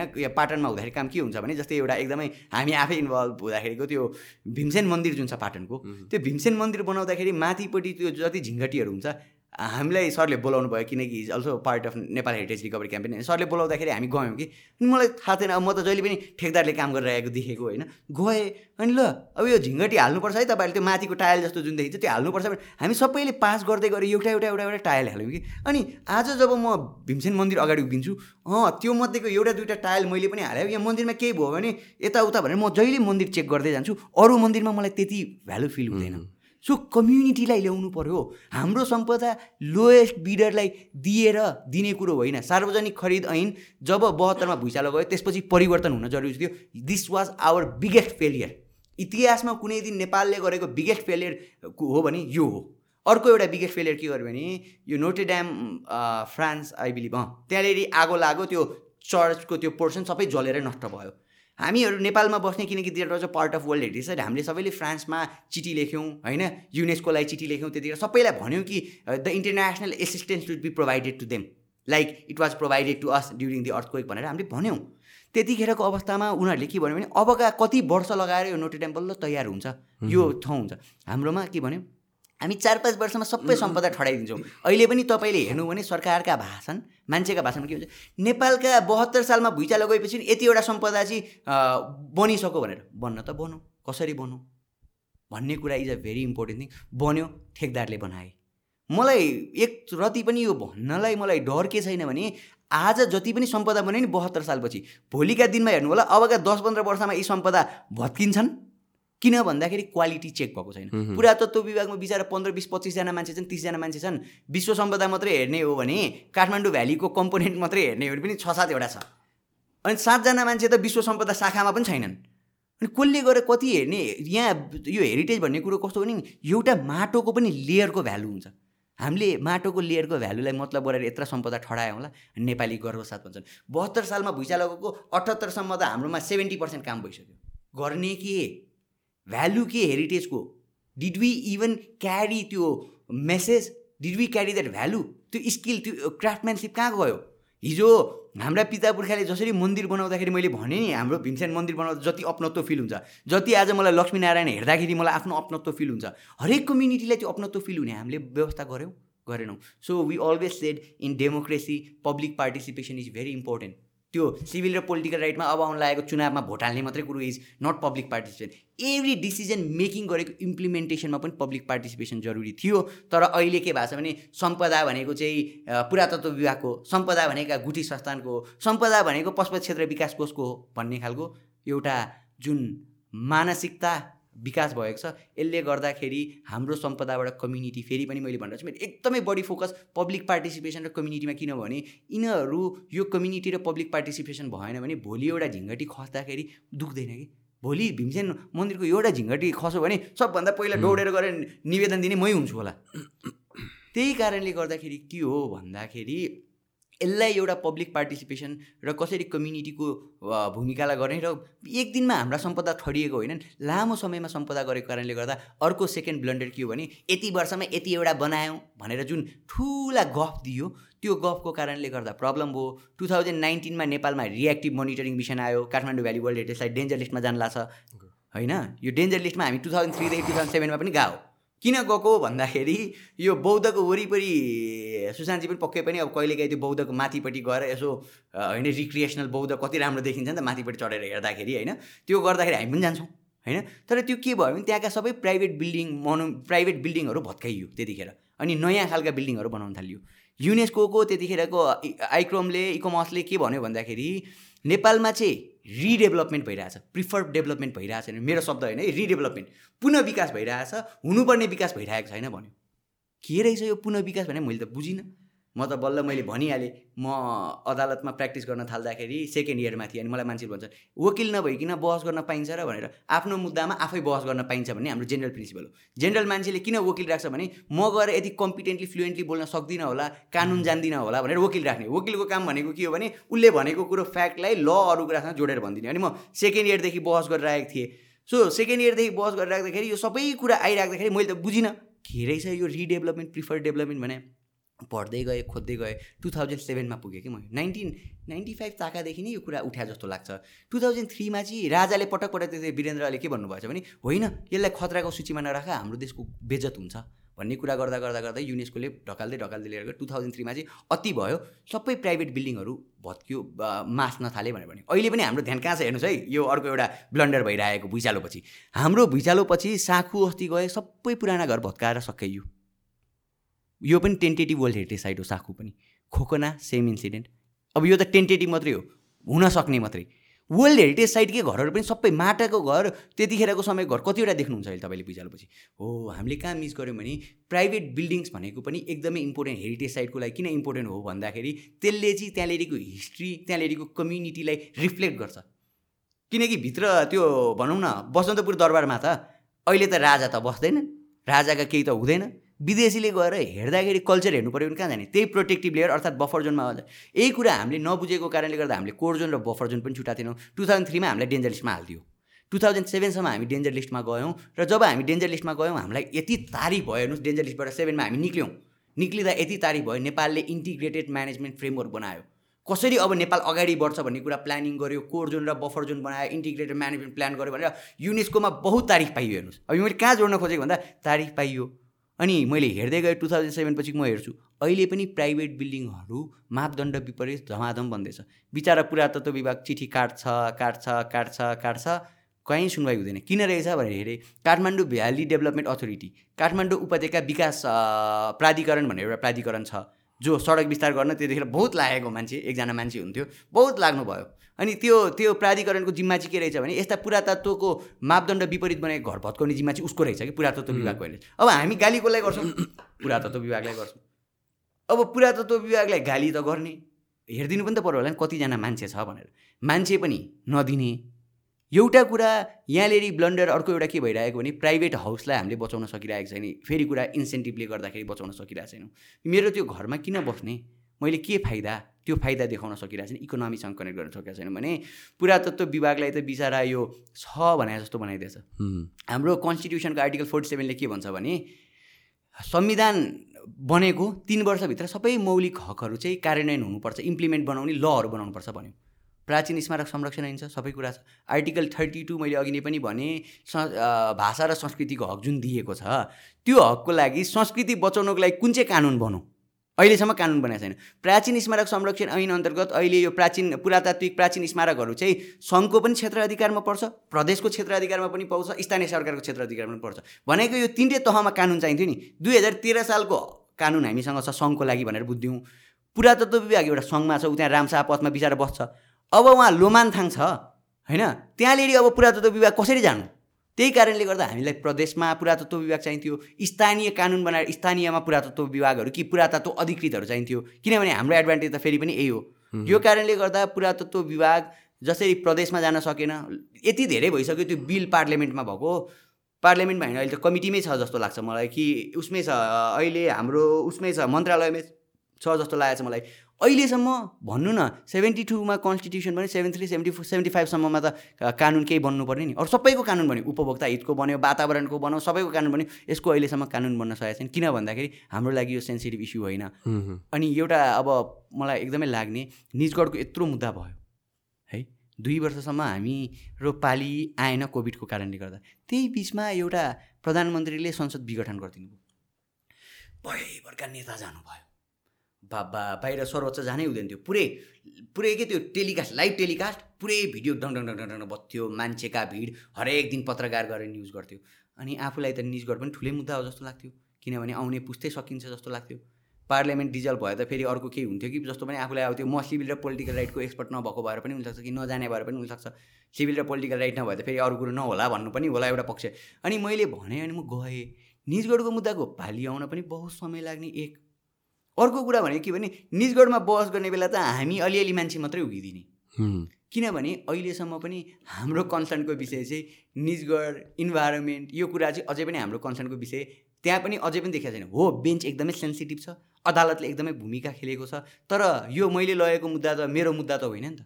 सार्वजनिक सरोकारको विषय हो नि त सबैको सरोकारको विषय हो नि त। भोलि मैले अघि नै पनि भने निजगढ बस्यो भने सञ्जय अधिकारीले प्रकाशमणि शर्माले कि अरू जो जो मुद्दा हाल्नुभयो रूपा बस्नेतले श्रद्धा सुमन गुरुवाचार्य जो जो यसको पक्षहरू हुन्थ्यो पदमबहादुर श्रेष्ठले कसैले यो उता पाउने होइन नि त।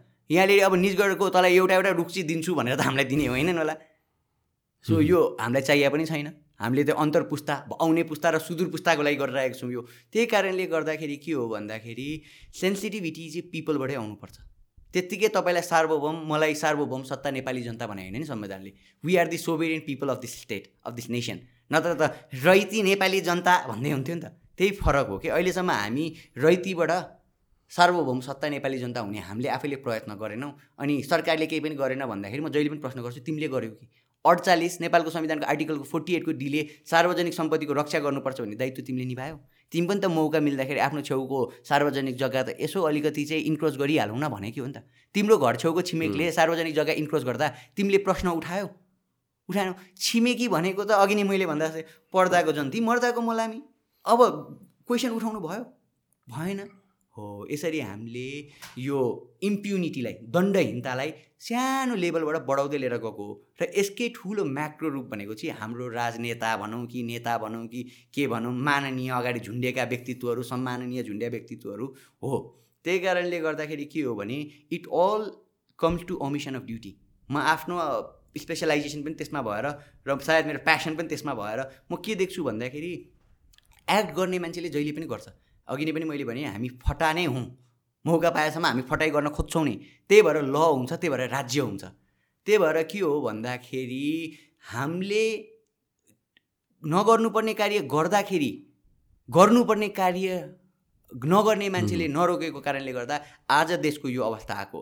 पार्लियामेन्टेरियनले टाइममा law नबनाइदिँदाखेरि that is omission of duty implement गर्नुपर्ने निकाय कार्यकारिणी एक्जिक्युटिभले इम्प्लिमेन्ट नगर्दाखेरिको त्यही हो अहिलेको हाम्रो प्रब्लम त्यहाँनिर अमिसन अफ ड्युटी यस्तो यस्तो कारणले गर्दा यदि जुडिसियरीले गरेन भने जुडिसियरीमा पनि अमिसन अफ ड्युटी हुन्छ तर अहिलेसम्म धन्य हामी कहाँ छौँ भने यही जुडिसियरीको कारणले गर्दाखेरि यति गर्न पाइयो यति बोल्न पाइएछ नत्र अहिले बोल्दाखेरि भोलि यो पो पोडकास्ट रिलिज हुँदाखेरि सञ्जय अधिकारी क या देशद्रोहको मुद्दामा थुनामा जानुपर्ने अवस्था त छैन नि त।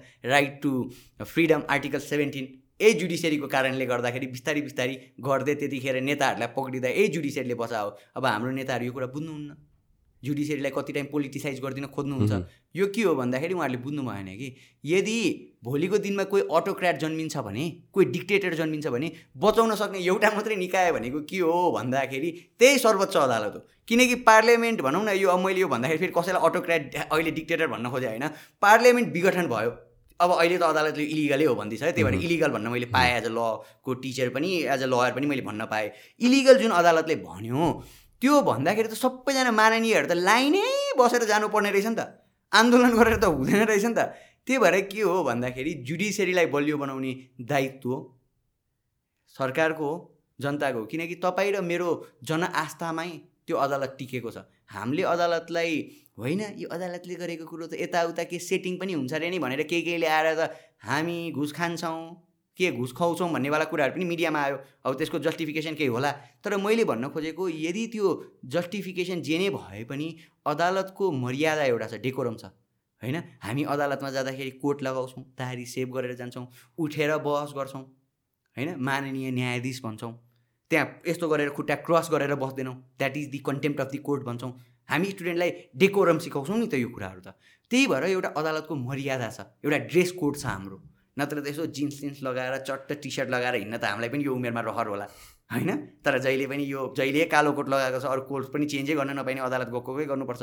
यो कारणले गर्दा एउटा जुन डेकोरम छ र त्यो डेकोरम किन राखिएको हो? किन कसैलाई अवहेलनामा मुद्दा चलाउन पाउने? इभन जनप्रतिनिधि तपाईँ र मैले छानेको प्रतिनिधिलाई पनि उहाँले के भन्छ जेल सजाय गरिदिन सक्नुहुन्छ। अदालतको अवहेलना भने। यसको एउटा मात्रै कारण के हो भने अदालतको एउटा ठुलो डिग्निटी छ।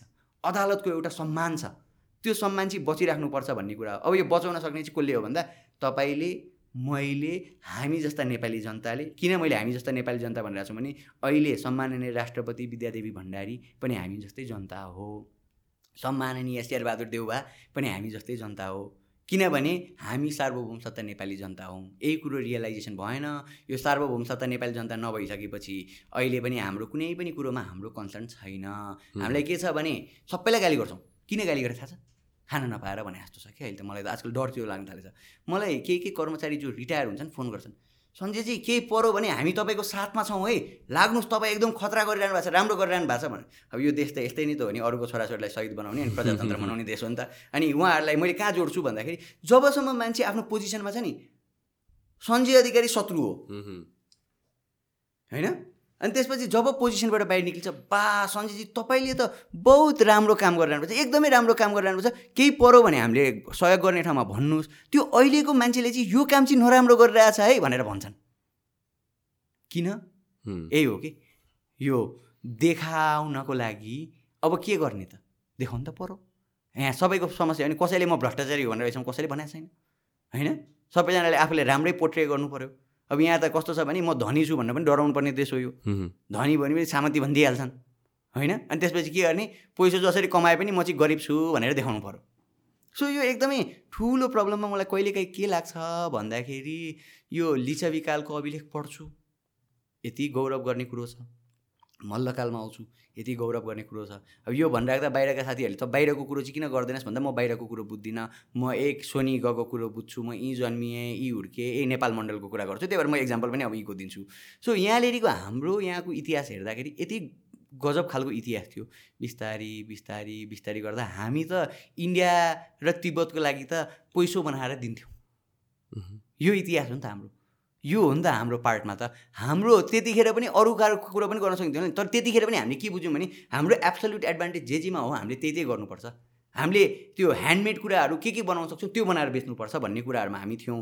अब अहिले यो कुरा बुझिँदैन मैले अघि नै पनि दोहोऱ्याएको यो म एकदमै यसलाई चाहिँ स्ट्रेसै गरेर भन्नुपर्ने कुरा के हो भने वेस्टले गर्नुसम्म दोहन गऱ्यो म पनि यतिसम्म दोहन गर्न पाउनुपर्छ भन्ने खालको यदि कसैले उदाहरण दिन्छन् भने यो मान्छेले चाहिँ यतिसम्म गरो भ्रष्टाचार मैले पनि यतिसम्म चाहिँ भ्रष्टाचार गर्नुपर्छ भ्रष्टाचारको लिमिट तोक्नुपर्छ भने जस्तो कुरा हो। सो त्यो होइन कसैले गल्ती गर्छ भने त्यो गल्तीबाट सिक्ने हो।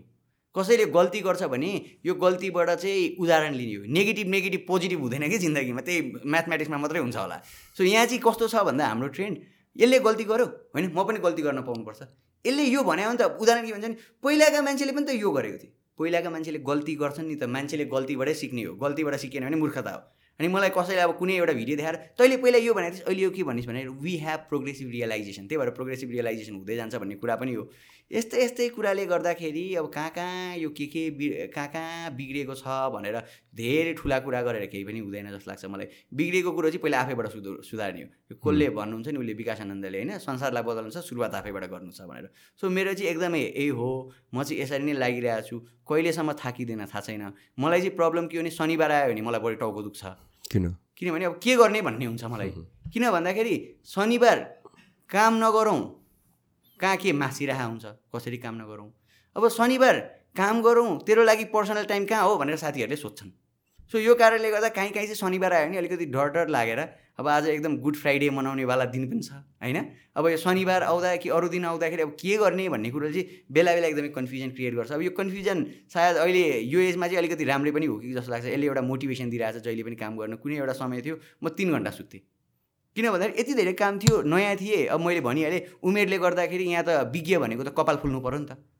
होइन? अस्ति नै अदालतले एउटा व्याख्या गरिदियो ब्याचलर पास गरेको र दस वर्ष काम गरेका मान्छे मात्रै विज्ञ हुन्छ भन्ने खालको गरी अदालतको एउटा फैसला म भन्छु आदिवासीको हकमा ब्याचलर नसकेका आदिवासी पनि हाम्रा त एक्सपर्ट त छन् होइन? त्यस्ता एक्सपर्टलाई चाहिँ तपाईँले एक्सपर्ट नमान्ने हो भने त्यो स्किल त्यो क्राफ्टम्यानसिप त सकिन्छ नि उसको त पुस्तो पुस्ताबाट सरेर आएको तपाईँको डाक्टरले डाक्टर त्यो पिएचडी गरेको मान्छेले उसलाई नै रिफर गरेर उसलाई नै साइड गरेर पिएचडी गरेछ। अनि you claim them as expert तर यो एक्सपर्ट हुँदैन। सो यस्ता यस्ता प्रब्लमले गर्दाखेरि हामी पटक पटक विकासका नाममा यो विकास भनिदिइसकेपछि सजिलो आधुनिक भनिदिइसकेपछि सजिलो साइन्टिफिक भनिदिएपछि एउटा आएको थियो कि यो एकदम इन्ट्रेस्टिङ मलाई चाहिँ यो साइन्स भन्ने कुरा पनि आजकल डर लाग्न कहीँ कहीँ लाग्छ। यो कुन चाहिँले भन्थ्यो science is itself not scientific भनेर होइन? कहिले काहीँ डर लाग्न थाल्यो। एउटा वैज्ञानिक वन व्यवस्थापन भनेर आएको थियो साइन्टिफिक फरेस्ट म्यानेजमेन्ट प्लान भनेर। यो चाहिँ के रहेछ भने बुढो बुढो रुखले चाहिँ खासै केही पनि गर्दैन। यसलाई चाहिँ काटिहाले हुन्छ यसले चाहिँ बडी इकोलोजिकल सर्भिसेस दिँदैन भन्ने पारामा एउटा सुरु भएछ नेपालमा आठ दस वर्ष सुरु भएछ अनि प्रेमाले वातावरण मन्त्री हुँदाखेरि रोकिदिनु भएछ यो त कहाँ भएन भनेर के भनेर रोकिदिनु भयो उहाँले होइन? अनि रोकिदिइसकेपछि अब मलाई एकदम जिज्ञासाको विषय भयो आदि साइन्टिफिक भनेर अगाडि राखेको छ साइन्टिफिक फरेस्टलाई पनि रोक्ने भन्ने जस्तो लाग्यो मलाई पनि। अनि हेरेँ अनि मैले म त जहिले पनि धारा सत्ताइस प्रयोग नगरिकन till the time I do not have evidence म केही कुरो बोल्दा पनि बोल्दैन अगाडि लाग्दा पनि लाग्दैन जब एभिडेन्स भेट्छु त्यसपछि छोड्दिनँ। मेरो चाहिँ यही हो नीति। अनि मैले सोधेँ यो साइन्टिफिक फरेस्ट म्यानेजमेन्ट प्लान भन्नको लागि बनाउनको लागि कतिवटा अहिलेसम्म अध्ययन रहेछ। साइन्स भनेको त एउटा हाइपोथेसिस हुन्छ त्यसलाई सर्टेन कुराले प्रुभ गरिन्छ नि त। के हाइपोथेसिस राखिएछ के भएछ अध्ययन के भएछ भनेर सोधेको हालसम्म कुनै पनि अध्ययन नभएको भनेर पो आउँछ। डर चाहिँ यस्तै हो कि। अगाडि साइन्स झुन्डाउँदैमा साइन्स हुँदैन। त्यो कुन चाहिँले भन्थ्यो जोसँग धन छैन उसकै नाम धनबहादुर भने जस्तो। यहाँनिर जो जुन कुरा साइन्टिफिक छैन त्यसको अगाडि साइन्स झुन्डाइदिए सक्यो। जे कुरा विनाश हो त्यसको अगाडि विकास झुन्डाइदिएपछि भयो। सो यो कारणले गर्दा एकदमै प्रब्लम छ एकतिरको। अब यस्तै यस्तै त धेरै कुरा छन् होइन? हामी अहिले पनि ग्लोबल वार्मिङ क्लाइमेट चेन्जको इस्युमा हामी सेन्सिटिभ हुन सकेको छैनौँ होइन? उहाँ हाम्रो ग्लासियरहरू मेल्ट भएको भइ गरेर यो एक टाइम प्रो पब्लिकले एउटा युनेस्कोमा लिएर गयो कि सगरमाथा नेसनल पार्कलाई चाहिँ डेन्जर लिस्टमा हाल्नुपर्छ किनकि माउन्ट एभरेस्ट यति हायर रेटमा मेल्ट भइरहेको छ। टु थाउजन्ड थ्री फोरको कुरा गरिरहेको छु। मेल्ट भइरहेको छ। यसले गर्दाखेरि चाहिँ ग्लासियरहरू मुनिपट्टि हिमतालहरू छ। यो फुट्यो भने मुनिका सबै बस्तीलाई बगाएर लिएर जान्छ भनेर भनियो। त्यतिखेर त्यसलाई डेन्जर लिस्टमा हालिएन पछि अहिले ग्लासियरहरू अलिअलि त त्यो निकाल्न थालिएको छ तर मैले भन्न खोजेको विकास गऱ्यौँ हामीले युरोपले विकास गऱ्यौँ सबैले विकास गऱ्यौँ। अब यो पैसो नि जब नेचुरल डिजास्टर आउँछ नि त्यतिखेर त्यो नेचुरल डिजास्टरलाई के भन्ने त्यो नेचुरल डिजास्टर रोक्नलाई र त्यसले ल्याएको इफेक्टलाई घटाउनको लागि कि त्यो मान्छेहरूलाई कम्पेन्सेट गर्ने कस्ट चाहिँ कति? त्यो चाहिँ इकोनोमीमा गर्नु पर्दैन। गर्नु पर्ला नि त। यो पार्टलाई हामीले हेरिएको छैन। अहिलेसम्म विकासको पार्टलाई मैले भनेँ बाटो खन्दाखेरि जुन पहिरो जान्छ पहिरोमा पटक पटक कृष्ण भिडमा यति खर्च गर्दाखेरि त्यो बाटो त्यतिखेर पहिरो जाने बाटो हो कि होइन भनेर हेर्नु पर्दैन। पहिरो जाने बाटो हो भने कतिसम्म हामीले पैसा खर्च गऱ्यौँ कति वर्ष खर्च गर्ने भने एउटा पहिरोलाई? पहिरो जाँदा जाँदा सकिन लागिसक्यो पैसा खर्च गर्न छोडेको छैन। त्यो पाहाडै जान लागिसक्यो। यस्ता खालको समस्या त अब छँदैछ। त्यही कारणले गर्दाखेरि जबसम्म हामीले इकोलोजिकल्ली सस्टेनेबल डेभलपमेन्ट पर्यावरणीय दिगो विकास दिगो विकास मात्रै भनिरहेको छैन है म। अस्ति नैसम्म त हामी दिगो विकास मात्रै भन्थ्यौँ। रामचन्द्र सिमखडाको मुद्दापछि डाक्टर आनन्द मोहन भट्टराईले लेखिदिनु हो पर्यावरणीय दिगो विकास भन्ने शब्द। विदेशमा बहुत त्यो बुलाई मोडलबाट युज भएको थियो। अब हाम्रो विकासको मोडलै के हो भने पर्यावरण केन्द्रित दिगो विकास। तपाईँले विकास गर्दाखेरि अर्थतन्त्रलाई हेर्ने हो तर त्यसलाई पर्यावरणसँग जोडेर हेर्ने हो। मैले बाटो बनाउँदैछु बाटो बनाउने यति कस्ट लाग्छ भनेर हेर्ने हो।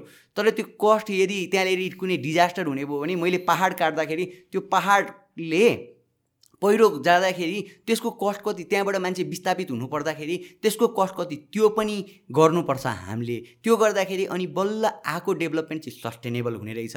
र हाम्रो इकोनोमी चाहिँ त्यसपछि धराशय हुँदैन। नत्र चाहिँ के हो भने उही राजापक्ष मोटाला एयरपोर्ट बनाइयो गजबको यस्तै ट्रान्जिट हब हुन्छ के के के के हुन्छ भनेर बनाइयो। लास्टमा अस्ति पढेको एउटा सिङ्गापुर युनिभर्सिटी र कुन चाहिँ एउटा युनिभर्सिटी लेखेको पेपर थियो त्यो पेपरमा के लेखेको रहेछ भन्दाखेरि वर्ल्ड एमटिएस्ट एयरपोर्ट। भुतिया एयरपोर्ट बनाउनको लागि। अब एयरपोर्टै बनाउनु लागि त बनाए भयो। त्यो हो भने मलाई पनि समुद्र चाहिन्छ। मेरो चाहिँ यति मात्रै हो। मलाई समुद्र चाहियो। किनभने नेपाललाई एयरपोर्टभन्दा बढी पोर्ट चाहिएको छ कि? कलकत्ताको पोर्टबाट कति सामान आउँछ त्यसले गर्दा हाम्रो धुवानी खर्च महँगो हुन्छ। बरु यो यस्तै बुद्धि मिल्छ भने अब यो पहिला काठमाडौँ भ्याली कतैका यो के अरे लेकै थियो भन्ने त्यस्ता खालको बुद्धि पनि होला। यसलाई नै लेक बनाएर उहाँसम्म लिएर जाने हो कि कसरी लिएर जाने हो? अब यो मलाई थाहा छैन म यसको विज्ञता पनि राख्दिनँ। तर इच्छाको कुरा गर्ने चाहिँ मलाई पनि एउटा समुद्र होस् भन्ने चाहिँ साह्रै ठुलो इच्छा छ। त्यस्तै इच्छा चाहिँ निजगढ पनि हो। त्यस्तै इच्छा अहिलेका विकास पनि हुन्।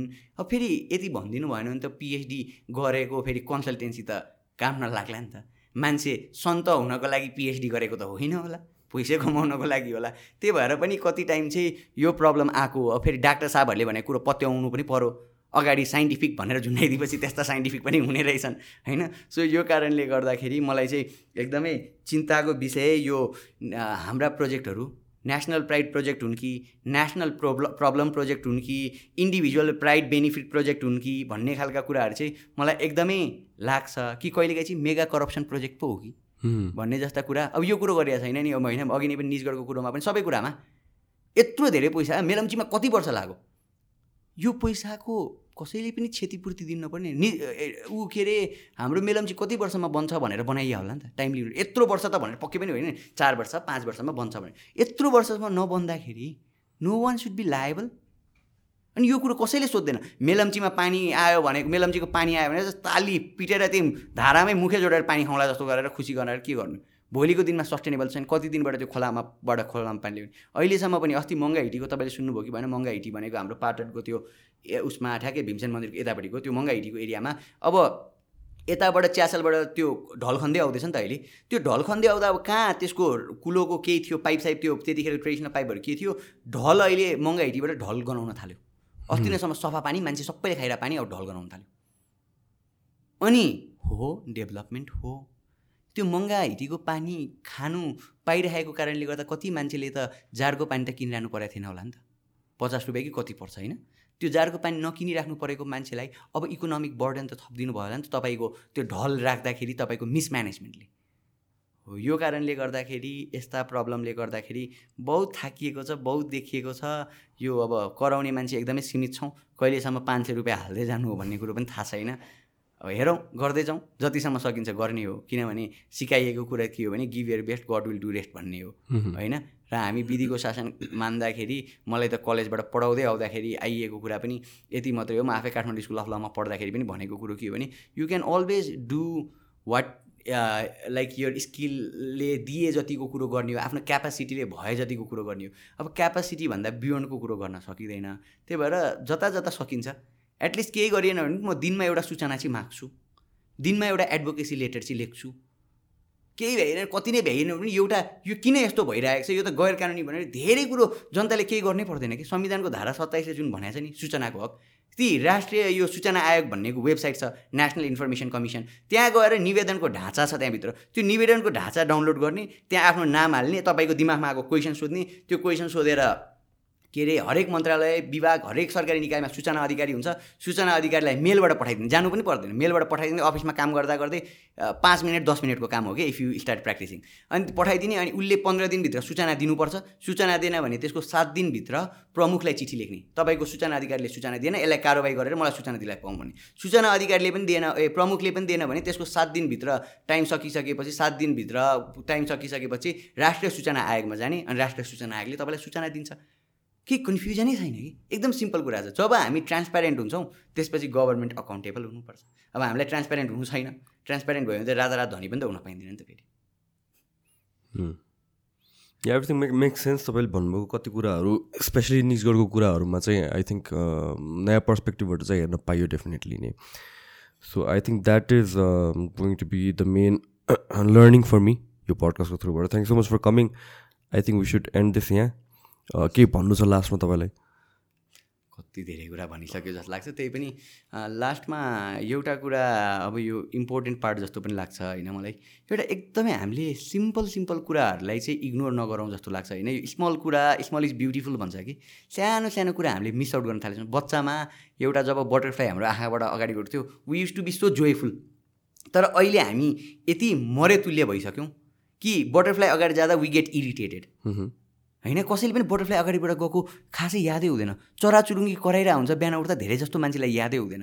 र जब हामी भित्रबाट मर्छौँ नि एउटा कुरा भन्छ कि when feelings are death nothing can be said भनेर एकजना हाम्रो भाइस प्रिन्सिपल सर हुन्थ्यो उहाँले भन्नुहुन्थ्यो कि एभ्री टाइम सो अहिलेको हाम्रो अवस्था यही फिलिङ डेड भएको। मैले फेरि पनि अन्तिममा कन्क्लुड गर्दा के भन्छु भने it's not only about logic it's about the feeling and it's about the compassion मलाई दुख्छ भने तपाईँलाई पनि दुख्छ भने यो प्राणीलाई पनि दुख्छ भन्ने कुरासम्म मात्रै अलिकति हिक्का राख्यो भने मेरो घर डिस्प्लेस हुँदा म मुद्दा हाल्न जान्छु भने यो प्राणीको घर डिस्प्लेस हुँदा जाँदाखेरि सञ्जय अधिकारी प्रकाशमणि शर्मा लगायतका मान्छेले मुद्दा हाल्दाखेरि यी चाहिँ विकास विरोधी होइनन् भन्ने काहीँ काहीँ यसो अलिकति सोधिदिने बाटो यो पोडकास्टले खोलिदियो भने पनि आज यति लामो गफ गरेको कुरो सक्सेसफुल होला। र अर्को कुरा के हो भने यहाँ आएर तपाईँसँग कुरा गरेर त एकदम एउटा होपफुल चाहिँ कहाँ कुन पार्टमा छु भने अब मूर्तिको हकमा चाहिँ धेरैजनाको विदेशबाट चाहिँ एटलिस्ट हामीलाई फोटोहरू पनि आउन थाल्लान् भन्ने कुरा र आउने जेनेरेसनले जहिले पनि गाली गर्ने कुरो मात्रै गर्न छोडेर एटलिस्ट सरकारलाई सूचना माग्न थाल्लान् भन्ने खालको कुरा चाहिँ एकदमै यहाँबाट यति कुरा गरिसकेपछि यो पोडकास्ट हेरेपछि धेरैजना मान्छेहरूबाट यो काम चाहिँ सुरु होला भन्ने एउटा ब्राइटर साइड चाहिँ मैले देखाएको छु। So thank you for calling सुशान्तजी thank you so much thank you so much